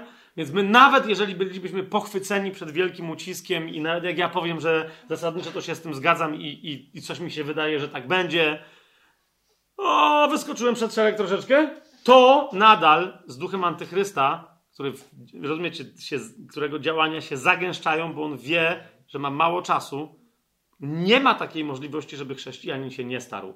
Nie? Więc stąd to nauczanie, a kiedy wystąpi antychryst, e, w oparciu o nauczanie pastora Bonhefera, jeszcze raz bardzo Wam polecam. Przy okazji tego, co tu mówimy, żebyśmy nie tylko zostali w rozważaniach, wiecie, kim będzie ten, który przyjdzie, tylko co my dzisiaj z tym duchem mamy robić, aby się nim nie przejmować i aby być nieusta- nieustająco w starciu z tym duchem zwycięskimi. Amen? Dzięki Ci, Panie Jezu. Jeszcze pozwólcie, że zrobię jedną rzecz na koniec, bo mam takie, e, mam takie przekonanie, że byśmy się teraz pomodlili za e, kogoś, kto będzie słuchać tego nagrania. Mm,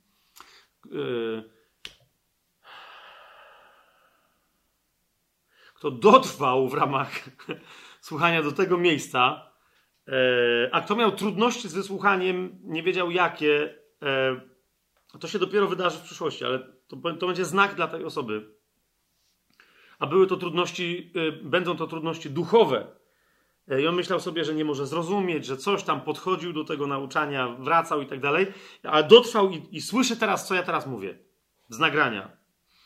Więc, więc ta osoba znajduje się pod wpływem duchów, yy, ale wierzy Bogu yy, i Pan dokładnie chce dla niej, dla jej świadectwa, yy, jestem przekonany, chce, chce ją mm, uwolnić od wszelkiego takiego wpływu. Ta osoba będzie nowonarodzona, będzie świadczyć, ale najpierw potrzebuje uwolnienia. Dlatego teraz w imieniu Jezusa Chrystusa, Panie, niczemu nie rozkazujemy, nikomu nic nie mówimy. Po prostu dziękujemy Ci za taką Twoją wolę i dziękujemy Ci za takie Twoje cudowne objawienie, że ta osoba konkretna, która teraz tego, tego słucha, doświadcza, dlatego, że Ci wierzy, nie dlatego, że my tu jakiś egzorcyzm odprawiamy, dlatego, że Tobie wierzy w sercu, że właśnie teraz w sercu wierzy w moc Twoją, zmartwychwstały Chryste.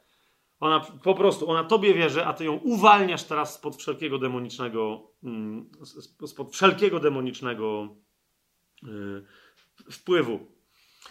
I teraz, kiedy ta osoba tego doświadcza, jeszcze następna rzecz. E, twoja wiara przeprowadziła cię do nowonarodzenia, do, do usprawiedliwienia, bo sercem bierze się ku usprawiedliwieniu, ale następnie wyznaje się ustami ku zbawieniu. Zatem, jak widzisz, jak potężny jest to Pan, jak dobry i jak miłujący, oddaj mu swoje życie, całe swoje życie, oddaj mu kierowanie w swoim życiu, zrezygnuj ze swojego życia. Teraz do tej osoby mówię, i, i, i, i przyjmij Chrystusa za Pana całego swojego życia. Chciej iść za Nim od tej pory i tylko i wyłącznie za Nim, ponieważ to jest życie, to jest prawda. To jest jedyna sensowna droga. Może wąska, trudna, ale jedyna sensowna droga. To jest droga prawdy, droga życia. To jest to, czego zawsze chciało Twoje serce. Żyć na zawsze w prawdzie, w świetle. On jest drogą, On jest prawdą, On jest życiem. On jest Twoim Panem. Wyznaj Jezusa jako swojego Pana. Po, przyjmij go do swojego serca. Zejdź z tronu na swoim sercu rządzenia swoim życiem, e, a daj jemu od tej pory rządzić swoim życiem. I w posłuszeństwie idź teraz ty za nim, a nie wołaj go za sobą. Amen. Dzięki Ci, Panie Jezu. Dzięki Ci, Duchu Święty. Dzięki Ci, Panie, że cały czas, nawet jak my tu sobie siedzimy i intelektualne rozważania snujemy, Ty, Panie, działasz z ogromną mocą i coraz większe rzesze ludzi prowadzisz do siebie. Amen.